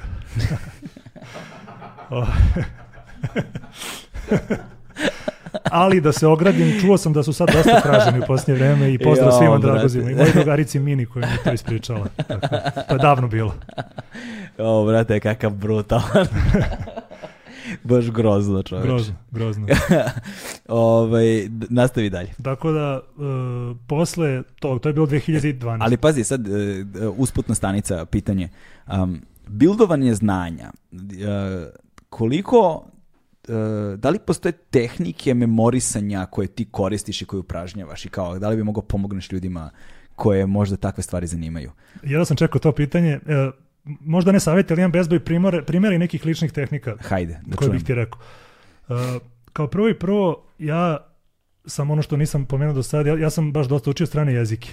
I kroz... Da jebote, ti govoriš nešto tipa sedam jezika. Sedam jezika sam učio s različitim nivoima, svakako engleski i španski najbolje, ali o, sam kroz te uh, pristupe različitim gramatičkim sistemima. Ja sam učio finski, finski nije uopšte indoevropski jezik. Znači... Čekaj, ovo je drugi gost koji govori finski kod nas. Ko je prvi? Uh, Viktor Marković iz Newsneta, on govori mm. finski. E, bravo. On baš govori finski, radi, radi kao nastavnik ili profesor finskog i to mu je bio primarni izvor uh, prihoda. Ove, prihoda do njuza, da. Da, je, možda sam ga upoznao na tim nekim, mislim, kažem, on sigurno bolje priča od mene, sad ja sam to išao 2007. 2009 ovaj, već sam zaboravio. To je problem što nemaš s kim ovde baš mnogo da pričaš finski. Naš, Eto, spojit ću vas dvojicu pa pričajte do sutra. Da pričamo do sutra.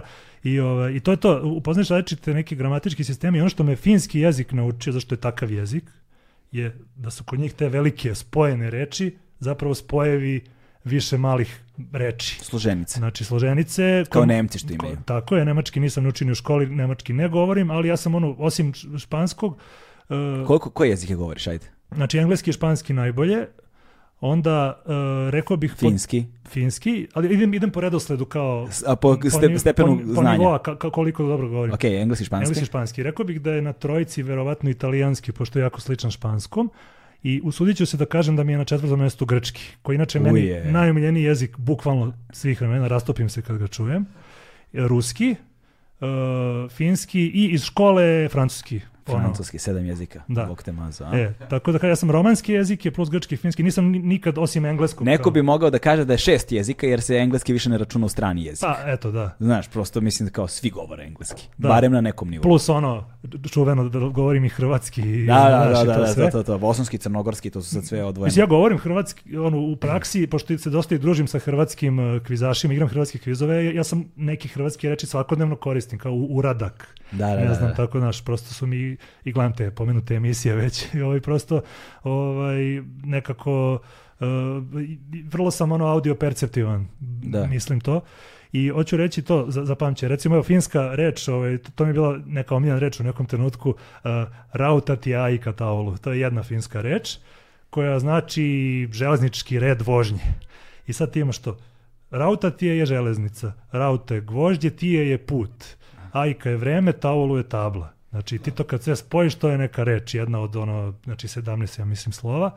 I, i tako sam naučio na kvizovima da pamtim i mnogo mi je lakše da zapamtim te stvari koje mogu da se razdvoje. Znači ljudi, uh, to recimo uh, apel i svim voditeljima kvizova, da ne biste imali probleme kad vam ludaci kao mi šalju neke predugačke reči za čitanje. Ja sam recimo kad sam radio Potteru stalno bio u Medovićevoj glavi da mu ne dajem neki reči od 20 slova, da on, je to ono brza pitanja ona na početku.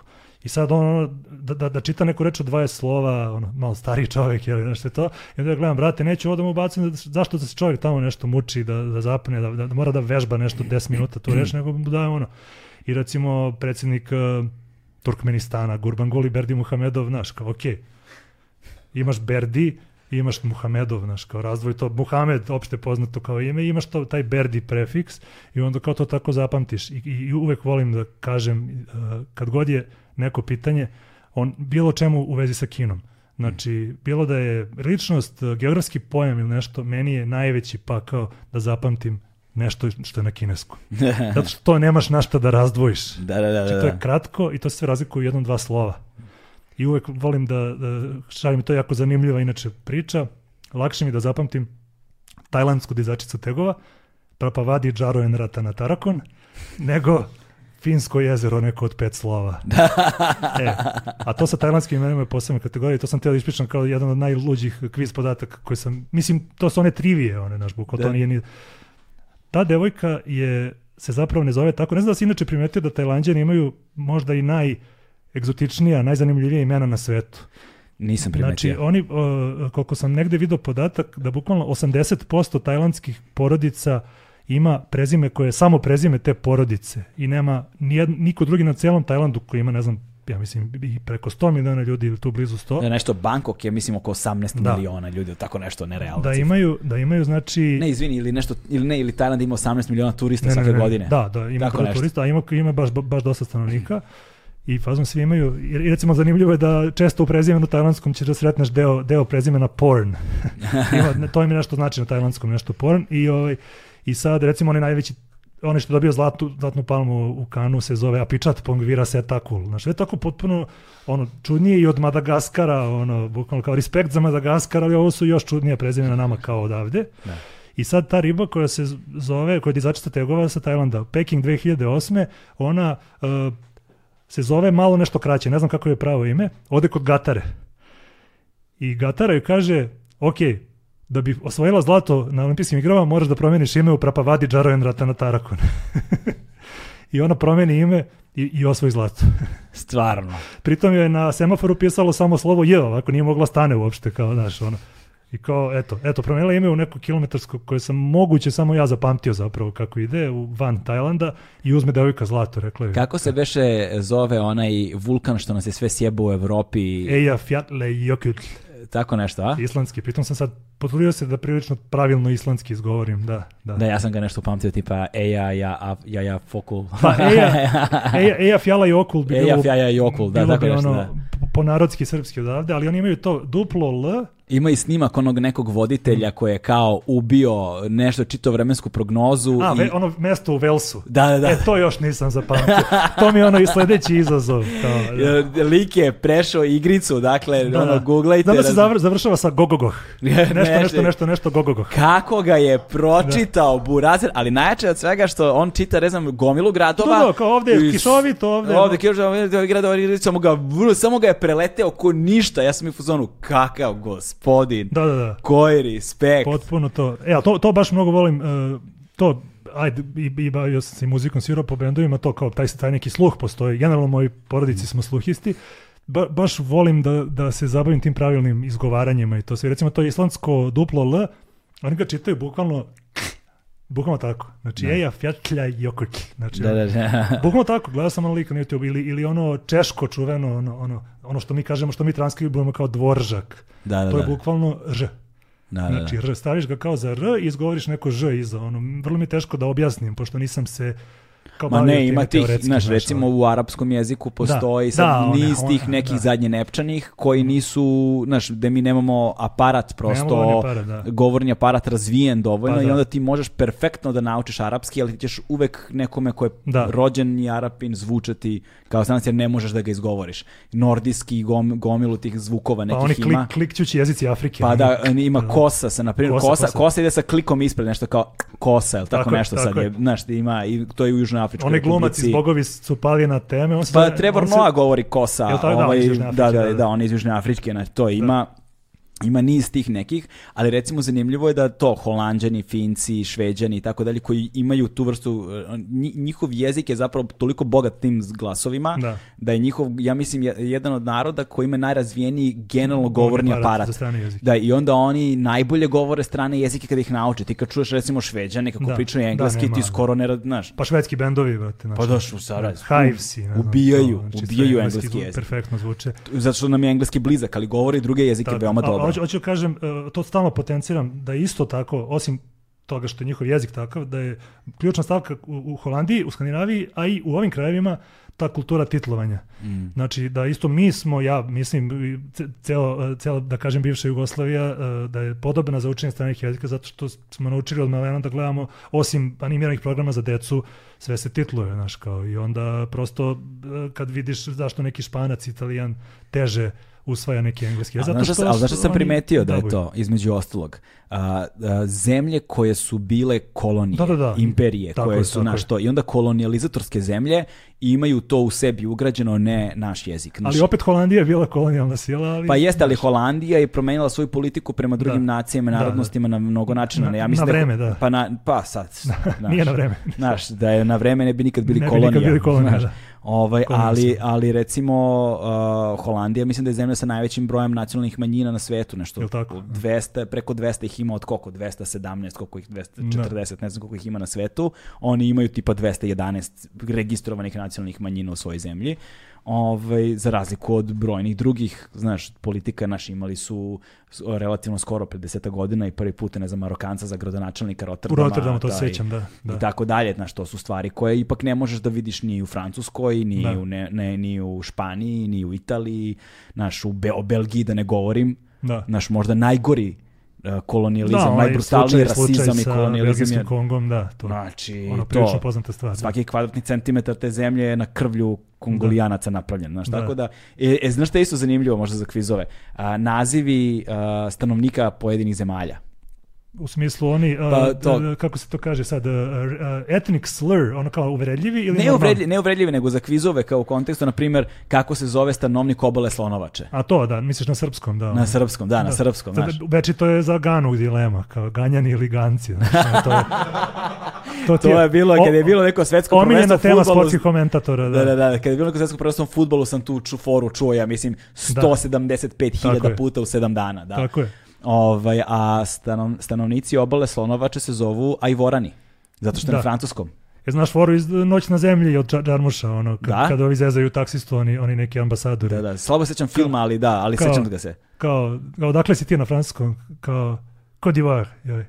A, Ivoirien, Ivoirien kao na francuskom znači da ništa ne vidi. Kao, Aha. zato voziš ovako, kao, znaš, kao, ha, ha, ha, ha, ha, ono, to je Da, taj džarmušovski humor. joj. Ne, ne govorim francuski, tako da, znaš, Tako da- te, te fore sve oko preleću preko mene. E, Znači, Na španskom je vrlo to interesantno isto. Znači, bukvalno e, svaka zemlja, recimo evo Srednje Amerike, ima drugačiji nastavak. Znači, imaš Guatemala, Guatemalteko, Nicaraguense, Panamenjo, znači bukvalno ništa, a meni je zabavno uvijek da pa- pamtim te stvari u jezicima koje su nepravilne, ono, naš. mm, Tako da, e, ono, ove arapske zemlje su mahom Irani, ne, dobro, Irani, arapska, nije arapska zemlja, nego, ali generalno Bliski istok, Irani, Iraki, Somali.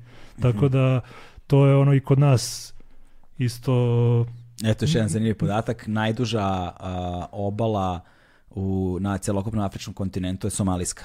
3000 Da, km da, da, da. obale je njihovo. Da. Da, da. Ovaj, e, sada, dakle, e, stigli smo do toga da, su, da je to svetska kvi- e, Da. or, kviz or, Stigli smo i nikako da maknemo dalje. Pa da, da, to, ali kao, znaš, ti si se tu zapravo ufuro i sa ovim kvizom Put oko sveta Da. je, je tvoje profesionalno putovanje u svet kvizova počelo. Da, negde, ne? da. I ti se tu sad usavršavaš i počesto govorimo o ovim tehnikama savladavanja, to, re- rekao si jednu za pamćenje Da. ovih kada razlučiš reči na pojed, pojedinačne pojmove. Je da. Koje su ti dalje tehnike? Za, što se mnemotehnika tiče, pa Kako prosto... se zovu te tehnike? Mnemo. Mnemotehnike, da. Mnemo. Da, da, to ti je... nisu memo. Ne, mnemo od ono mne, mnimi na grčkom pamćenje, Aha, muza ne pamćenja mnemo, ne znam kako se kaže mnemosina. pamćenje na Da, da, da. grčkom, ali znam za mnemosinu. Može da. mnemotehnik ili mnemoniki, onaj film Johnny Mnemonik, ono to nisam gledao, to je nešto vezano u vezi sa pamćenjem. Uh, pa što se tiče tih eh, tehnika pamćenja, mislim imaš, imaš ti na Wikipediji ceo spisak mnemotehnika, ono, sećam se, možda prva... Mislim da je ljudima lakše da čuju od tebe nego da čitaju spisak na Wikipediji. Tako je. Uh, mnemotehnika, možda prva u životu koju sam uh, čuo, je bila u osnovnoj školi kad je nama naša moja razredna koja je potpuno carica, Zaga Joksimović u osnovnoj školi, tada Sava Kovačević, sad opet Jovan Miodragović, je, uh, nam je, kako da zapamtimo, sonante. Sonanti su oni posebni kao zvučniji od zvučnih, ono jeljenje, Evo sad, m- morao bi da ih nabrojimo ovako, ali s pomoću mnemotehnike ću odmah znati. Vetar, njiše, nežne, ljubke, mirisne latice, japanske ruže. I to je sad početna slova tih reči, osam, je, su, su ti sonanti. I kao ono, ćućeš, će, ćemo, ćete, će. Tako je. Nastavci, da.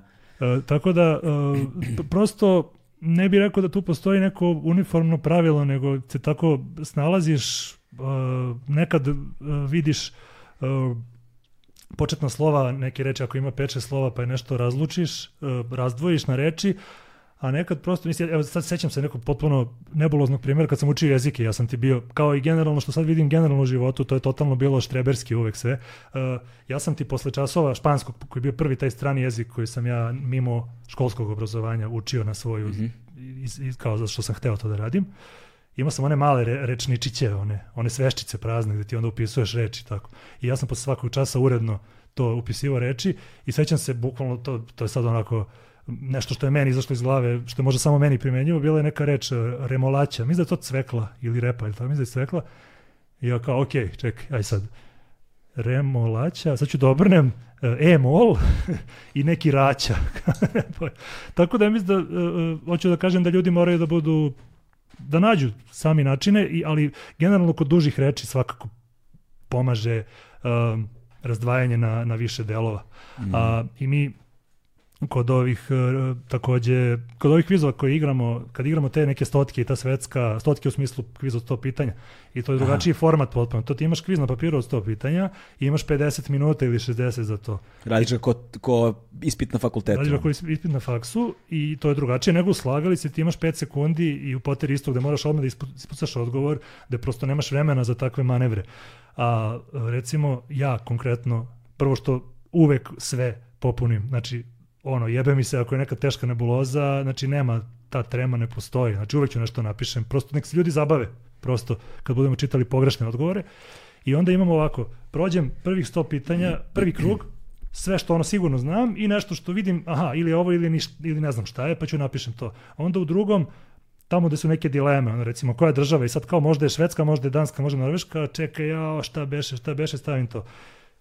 Onda neke koje baš nemam pojma, to mi je treći krug. Ne, nemam pojma uopšte nikakvu ideju, onda samo lupam. I to je ono za slagalicu, uh, gde u ko zna zna je drugačije, pošto imaš minus pet bodova ako ne znaš. To je malo pogubno za, tu, za to lupanje, Lupetanje, da. zato što imaš negativne bodove, a Da. to na drugim kvizovima u principu nema. Ali kad nema negativnih bodova, znači ja, ja ti imam za svaku državu, za svako govorno područje prezime. Znači, ako je neki anglosaksonac, ja, ako nemam baš pojma šta je, ja uvijek pišem Johnson. Da. Ako je, ne znam, Rus, onda je Pavlov. Kao, ako je Francuz, onda je Martin ili ti Martin, pošto je to zapravo najčešće. Inače, najčešće je britansko prezime zapravo Smith, ali ja sam na tom Johnsonu se navadio sam se na njega još davno. Da, da, da. I da. najveća fora kad sam na jednom prvenstvu igrao pre 10 godina bila kao koja firma na, e, kozmetička kao konglomerat nazvan po dvojici kao osnivača sve. Ja rekao evo mi ga, kao evo ga ovaj moj Johnson, kao ja napišem Johnson Johnson i bude Procter Gamble.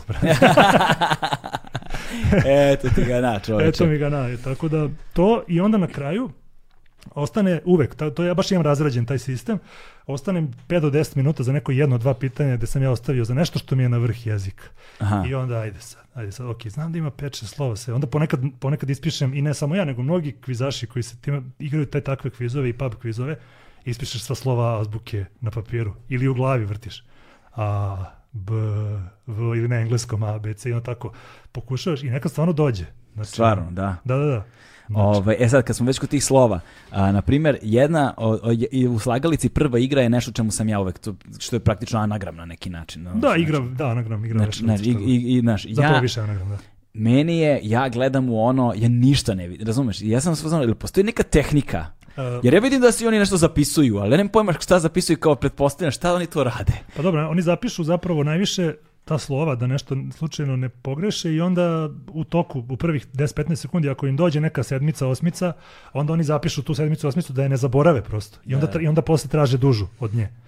A, Jel ima, E, jel ima neka tehnika traženja reči? Pa ima u suštini, ali sad z- zajebano, ja sam primetio da sad, pošto smo ustanovili već da se ta ipak reč neka zadaje unapred da bi bilo gledljivo i televizično, a, malo je i do nas. Ma- malo, malo sam ja shvatio da smo počeli da previše razbacujemo slova, ova sa sredine na kraj, a ova sa kraja na sredinu i da ljudskom oku je jako teško da tu nešto skapira ovaj, Mm. da, prosto ne, ne, neki prefiks, sufiks. Svakako uh, poželjno je tražiti ako, uh, sufikse i prefikse, ali uopšte ne mora da bude glagol, nekad je kao to i zamka, ali ne mora da bude glagol, ali ti vidiš nešto pred, uh, vidiš da ima t, i, i, t, i, a, t, i, onda tražiš uh, prid, uh, glagol ili pridev, ili ako imaš vost ili lj, s, t, v, o, Da, da. tražiš te konstrukte, ali i, i, i nekad je mnogo lakše naći reč koja koja deluje ovako, koja je napravljena od manje frekventnih slova.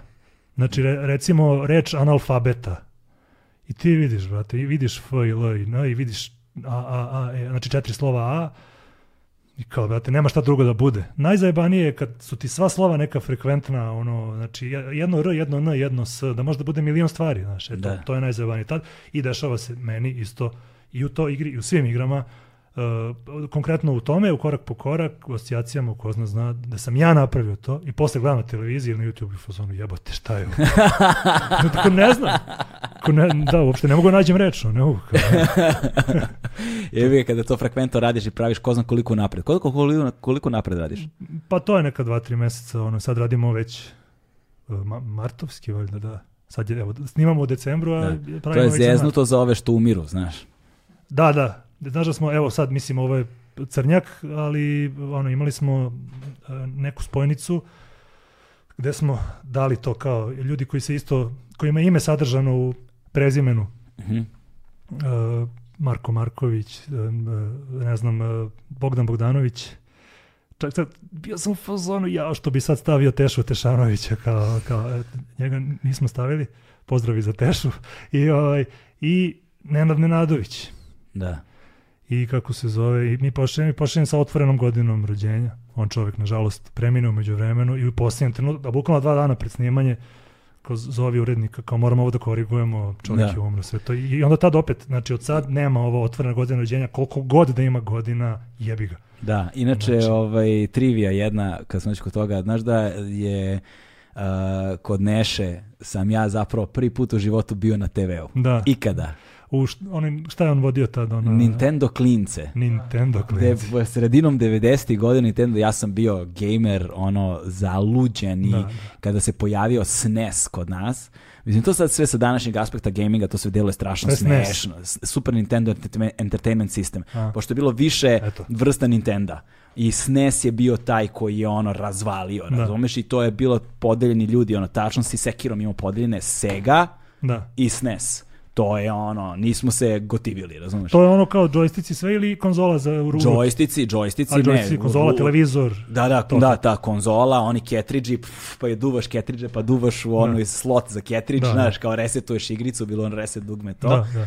Ovaj, Super Mario World, Donkey Kong, znaš, to su bile Da. ono, Mortal Kombat i svi, razumeš, i tako dalje. Ovaj, a, I ja sam na SNES-u ono kidao, razumeš, ubio sam i moje prvo ikada, po- pošto ja sam, baš, baš sam bio dobar, onda su mi ljudi iz s Voždovca iz kraja bili u fazonu, brate, mogu biti da se da ideš negde na nešto da vidimo kakav si. Onda sam ja na tim nekim gradskim bio ovo, ono i to sam kidao i ovi meni kao, ajde brate se prijaviš na, Da. na Pinku je to bilo 90 i recimo peta, na primjer, ili tako nešto. Ja sam imao, koliko sam imao, 13-14 godina. I ovaj, on se prijavio i tamo, dosta sam dobar bio. Stigao sam na nekog polufinala, finala. Ni ne sjećam A, se to je bila dobro. takmičarska emisija. kao- Takmičarski, da, i pobednik dobio Nintendo. Znam da, Da, da. dobio Poznato Nintendo, je nego da, je, emisije, nego, da. da, nego, da je, nego da je tipa, uh, nego da je druga nagrada bila ono čupa čups ili kako se kaže šupa šups, kako kažu već oni. Čupa čups, Čupa čups, nemam pojma kako. kako Znaš ko je dizajnirao logo? Ne. Salvador Dali. Jel stvarno, a? Da. Eto ti ludilo, znaš. I, ovaj, a, I mi smo ih zvali Čupa Čups, ono, lizalice, ja sam dobio kantu Čupa Čupsa, razumeš? A to si hteo? neka ne, hteo sam konzolu, Ali brate, ipak da. razumeš? Ovaj, I tad sam se prvi put pojavio i, i tad sam i Nešu upoznao kao klinac i nisam ga nikad više u životu posle vidio. Mi Da. išli smo sa osnovnom školom, možda išli tipa u Bošku Buha pozorište ili tako neke dečije predstave gledamo, pa sam ga vidio na taj način, ali Da. nisam ga zapravo ovaj, u, sretao lično. I kad smo se doselili ovde, čovjek je živeo ovde u zgradi. Da, da, da. Znaš, i ja, i sretali smo se. I ne znali se da, smo, da li žive u zgradi ili je imao neku, vidim da je stalno sa klincima viđao, bio, da. da li neku glumačku školu imao tako nešto, ali sam ga svakog dana viđao, naravno, on mene nije prepoznavao uopšte. I onda sam imao tu ideju, ne, i onda sam razmišljao mesecima, ono, danima, nedeljama, mesecima, jao, znaš, kako, samo da ga startujem u hodniku, da mu ispričam da sam zapravo prvi put u životu na TV-u bio ovaj, kod njega i I to, nisam... I to kao aktivan učesnik, da ne kao Da, publika, da, da, nego to, to, bio da, aktivan učesnik i ja kao saću, saću, saću i nikako I i na da. kraju čovjek umro i sad mi je baš žao što nikad to nisam Pa rekao, da, eto, što je. mu nikad nisam prišao da mu pomenem, ali eto. Eto, to se desi. Ja E. sam bio prvi put na TV-u, ako se dobro sećam, kad sam imao 7-8 godina, kad je na Kod Mande, e, pre Mande još. a Peđulino. e, ne. E, u RTS dnevniku prilog o seoskom turizmu. Gde smo Ćale, ja i valjda i Burazer bili u Seča reci kod Kusjerića i onda su nas tamo snimali nešto, nemam pojma. Kakvi random podaci, a? Pa to je E, moj život, moj život random podatak. Ono. Ne, još jedna, e sad, e sad sledeća stvar. A, pitanje koje se a, često provlači a, kod a, učesnika, posebno u poteri i kod tragača u poteri, jel te? Jel su tragač? Ne, Tragač kod nas, lovac u Hrvatskoj, E, to. Chaser originalno, da. Chaser originalno, da. Dakle, jo, side note, uh, molim vas ukinuti onu plavu boju, ubi, brate, ona plava što ih furaju po svim tim talk showovima, govornim programima, kvizovima, to Generalno, misliš? nema negledljiva je, brate, Da, na da. ekranu. znaš. Evo, Ali ja sam došao u plavoj majici. da, ne, ne, plava majica je, ali kada imaš plave ekrane svuda, onako, to je horor. U svakom slučaju, Postavlja se pitanje uh, šta če- često ljudi misle, da li tragači znaju odgovore na pitanja kao pripremljeno ili stvarno znaju te podatke kao? Da, e, ja ne boravim na tim snimanja, snimanjima, ali moj konačni odgovor je ne. znači, znam te ljude, ovaj, posebno dobro znam recimo Žareta, i ja dok sam redovno i gledao e, Poteru dok sam radio, sad ono sam baš fokusiran na, na slagalicu, baš Da, da. striktno. Dok sam gledao, ja tačno znam kad će Žare da izdominira i da objasni se i kad će Žare da pogreši. Znači, tačno prosto imaš oblasti, ono, i uh, Milorad je recimo malo slabiji na geografiji, uh, Žare hoće da kiksa, mislim, mi koji se pro, baš profesionalni Žare, i Žare se inače bavi profesionalno kvizovima i pravi pub kvizovi i sve to, i nama je prosto iz, iz tih nekih slabijih oblasti uvek postoji, koji su nama, mislim, slabije, uvek postoji mogućnost da ti znaš neki random podatak iz oblasti koja nije tvoja zato što si ne zapamtio bilo juče na nekom kvizu, znaš. Da. Ali Žare recimo, ne znam, mislim da je možda neka muzika malo i generacijski, on je 94. godište valjda i recimo to je bilo zanimljivo, znači bio neki kviz koji smo igrali koji je Žare razvalio, bio prvi, bio bolji od mene i od Čedića i od Bojana, mog kolege sastavljača. Nik, e, ima najviše pojena ukupno, nikad nije bio čuo u tom trenutku pre četiri godine za seriju Klinika Schwarzwald. Mm. Recimo to je ipak kao, kad smo mi bili klinci, to se tada emitovali, bilo je jako popularno. Tako da u svakom slučaju, ono, ono što, kao, Ali je, ali je fora u tome što, uh, koliko sam ja razumem, ti i ja smo pričali jednom o tome, uh, ti tragači, oni zapravo imaju treninge na neki način, ili kao oni bi trebalo, imaju da ugovornu obavezu da dolaze, ne znam, tri puta nedeljno na četiri sata spremanja, sad Pa ja- sam ja lupio, znaš. Da, ja nikad nisam tome prisustvovao, a, pošto moj posao je uh, Da praviš pitanja. i, i sličan tvom poslu. Znači ja sedim kući, sedim kod, kod kuće Da. I tu ja nešto štancujem, nešto radim i, i posle to gleda neko brdo ljudi, a ja sve vreme sedim kod kuće, što sad evo radimo i kod tebe. I tako da uh, nikad nisam boravio, ali znam da oni e, i tragači, kad god ima neki novi tragač, sad ima opet novi tragač, Milan Bukvić, on je sad od ove sezone novi tragač. Nisam gledao Potteru dugo, ja sam, ja sam video, ja sam gledao nešto malo kad je bila ova devojka, kako se zove? Milica. Milica, reditelja, ovaj... Mil, Mi, Milorad Milinković. Milorad Milinković, tako je on. I... Bio je Uroš Đurić. I, I Uđu, tako da, je. Da, on, je bio, da, da. On, on, više nije, bio je... Eto, tad sam ja gledao, to je posljednji da, put kad sam ja gledao, sad nemam Sad je Žarko Stevanović i sad je uh, Milan Bukvić, uh, koji je bukvalno jedan onako vrlo obrazovan mlađi momak sa, koji na pub kvizove samo dolazi što tiče kvizova. Mm ali ne znam koliko sam shvatio, završio jedan faks, valjda završio politički, upisao filozofiju i tako dalje, ali šta je se desilo njemu, mislim, njemu se stvarno i posrećili, sklopili su mu se kockice, da je on prošle godine imao neku emisiju u kojoj je, M je imao neku rekordnu sumu, da je osvojio, da je pokazao odlično znanje i bio je strašno televizičan, bio je ekspresivan, nervirao se i to sve. Ne. I oni su prosto tu probali više kandidata za nove tragače, on je prošao, ja koliko sam shvatio, oni kad uzmu novog tragača, kažem, to nije moj deo nikad bio posla, da, oni se stvarno nalaze i vežbaju, ali u smislu nastupa i toga i prolaze ta pitanja, ali, ali ono to što oni izvlače, to iz nekih baza starih, a opet u poteri se gleda. Mada mnogo je velika količina pitanja i, i to, to imaš i, to, i to, taj problem, uvek taj problem reciklaže u kvizovima. Što tolike su količine da ti nešto moraš da recikliraš, nemoguće je, ali poenta je da ti kad recikliraš da malo izmeniš formulaciju i da recikliraš one neke opšte stvari, znači neke opšte istorijske, geografske podatke i to sve, neke opšte stvari iz, da kažem, iz pop kulture isto, mm. a da se trudiš da budeš sto svežiji, ne samo u pogledu neke stvari koje su se desile umeđu vremena neke aktuelnosti, nego da uvek loviš što više nekih novih svežih podataka. Meni da. podatak mi je uvek bila ružna reč, ono kao ne znam kako bi to nazvao, mislim prosto... Pa znaš kako, ovaj, mi smo imali to na faksu, smo se nešto svađali oko toga, kao, pošto se uvek forsira, naravno se govori srpski jezik, da se piše srpski jezik, da se uvek pronalaze naše reči za, za ono što je što se negde ustalilo kolokvijalno uh, kroz te tuđice i tako dalje ovaj kalkove i šta ti ja znam. I ovaj i onda uvek postoji to kao e nemoj da kažeš informacija reci podatak da, znaš. da ali onda se javljaju ljudi koji recimo kažu naš ali nije isto. Nije, na da. primjer naš podatak stavljen u kontekst je informacija znaš. Podatak može uh, i ne mora da, bude ko... priča, da, da podatak ali... može i ne mora da bude koristan znaš a informacija je uvek korisna. Mm -hmm. i tu sad tu postoji razlika kako ćemo to znaš da da da regulišemo. Čitaš mi misli momče hvala ti. e, bravo se ovaj kako ćemo to da regulišemo i na koji način znaš? Postoje prosto stvari za koje mi u jeziku nemamo neologizme, da. jer sad je to već jedna doza kulturne dominante.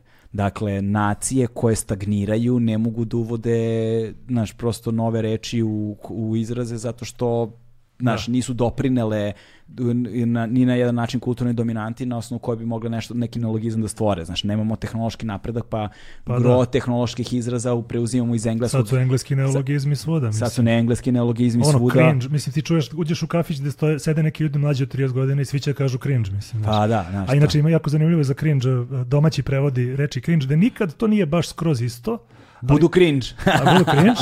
Znači, kod nas je to kao najbliže što sam ja čuo da je transfer blama, da. ali Hrvati imaju fantastičnu reč, susramlje. Susramlje. Da, da, da. Ovaj, na primjer, naš, kao što smo u, u mehanici pre, preuzeli gro nemačkih Tako reči, je, znaš, da. kao što smo u, u ishrani, u, u kuvanju preuzeli gro francuskih, Francuskih italijanskih reči. i, naš, i sad u tradicionalnoj kuhinji imamo turcizme. Turcizme i, zani, i zanimanja. Ono, tako je, znaš, i isto tako ovaj, smo, što su anglicizmi, jel te, ušli prosto kroz popularnu kulturu na sve moguće načine, ali mi opet s druge strane nemamo nemamo srpske reči za niz nekih pojmova, tipa nemamo srpsku reč za flashback.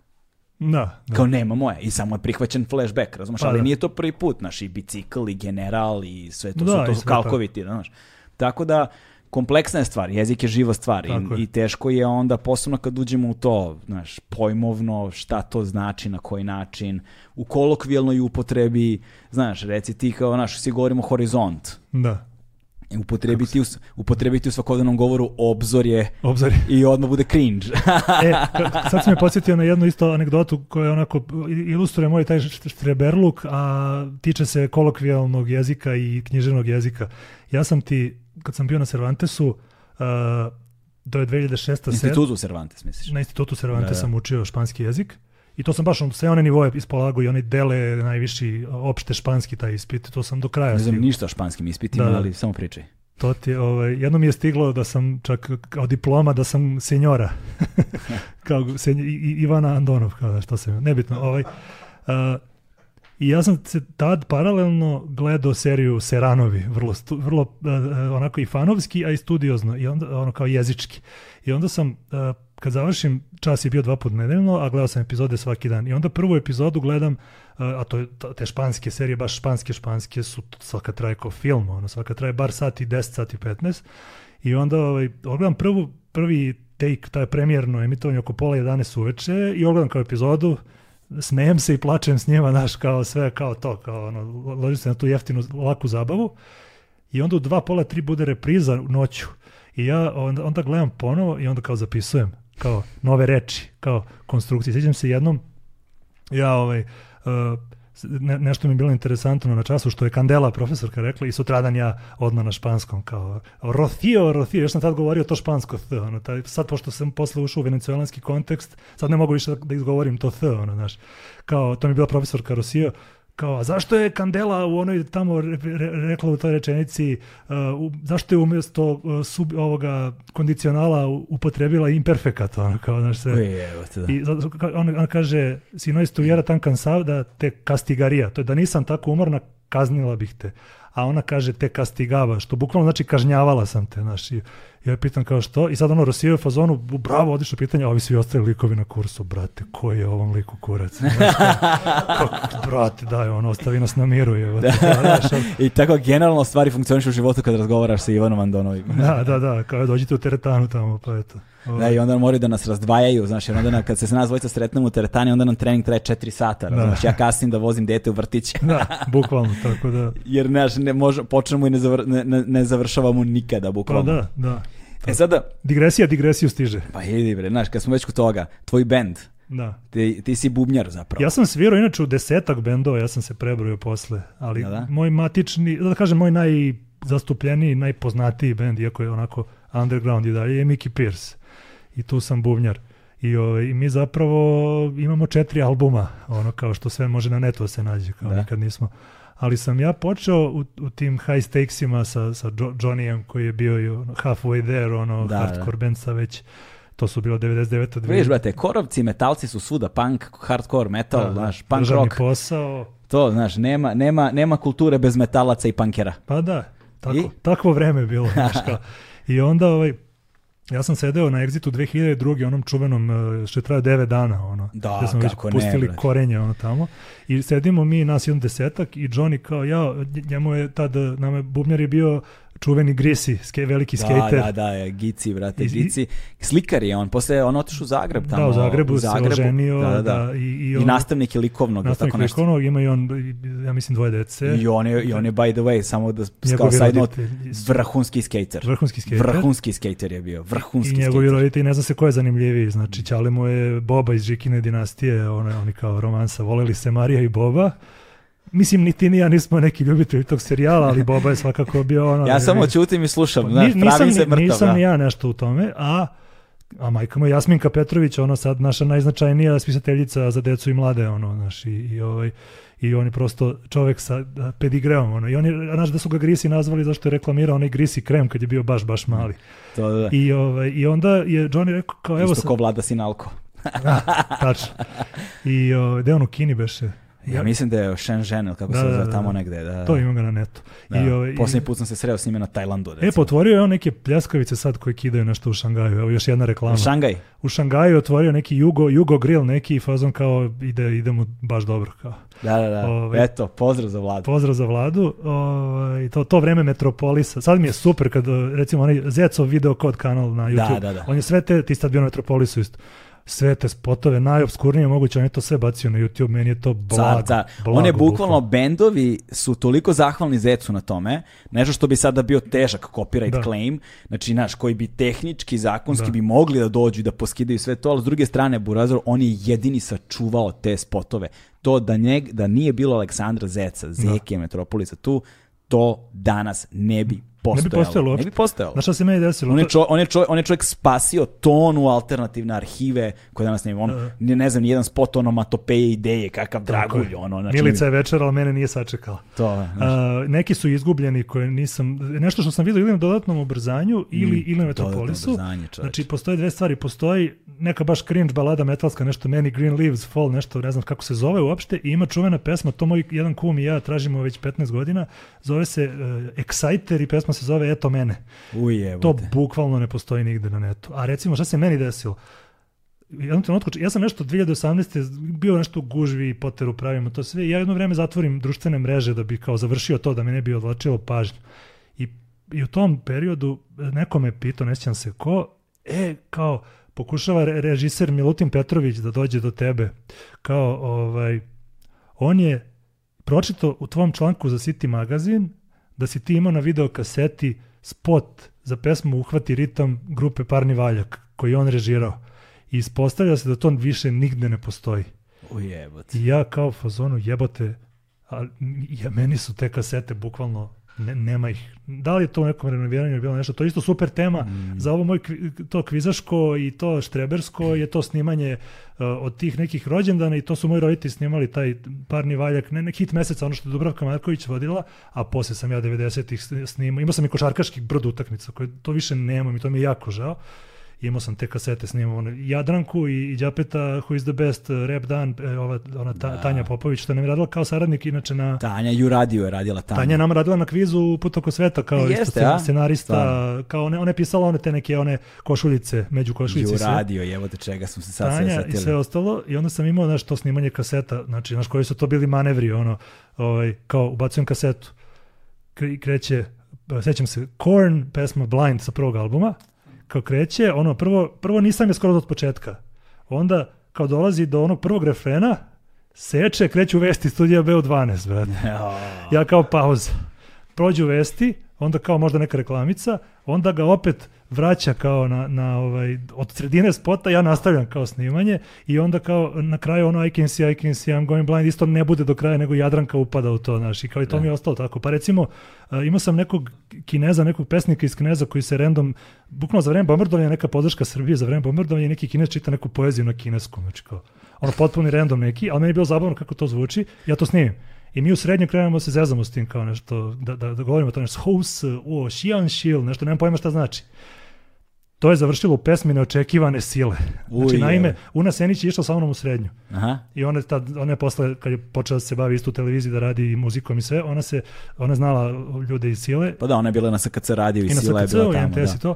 I ona me Pa da, u Sili je bila i, i, i, Sonja, Sonja Lončar koja mi da. je sad bila LP duo, da. I, ovaj, I ona i meni ona kao traži kao "Je ona tvoja kaseta sa onim kinezom kao nešto pričala. Ja kao dam uni kasetu, ona da si- sili i to završi. Ima pesma Kinez iz Kneza kao na, na zove se tako pesma, ima to isto kao moj neki doprinos potpuno ono ne, neispraćen.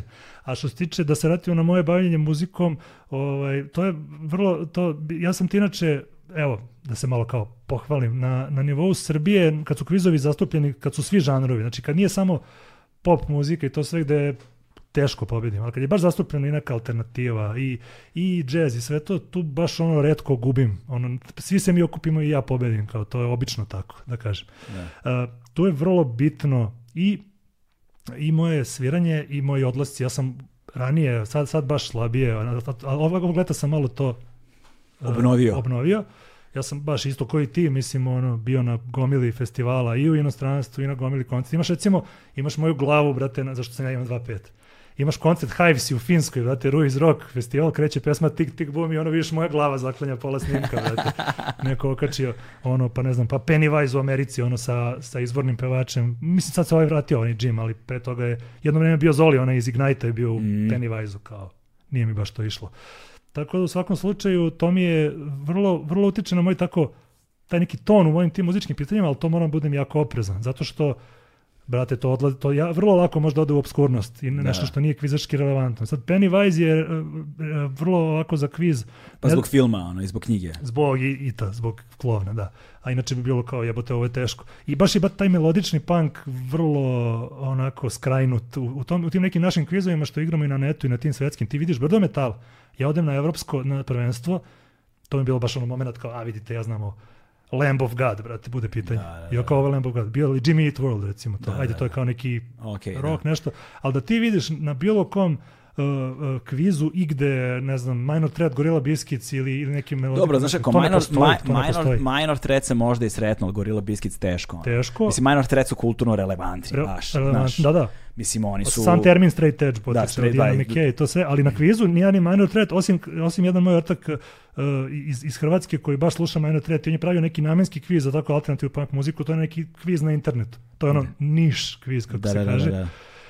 Tu ga vidiš, ali recimo ti vidiš, razumeš, pošto ono nešto što kao ti gledaš, što, koliko je nešto kvizaški relevantno, što je onako da kažem, malo dosta problematičan pristup, to je koliko ima jezika na Wikipediji, članak taj o tome, naš. I onda kao ti vidiš neki obs, obskurni uh, bend iz neke, ili neki engleski izvođači, neki, neki, neki ono tradicionalne engleske muzike koji imaju mnogo manje jezika na Wikipediji nego NoFX, ali NoFX nikad nisam vidio na kvizu, bukvalno. A, isto, ali recimo metal i, i evrovizijski izvođači. Ti, či, znaš da, em, em, uh, Emina Jahović, ja mislim da ona čak ni nije bila na Euroviziji, ona ima 40-50 jezika članak o sebi na Wikipediji. Znači, to Ujebote. čim se neko pojavio na Euroviziji je strašno praćen i dalje, to je baš pakao ono, fazan. Ne. Tako da, ovaj, u suštini, eto, da se malo požalim, da, baš taj melodični skate punk, hardcore američki, ti možda vidiš Pistol se to, Dead Kennedy se vrte i to sve, Da. Dobro, to sve što je relevantno. I znaš, ovo što je... Misfitsi, zato što su nazvani po filmu. Onom Da, i, i, i prosto od tog melodičnog nekog ono, svi ti koji su postali veliki, recimo ne znam, Green A, Day, Green Day, naravno, znaš, da. koji ono, što bi, što, što bi Daško i mlađa rekli, koji su svirali gde god je bilo utičnice. E, hvala. Znaš, Da. pa, su, pa su zapravo ono postigli uspeh na taj način. I to je jedna stvar koju ja poštojem Hvala. kod uh, američke muzičke scene, jer kod njih prvo moraš da imaš ono iskustvo burazero si ti ogulio Da. ono s- dakle svako selo, svaku vukojebinu Ima moguću snimak Tula, onaj kad snima na onom nekom drvenom lokalu fazom kuglaša, ono, brate, koji Pa. kida, Da. kida, ali to je deset ljudi na koncertu. Pa da, to je, ti imaš i radne snimke, ne znam, Rage Against the Machine, ono, Da. neki studentski dom, brate, u- na livadi u dva posle podne, Da. nema, nema nikog, razumeš, Da. prvi put izvode Killing in the Name, znaš, i tako Da. to.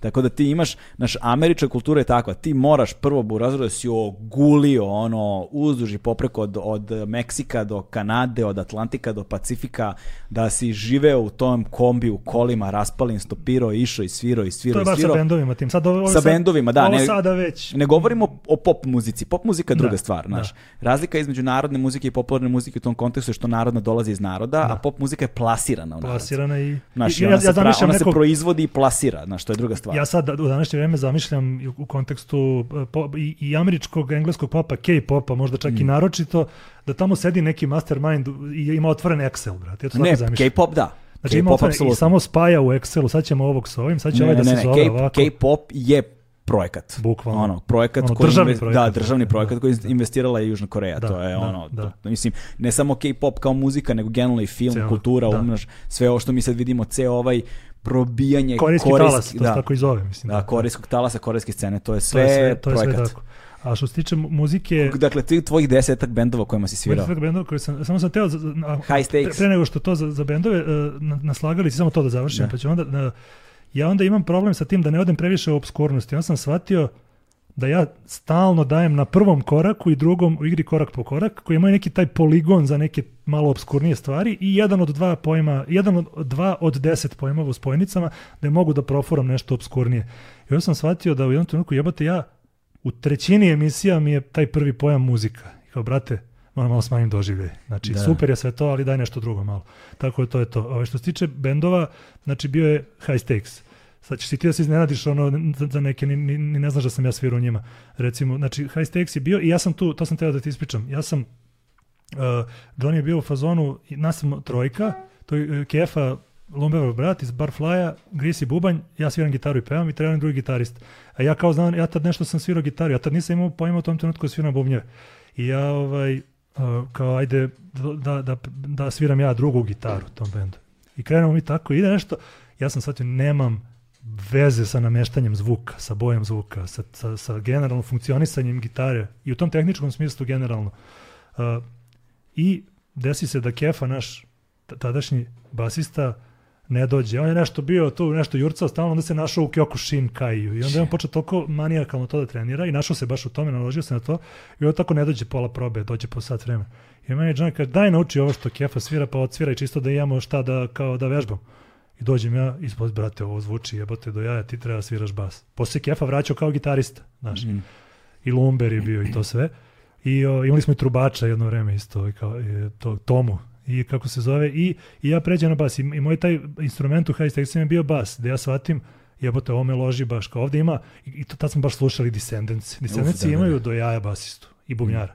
Znači, i ja tu krenem da slušam, znači moje uvo, a tad sam paralelno radio i te jazz emisije prevodio, pa tu imaš dosta kontrabasista i to sve. I ja iako nikad nisam bio se školovao kao muz, muzičar. Jel, izvini, jel Vani beše bio u Descendants majici? Jeste, Jeste, a, jeste, da, da, da. A, ovaj, Dače je bio Cannibal Corpse. Tako je, da. Ja sam bio u fazonu, da, imam, imam baš Gorilla Biscuits Dukes, imam Baby Metal majicu sam razmišljao, A, ali kao Baby, Baby Metal, e ba da ih pomenem ovako, znači Baby Metal, ti ono, ti, to, to ja volim da zovem post hipsteraju, ono, znači Ne, to bukvalno je, to, to je posebno, to je kategorija. Sve što je Japan, to je sve za Tako sebe. da ja, ja, to, ja sam veliki ljubitelj baby metala, ali rekao, ajde da obučem neku normalnu majicu, neka, ajde, neću da, ne moram stalno da ističem to, ovaj, tako i vizualno. Da, da. Ovaj, i, I ja sam tu onda baš dosta vežbao bas i uh, č, č, čak sam se, jednom, jednom sam svirao uh, čak i onaj uh, na skrcu, onaj MTV uh, koncert, gde verovatno si ti bio tu nešto, te- ti si, ja mislim da si tad ti bio na MTV Adri, ne znam, to je bilo Moguće. 2005. 6. Tako. 2006, mislim 2005. sam zvanično potpisao ugovor, 2006. Pa, januar sam počeo pa da da. radim, da. E, ja sam tad recimo Dule iz Euforije Aha, je, da. nije, je bio sprečen da dođe ja sam svirao sa Euforijom bas na tom koncertu kao ono, Uje, Ovaj, euforija. da, da, znači ono, U- Uroš je bio, ne, Pozdrav za Milkića. pozdrav za Milkića, pozdrav za Duleta, Du, Dule inači, Pozdrav za Down There studio. Down There Studio, inače i moj otac e, upravo snima kod Uroša Stvarno? za Speak, on ima neke svoje projekte koji su vrlo interesantni, samo još nemaju ime zvanično, Mm. Ali eto, Vladimir Andonov, veliki, veliki kantautor, tek će se čuti za njega iako ima 65 godina. Strava, pa brate, uh, Jose Saramago je prvu proznu rečenicu napisao s 57 godina. Eto. Tako da, posle dobio Nobela, tako da... Ima, ima dosta tih primjera. Haneke je prvi film režirao sa skoro 50. ono, Eto ti, e, to nisam moj, znao. Moj veliki Pff, Ja obožavam Haneke. Haneke, isto sve sam gledao. Da ne ulazimo sad u taj, Da ono, što bi rekli, rabbit hole, uh, kad Pa- smo već kod uh, stranih Pa da, izraza. pričali smo o, filmove, o filmovima, ali ovaj, znači, svirao sam s njima. Uh, kako sam ja se Ali zainteresovao? sve, izvini, sve vreme se u- ujedam za jezik da ne počnem da pričamo o funny gamesu, ono. Ali ajde, i baš sam juče s nekim komentari sa White Ribbon. Ma ajde, nećemo, ajde, idemo da. Funny Games je super na, i za kvizove zato što je Haneke fazon napravio isti film dva da, puta. dva puta, je. isti, potpuno isti film. Ovaj, dakle, Kako se to nešto zove? Shot to shot ili tako nešto? Ne, ima to ime kao kad se radi uh, bukvalno, nema veze, ajde, pa nećemo tako to. nešto, da. Ovaj, ili frame by frame. Šta, Ne, tak, da, nemam pojma, Možda je to što ti rekao. Uglavnom, ovaj, kako sam se ja zainteresovao za bunjeve, uh, tako što sam trenirao u mladosti Zemuna na drugom kraju grada. Išao sam, menjao sam dva prevoza uh, dok nisam otkrio da zapravo mogu direktno 83-kom od prve do posljednje stanice, ali to, to, to nije sad relevantno. I da ja sedim u tom busu, ono, fazom sat vremena ili pola sata ili stojim i to sve i slušam ti ja taj NoFX Descendants i Da. tako. I tako ti ja krenem malo da lupkam, znaš, ono, dok, dok, dok putujem na trening, znaš, ono, Da. kao, to, to je zmaj, to je skoro Zemun polje, znaš, a ja Mhm. na Vračaru živim.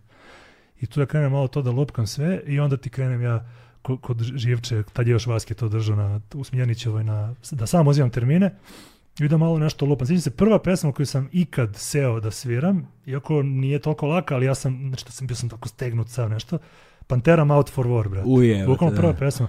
Znači to je, jebi ga, nije to toliko kom, kompleksno, što se, znaš, nema nekih uh, poliritmija tu, znaš. Vini Poli generalno tako onako odsečan bubnjar, on je kao super metal bubnjar, ali nema tu nekih komplikacija. Recimo Danny Carey iz Dobro, Tula, brate. on isto ima neke pesme da je vrlo jednostavan, ima neke pesme gde krene da luduje. Da, znaš, ali znaš, njegova jednostavnost se rasprostire na ono aranžmanski, znaš, na 8-9 minuta, je, da. gde, gde ti kad zapravo to uzmeš kao celinu, to da, bude... ne, ne, on je kraljina potpuno. On je na ono, Danny moj Carey životinja. Moj bubnjara. najomiljeniji bubnjar na svetu je Josh Freeze, koji je isto ono nekako industrijski bubnjar, ono koji Da. svira od, od Vandalsa do Perfect Circle do E, Nine Inch ja Nailsa. sam, ja, sam, ja, sam, ja sam u posljednje vreme opterećen potpuno bubnjarima, basistima sam opterećen od uvek, Da. znaš, ali bubnjari su mi ono fascinacija posljednjih nekoliko godina i naravno, znaš, ono, krenuo, kreneš od metala i, naš, metal mi je bio ono jedno vreme samo metal, metal, metal, metal, metal, prog metal, ono, Animals as Leaders i to, ovaj, ali kad sam počeo da otkrijem jazz bubnjare, Da, Burazeru, moj svet se promenio, da, da, to je- potpuno se promenila dimenzija, ono, i onda sam otkrio možda trenutno ovaj, najozloglašeniji popularni jazz uh, band, ono, Snarky Puppy. Dobro da, Snarky Burazeru onako. i Larnell Lewis, bubnjar Snarky Papija, znači svaki put njega kad vidim, Da. meni nije Znači dobro. to je lik iz Snarky Papija se zove... Bubnjar Snarky Larnell- Papi, bo- da, ben- se zove Snarky, band Da, se znam, zove znam Snarky Snarky Papi, bubnjar se zove Larnell Lewis. To ono kako pamtiš stvari. Uh, stavljaš nekad u istu fioku. Meni je u istoj fioci u mozgu Skinny Papi i Snarky Papi. Da, da, da, Skinny da. Papi je neki industrial ono, mrak i to. Ove, tako da, meni je... E, kad smo kod glasnih koncerata... Uh, Skinny Papi ili Ne, ne, ne, ne, ne, ne. Ministri. Ne. Ministri, Da. Burazeru, ministri. Kako si industrial pomenuo, tako ministri. Da. Jesus. Šta, na Exitu ili ovo sad skorije? Na Exitu sam ih samo sle Da. gledao ja, ali sam baš bio kod Bine. Mene to boli duša, zato što ja sam tad bio, tad su bili Hivesi, koje ja Tako mnogo je, volim da. uživo, tad je bio valjda i Bad... Ne, ne znam da je bio Ne znam šta je bilo. Su Bad bili- Religion su bili, mislim, kad su bili Po- Bad I Brains. po, a da, ovo je posle bila pekinška patka i, Mm, i da. Pistolsi, ali ja tad nisam kapirao koliko je ministri zanimljiv. Ne, da, ono, bitan je, znam da je bitan, ali koliko je zapravo zanimljiv, brate. Ministri. I koliko je taj Al Jorgensen, brate, Koljači, Burazeru. što kažu brat. Bratine, znači, ministri, ministri, Jesus built my hot Da, rods. odlično, odlično. Znaš, to je ono... Tako da to mi je, a recimo e, koncert na Exitu koji me najviše iznenadio, bukvalno kao jebote, nisam očekivao. Ono kad ideš na, imam na Exitu kat- kategorije, koncert na koji sam išao, a da nisam znao da će biti do jaja, to je Korn koji je Aha, meni da. lično ubio koliko je dobar bio, a koncert koji nisam imao pojma na šta idem i koji mi najjača stvar u životu, isto na Exitu, to je Sa- Sage Francis. Znači, Znaš koji je koncert mene najviše iznenadio? Koji? Znači, moje, na, moj najveći šok, Mickey, najve- Mickey Pierce. ne, najveći šok uh, je 2005. godina otvaranje, tada se to mislim zvala Hala Limes, pre nego što je postala Beogradska Da. arena. Uh, oktobar mesec 2005. Farewell Tour, dakle oproštena turneja Phila Collinsa. Mhm. I dolazi Phil Collins u Beograd i do, do- dovlači sve svoje. Mhm. Dakle, njihova je bina, njihovo je zvuk, struja, kablovi, sve su svoje doneli. Burazin, on je imao tipa 28 ljudi na bini u jednom trenutku, ono, vokalisti, horovi, perkusije, pet bubnja, znaš, to se ludila se dešavaju. Da.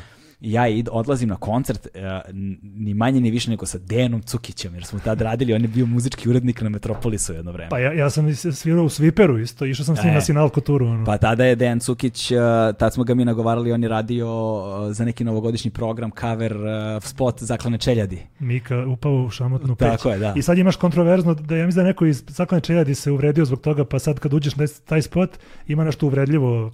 Pa ne, znaš kako... Uh, Zašto misle da je on to kao ukrao nešto, mada Pa, meni je to to je bio deo novogodišnjeg programa, to nikad nije ni trebalo završi, znaš, ali nije poenta o tome, nego, nego ja mislim da, da, da, da Dejan sad, sad već ono ulazim u spekulaciju, pa odmah da stavimo ograde, da me neko ne uzme, da mi neko ne uzme za zlo. A, mislim da je on nešto imao neke veze sa Sokojem u to vreme. Znaš, nisam siguran, razumeš, i da je onda tu neki, znaš, kao s jedne strane ovamo, a s druge strane u Sokoju, nemam pojma. Mislim, ali- mene, mene ostaju vrlo pozitivno. Ja sam s njim inače... Inače je ovdje privatno divan car, čovjek, car, divan car. čovjek i takav poznavalac Jeste, jeste. muzike, da je to strašno. Ja sam nale- uh, s- naletao na njega više puta u životu. Znači, uh, moj prvi uh, ne znam, saradnja s Dejanom Cukićem je bila 93. kad sam igrao u tom basketbamu. Mi smo snimali spot uh, za taj košarkaški klub. Nešto ima jedna družina sa kojom nikad nisi sam, voli svu decu sveta i svi je znaju basketbam i to je Dejan pevao. Kao mi se, mi, mi se sjur, sjuravamo, ako se tako uopšte kaže, uh, niz onu dinu tamo u 45. Nemam bloku, pojma. oni pes, pe, peščani sprud tamo što ima neki i kao tu nešto trčimo i Evo jeste peva. ima nešto, mi smo, mi smo BMX vozili tamo, Da, da. kao benkove smo to koristili neke, da. I, i, to je, I to je bilo prvi put sa Cukićem i onda mnogo godina kasnije, kako se zove, mi idemo, ja, ja sam svirao bubnjeva i, u- i u Sviperu i, i ovaj, kako se zove, svirali smo ono Exit Da- dakle, Euforija, Sweeper, High i Stakes. Sviper High Stakes. 100 maraka. To da se, A, 100 maraka, ti si bio 100 maraka. ja sam svirao bubnjeve u 100 Jao, maraka. ne, seri, tako sam, ja počeo, tako sam ja počeo s bubnjevima, da, da, da. to Ne znam s kime sam baš skoro pričao, kažem, ljudi, jeste vi sjećate da je bio punk band bre, na trgu Republike, zvali su se 100 maraka, evote. A to na trgu Republike? Pa na trgu Republike smo pričali o tome, A, znači, pričali tr- bilo, bilo, na, trgu, na trgu se izlazilo, znaš. Da, da, da, da. Ono, 90-ih, početkom 2000-ih Da, da. izlazi, izlazi na trg i plato. A ovo je su- bila 2003. četvrta. Pa da, ali to je rač rane 2000. Jeste. Sećam se bre na trgu smo blejali da mi je na trgu mi je neko ta, ta, Da. tad sam čuo za 100 maraka Da, i pa- to je bila tema na trgu i kao bi su ono, i onda samo se Viklar setio kad sam mu ga pitao i Viklar je ono 100 maraka Da. i je bio ja mislim jogurt ili tako nešto to je jogurt to je valjda uh, da li Viklar tu bio, ne, ne mogu se... Da, to je nešto njegovo, da, valjda. Ja nisam tu. I, i po- posle, uh, bilo je u 100, 100 maraka je high stakes i, i onda... 100 maraka je dobro ime za band. Da, da. Dobar je bio i band. I, ovaj, I onda smo posle uh, 2006. na sedmu zna- napravili smo taj kao Johnny i ja iz High Stakesa, a Vajagić i Bambolović iz, iz Birtije i sad, znači oni imaju tu prošlost. Znači oni su stalno spre- ljudi koji su u trip... Tebe, koji je underground ovo što mi pričamo? Znači, Znači- bukvalno otpalo je 90% ljudi koji nas slušaju. Jebi ga, ajde, špuraj. Ma, za, bit će zabavno. Imaćeš za isečke one od minut što praviš, Da, da. imaćeš brdo materijala. Ovaj. I znači, ključno je da napišeš u imenu epizode slagalica, da ne napišeš samo moje ime. da, da, da, da, da, da. Da ne pomisle da je bugarski... Režiser, da, da. Po, pokojni, pokojni bugarski režiser. Rahmetli, Ivan- Rahmetli, Rahmetli Rahmetli Andonov. Tako je. I, ovaj, e, i sad, e, Bambolović i Vajagić, kažem, oni su, i Johnny, oni su meni bukvalno najbolji prijatelji, ono, znači, a oni imaju, znači, Bambolović i Vajagić imaju tu neku prošlost, oni su bili u bendu Cokule, koji ima, ima onako kontroverzan bend, koji ima neke vrlo nekorektne tekstove i to sve, i dan danas ljudi koji se bave time, koji su u tom vremenu da eti- etiketiraju ljude, su i dalje u fazonu, ovi su desničari, ovi su nacisti i to sve, znači, prosto oni su, brate, oni su izbegli iz Bosne, ono, znači, oni su zenici rođeni, Ne znam, brate, znaš, Znači, ja tu imam dosta ne znam. tvrđe stavove. Da, verujem, da. Zato što sam ja baš sa takvima imao jako puno problema. Ja sam u fazonu, dobro, oni ni- ni- nikad nisu nikog maltretirali, ali su imali neke tekstove. Znaš šta, pa, znaš šta, ne, ne moraš ti... Ja sam u fazonu mladost ludost, jebi ga. Pa znaš kako je, ga, zato što nisi nikad bio na kraju koji prima, znaš, Verujem. zato Pa što nisam. nije, ne, pa to, Bio sam znaš, jednom, sa 100 maraka napali nas neki, pošto mi bili dosta kao neki... Ah, jednom, jednom je, sve. jednom je izolovan slučaj, jednom je Da. incident, znaš, a znaš, me je, za mene je bila perme- permanentno da. stanje, ja nisam mogao da odim ni na jednu svirku. Verujem. Ni na jednu svirku. Ne, s- ne nužno ti, znaš, ajde sada oj i to, znaš, to street punk i to Da, gde nego su bili sve nacoši. nego šta razumeš? god, da. Nego šta god, brate, nisam mogao da, odem. Da, da, razumeš, da. prosto nisam mogao, ne, nisam mogao da odem na Sunshine koncert Da, zbog verujem. nacoša koji su tada bili. Verujem, razumeš? verujem, da. Znači, znaš, pojavljivali su se Burazeru svuda. Pritom je takvo vreme bilo da, da su mnogo To je lakše... bilo popularno. Mnogo su lakše posezali da napadnu nego danas, ja mislim, da te samo uzmu da te zveknu. Ono, znaš, kao. Znaš. Tako da, eto, kažem, to je prosto, oni su iz, iz eto, Birtije, Mi- mislim da i, da, i Dače je pomenuo u emisiji Pegana iz Birtije da išao s njim u školu, znači, ono, e, to je tako, znači, mi Kad smo i- kažemo dača, mislimo na vampirologa. na vampirologa Trbojevića, Da, pozdrav, divna emisija, divna epizoda. I ono, znači, e, nama i u toj Birti i u Miki Pirsu, brate, uvek dođu neki problematični likovi na svirku, to je prosto tako, znači oni se...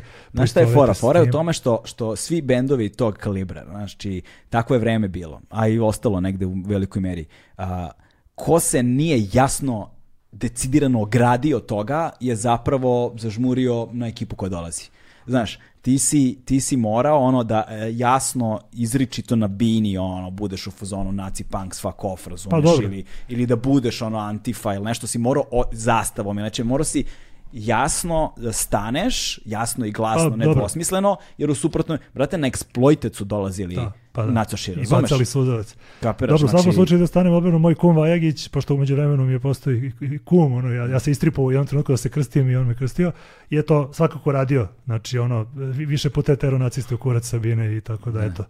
To je prosto, ovaj, hoću da kažem to, znači došli iz nekog street punka i oija i oni su ga bili kao, mi smo ta, kao, mi smo kao ta šm- šmekerski deo benda, a ti Johnny ste gikovi sa vračara, kao, znaš, to se... Kvizomani. I onda smo na, naišli, ali Johnny ono, Johnny je diz- dizajner albuma. Znaš, kao Block Out, što je Mita, ono, Mita peva i Mita radi omote i to sve. Da, mi ta završili likovnu akademiju. Pa da, i on je slikar i to sve. I a, Jo- Johnny je ono to, Johnny pravi, pravi rifove. Uh, znači, dobro, u Block Outu je to Vra- Vranjković radi uglavnom, ali kao, znači, Johnny je pravio rifove, uh, znači, ovaj, bio je kao paralelni i, I dalje to može se, ja govorim o prošlom vremenu, ali postoje neka indicija da će možda da se desi i novi album nekad, Mhm. iako oni sad žive dvoj, dvojica njih u inostranstvu. I, ovaj, i, i znači pravio je omote, svirao je gitaru i pevao je. A ja sam tu kao to studiozno, tu bas liniju i ja sam bio taj lik koji će da gleda, aha, ovo, ovo se ne slaže. Ovo kao nije u harmoniji. Mislim, ok, mi smo često bili nešto disharmonični, to sve, ovo sve. A ova dvojica su bukvalno ono to, izbace neki tekst, neki punchline koji je toliko ne, nebulozan, i, ali je toliko smešan, da Johnny i ja, znaš, Johnny, Johnny i ja smo bili skloni u high stakesima da idemo u neki nepar, u neke, I onda Pavulović kaže, brate, šta si ovo smislio? Ne mogu, Mešugu kao. brate, ne mogu sada vežbam ovo, kao jebote naš, ono, daj mi, daj mi ona četiri tona. I onda se stalno pro, prosvirava pred probu, pred svirku, ne može se sjetiti uopšte šta treba da odsvira, zašto su oni ta, taj neki moment koji John i ja nismo mogli da proizvedemo, zašto je ta, taj bućkuriš zvani Mickey Pierce postao tako voljen u tom svetu, ono, jer su pesme dosta onako straight forward, ono detinjaste, ali imaju neke životne mudrosti, ne, ne znam s čime bi uporedio, znaš, kao s nekim ono, Kliknut će ljudi pa će videti. ti tekstovi su da, onako, sve, sve je nešto rečeno, tako, nemam pojma. Tako da to, i onda sam posle e, to, znači svirao sam sa Sviperom, nisam nikad ništa snimio s njima, i isto tako sa Bvanom iz Lagune i neznanim ludacima sam isto svirao bubnjeve kod njega u bendu, dok, dok nije prosto se shvatilo da ja, ja stvarno nisam imao kapacitet da sviram taj neki funky koji on uvek teo, kaže mi se i dan danas u teretani i drugari smo, nešto da je on kao, on je doveo sve muzičare koji su ono baš ono školovani, znaš. Da. A, a kad sam ja ušao u postavu, bio je, brate, a, svirao, bas je svirao Aca o, o, iz, iz black metal benda Svartgren, ono. Svirao je onaj drugar Aleksa, on je svirao nekim Brate, i među tim blekerima istam nacoš ako Bude, hoćeš, bude, brate. bude, O, bude. jebote, ono, strašno, Tako brate. da, da. I, i onda e, mi kad, kad je taj band, kad sam ja ušao u taj band, on je zvučao kao Buddy Count. Mhm. Međutim, ono što ja nisam kapio u tom trenutku je da Bvana nije zapravo hteo tako da zvuči. On je hteo da zvuči više ono kao reperski funky, nešto to sve. I onda smo bili mi u toj postavi još par godina, odsvirao neke lepe koncerte i to sve, ali onda je on na kraju potpuno napravio band koji to baš onako valja, ono da je to sve ravno, vozi onako baš reperski ono, kao old school rap 90-ih samo na instrumentima i onda je on snimio neki album i s njima izduje kao možda čak i na ploči, ne znam. I, i, i bio sam u još par bendova kao neki pokušaj, ali gde se završilo samo na probama, ono recimo u Spit Liveru sam bio, ono, sećaš se Spit Livera?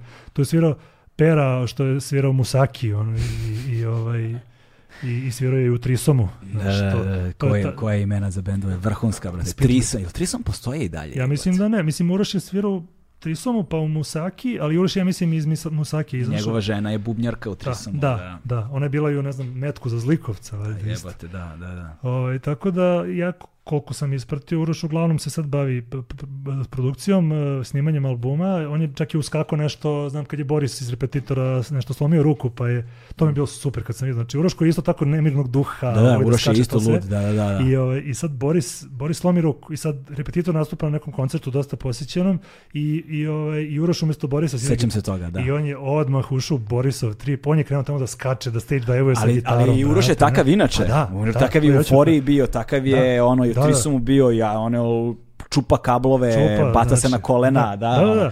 Znači samo je skočio. Uroš ima tu energiju. Nije uopšte trebalo da mu kažu dva put, kao ajde sad, sad skači, to, se, to je njegova energija prosto. Tako da, a ja sam to uvek imao taj analitički pristup i u toj muzici, kao ok, i ono, ma- malo neki, tipa, bukvalno od Foo Fightersa, neka deonica iz neke pesme, ja kao, Mhm. a vidi, ovo će dobro legne u ovoj pesmi, ja samo kao, ajde to parče, kao da kažem, kraducnemo, ono, malo kao sve. I interesantno je kako se to sve prepliće, te reference sa mojim tim uh, kviz pozivom i recimo su zaklana čeljad. Ja sam bukvalno se zainteresovao za te razne svetske državnike i pogotovo te kontroverzne A, državnike da. iz pesme Drobić ću ti kičmu, gde on, kao, Drobilicom za kičmu. gde on, Ako se pitaš čime ću ti tako kičmu, je, gde on, gde on nabraja Znači, u tom... U, ali tu ima jedan izmišljeni. Tako je. Da. E, bravo, tu sam te čekao. Jose Miguel Escamilla. To je futbaler uh, Salvadora sa svetskog prvenstva 82. sličica, vrate, iz albuma, gde, pretpostavljam, ovaj pevač Krca, ovaj, njega isto znam sa pub kviza, inače, nekog od pre 10 godina. Samo kao random, kao, e, ovaj zvuči kao neki diktator, ono, kao iz, iz, i ubacio sliku futbalera, kao ničim izazvano, i ja sam naravno to izgooglao Da. izbacite uljeza. I, i, i isto tako sam ga pitao, znači ima ono Pol Pot, Idi Amin, bla, bla, bla, i na kraju ima nešto što on kaže, ali ti ne čuješ jasno jer tu već gitara udara u onu mikrofoniju, onaj efekat i pre, preskače ga, pre, preklapa ga. Da. Posle Homini on kaže Jose Napoleon Duarte. I to se uopšte ne čuje, prosto ga preklapa taj efekat gitare i, i to sam ga pitao i nikad ne bih provalio da mi on nije rekao to. On je bio neki ono, isto tako kontroverzni državnik baš, baš Salvadora. Aha. se dobro sjećam, mislim da je Salvador, da. Da, ludilo Tako da čoveče. kažem, to ono tim pesmama, još pogotovo domaćim, i recimo Bvana to radi isto. Znači, on, ono, on, on je vrlo lako, isto čitao dosta toga, pratio to sve. Recimo, ima pesma ona, uh, naj, najnjegra, gde kaže na početku roka mandaljin. Ja sam tek skoro saznao da je to zapravo iz pesme od Bijelog dugmeta na albanskom jeziku, ovaj, koji smo zapravo skoro ubacili u slagalicu, zaboravio sam kako se zove pesma, i da on kaže nešto roka mandolin na početku, ne, da je on to kao izbacio, uzo iz te neke pes, pesme od Bijelog dugmeta, što nisam deset godina imao pojma da je to odatle. Da, da, da. Tako da. to samo ono reference, reference, reference, tako. Ovaj, e sad dolazimo do onog dela kvizova što smo stavili kao footnotu, razumeš, jeste a, da zapravo za televiziju moraš da izbegavaš određena pitanja, Tako je. posebno na javnom servisu. Da, znaš, tako je. javnom servisu moraš da izbegavaš određena pitanja koje ne mogu da uđu, ovaj, ali ta pitanja imaju svoje mesto u nekim drugim kvizovima. Da. I onda ti si zapravo aktivni učesnik i u nekakvim trash kvizovima. Da, i da, da. kao, Znaš, reci nam malo to o toj politici, šta je to, kako sme, kako ne sme, kako vagaš, koje su to uh, margine unutar kojih se krećeš ovaj, kada, su, kada krenje pitanja za slagalicu, a onda da li prebacuješ ta pitanja u to neke trešijane i kako to izgleda u Da, stvari. da. Pa, e, znači, generalno to sa tim trešijanama, to, to neki drugi ljudi pravi, bio je taj super kviz, zove se Ne gledam ti ja to, tako se zove kviz, gde oni to su radili u svojoj režiji. Ja sam jednom slao neka pitanja, ali u suštini, u mom slučaju to uglavnom samo sklonim i možda privatno ja to nešto i slušam ili gledam, ali ne, ne koristim ga drugde zato što ja ne pravim teš kvizove, to prave ti drugi ljudi koji jako to dobro rade. A što slagalice tiče, ta granica se menja u suštini uh, rekao bih da je u kontekstu tom pop kulturnog šta je baš ono trešina i šta ne sme da uđe, da se malo čak i zategla ta granica. Znači ja sam imao taj e, jedan posebno za mene bolan moment, pošto, pošto ako sećaš kad sam no ti ja ono imali onaj neki intervju pre skoro pune tri godine, ja sam tad tek počeo radim u slagalicu, ja sam čak tad, tad malo i busao kao, e sad smo došli mi, kao došli sam ja i moja ekipa i kao sad više nema grešaka. Međutim, i i mi smo napravili, da kažem, dve, tri greške koje su baš bile onako završile, da kažem, u tabloidima i to sve prosto. I, u, i uvek se desilo na spojnici. Da. Zato što spojnica ima 10 pojmova, zato što sam ja tad ono iz, iz neiskustva, pošto svaki novi kviz je neko novo iskustvo, neki no, no- novi, novi tip igre. Mhm. I ta spojnica je bila zapravo, i, i me jako zajebala par puta, zato što uh, ti, ti kad imaš ko zna zna pitanje, i ti imaš kao, vidiš da ti tu nešto škripi i samo si u fazonu, pošto je ono linearna stvar, znači samo izbaciš i staviš nešto drugo. A u spojnici sad ja nađem nekih devet pojmova i sad ja hoću da zatvorim kao tu desetu, znaš sve. I onda kao tražim po svaku cenu da je završim, greota mi da propadne ideja i onda sam se jednom opeko što sam stavio nepostojeću pesmu o Marku Kraljeviću koji je neki lik, brate, stavio svoje ime na Wikipediju, znači to je baš bilo fazonu. Još ja bio tad na odmoru van zemlje i stiže mi na Viber kao, brate, kao, da, ja kao jebik. Mu, Vujović, sad stavio Marko Kraljević i Vujović Matija. To neki lik stavio kao svoje ime. Ja kao provjerio na, na tri linka i kao, ok, proverio sam, jeste, ova pesma postoji. Međutim, zajebao sam se. Kao, nisam nigde vidio samu pesmu. Znači, baš je bila ono, početnička greška. I ovaj, I onda je to bilo u slagalici, bilo je kao e, predmet podsmeha i ok. A druga, da kažem, greška, sad ću preći sa greške na zapravo kontekst e, šta je podobno, šta je nepodobno A, za okej. kviz. To je bio taj dvojaki zajeb na primjeru Veljka Ražnatovića. Znači, Isus. Znači, kao prvo i prvo, desilo se da sam ja, pošto smo pričali smo ti o tome kako ja stvarno ni- nisam ljubitelj MMA, čak, čak ni boksa i toga, i, ovaj, i sad ja stavljam 10 MMA boraca i stavljam kao iz koje su zemlje. I kao stavim i uspem ja da ih sklopim 10 i ja sam imao iz Srbije opciju za MMA borca, da bude oni Dušan Đakić. Znači, Mhm. Međutim, ja stavim, da uopšte i proveravam vrlo pažljivo ko je iz koje zemlje i potpuno mi promakne da proverim sport. Brate, Veljko Ražnatović je bokser. Mhm. Znači on nije MMA borac uopšte. I sad to uđe u emisiju i tu se odmah neko provali za sekund, pošto ljudi, to je jebeno popularan sport. I, Da. i MMA i boks. Da. Ljudi to provale za sekund i to odmah završi u tabloidima. Mislim, tu, mislim, to znamo već kako ide. Čim im to nađu, to odmah svuda se objavi i tako dalje i prosto to je tako. Međutim, bio je problem druge prirode koji je bio a, bitniji za, za uredništvo, za, za, za ceo RTS, je što je on, prvo što Veljko Ražnatović je Veljko Ražnatović, a drugo, on je baš tih dana na Instagramu nešto pljuvao Akademiju nauka i Vladu Kostića i na, nešto, je, nešto je ušao neki svoj rat sa ne znam time. I on zbog svega toga kao u fazonu, znači ne, ne, ne može ne može prosto tako neko da uđe, iako kažem ti u novogodišnjem programu RTS-a do, dovodiš razne pevače koji su neki turbo folk, neki su ono manje trash, neki su više trash u smislu same muzike koju prave. Mm. I sad tu postoji neka granica što se muzike konkretno tiče, znači ok, to je prošlo, evo da, da kusnem za ovih godinu dana posle Veljka nismo više imali, baš sam mislim ja, ja sve više i više obraćam pažnju na te detalje, znači, znači surovo je, mnogo je gledano. Mm. Znači ja mogu da napravim 100 epizoda i u jednoj epizodi napravim jed- jednu grešku i to može da ima, to, to nije nužno loš publicitet, to isto može da, povis, da poveća gledanost i tako dalje, ali za, za moj kredibilitet na, i nas kao sastavljača je kao minus. Mm.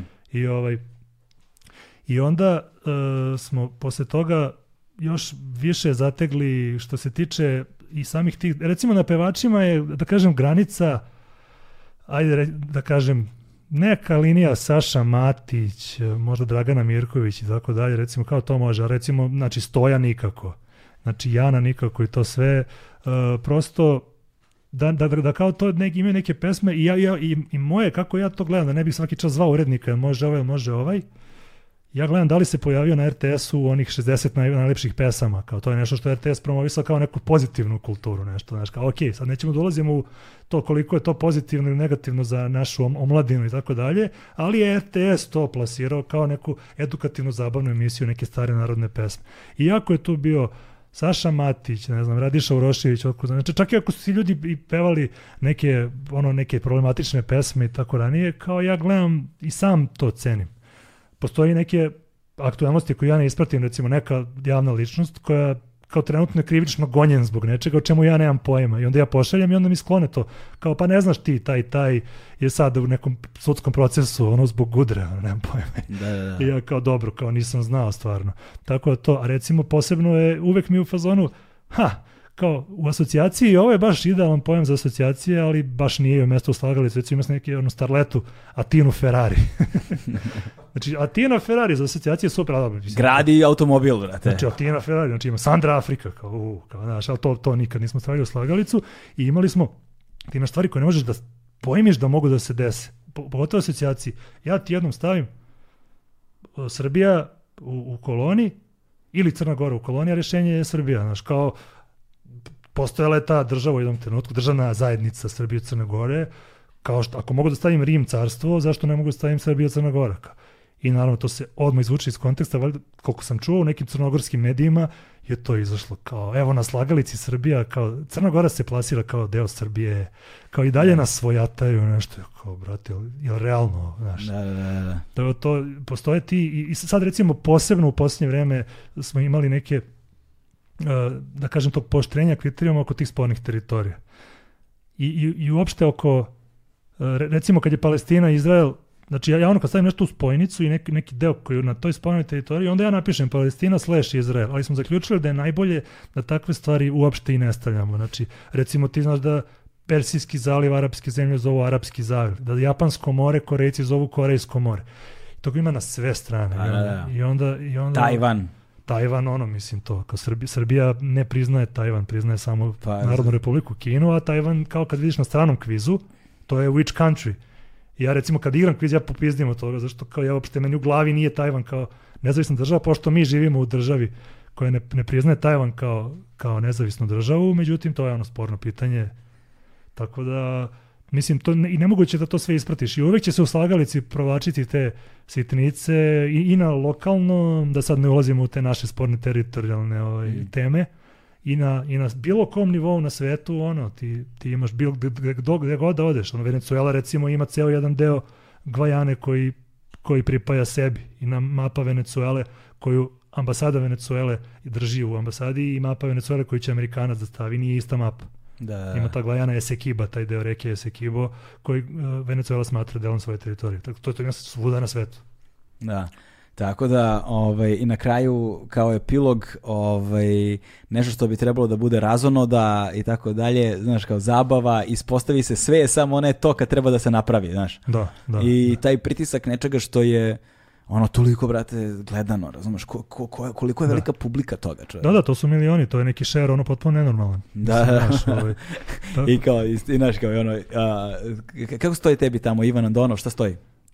Na odjevnoj špici. tipa autori pitanja ili Kreatori. sa- saradnici, bukvalno saradnici na pitanjima, ali to je, znači ja kao nešto se, sedim na gajbi ili u kafiću, tu nešto sedim, tu ćaskam s nekim nešto i to gledaju bukvalno milioni ljudi, znaš, Da. kao, to je eto, eto ti je efekta leptira. Prilična znaš. odgovornost, da, i efekat lavine i leptira i svega, znači to je prosto... Uh, znaš, ljudi svaki stalno i u teretani nešto me pitaju, ili juče me pita komšija, šta čitam u novinama, prsla slagalica, kao gotove. Znaš, ono stalno. Da, da. Možda i kao neki svesti deo neke strategije, ne znam, protiv ono RTS. A sigurno si, brate, mega ono fenomen, razumeš, kad se pojaviš na nekoj kućnoj žur, žurci, a sad to ono, genitiv imenice žurka je žurki. Znaš, kao, na kućnoj žurki se pojaviš i kao, i onda su ljudi u fazonu kao, znaš, čime se ti baviš, kažeš, krenem pitanje za slagalicu. O, posle da. trećeg pita, piva kreću ludilo. da, da, bude, bude. bude da. svega i svačega.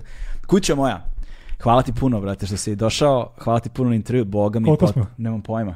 Tri sata smo, Tri brate, potrejali. Skoro ko da, dače i vampiri. Da, one četiri čuke, brate, ubio lagano, razumeš? To, tako, tako da, da, bilo mi je zadovoljstvo, lepo. Nisam ni sumnjao da će manje da traje. Znam kako to ide, tako da bilo mi je baš lepo. Hvala za dopune vode, ovaj, nisam se nijednom trenutku osetio žedni. Eto, hvala tebi što si došao, stigli smo do samog kraja a, ovaj, ostajemo mi još malo se podržimo i popričamo to, znaš, tema nikad kraja, i, a mi smo završili sad. Hvala vam. Ćao.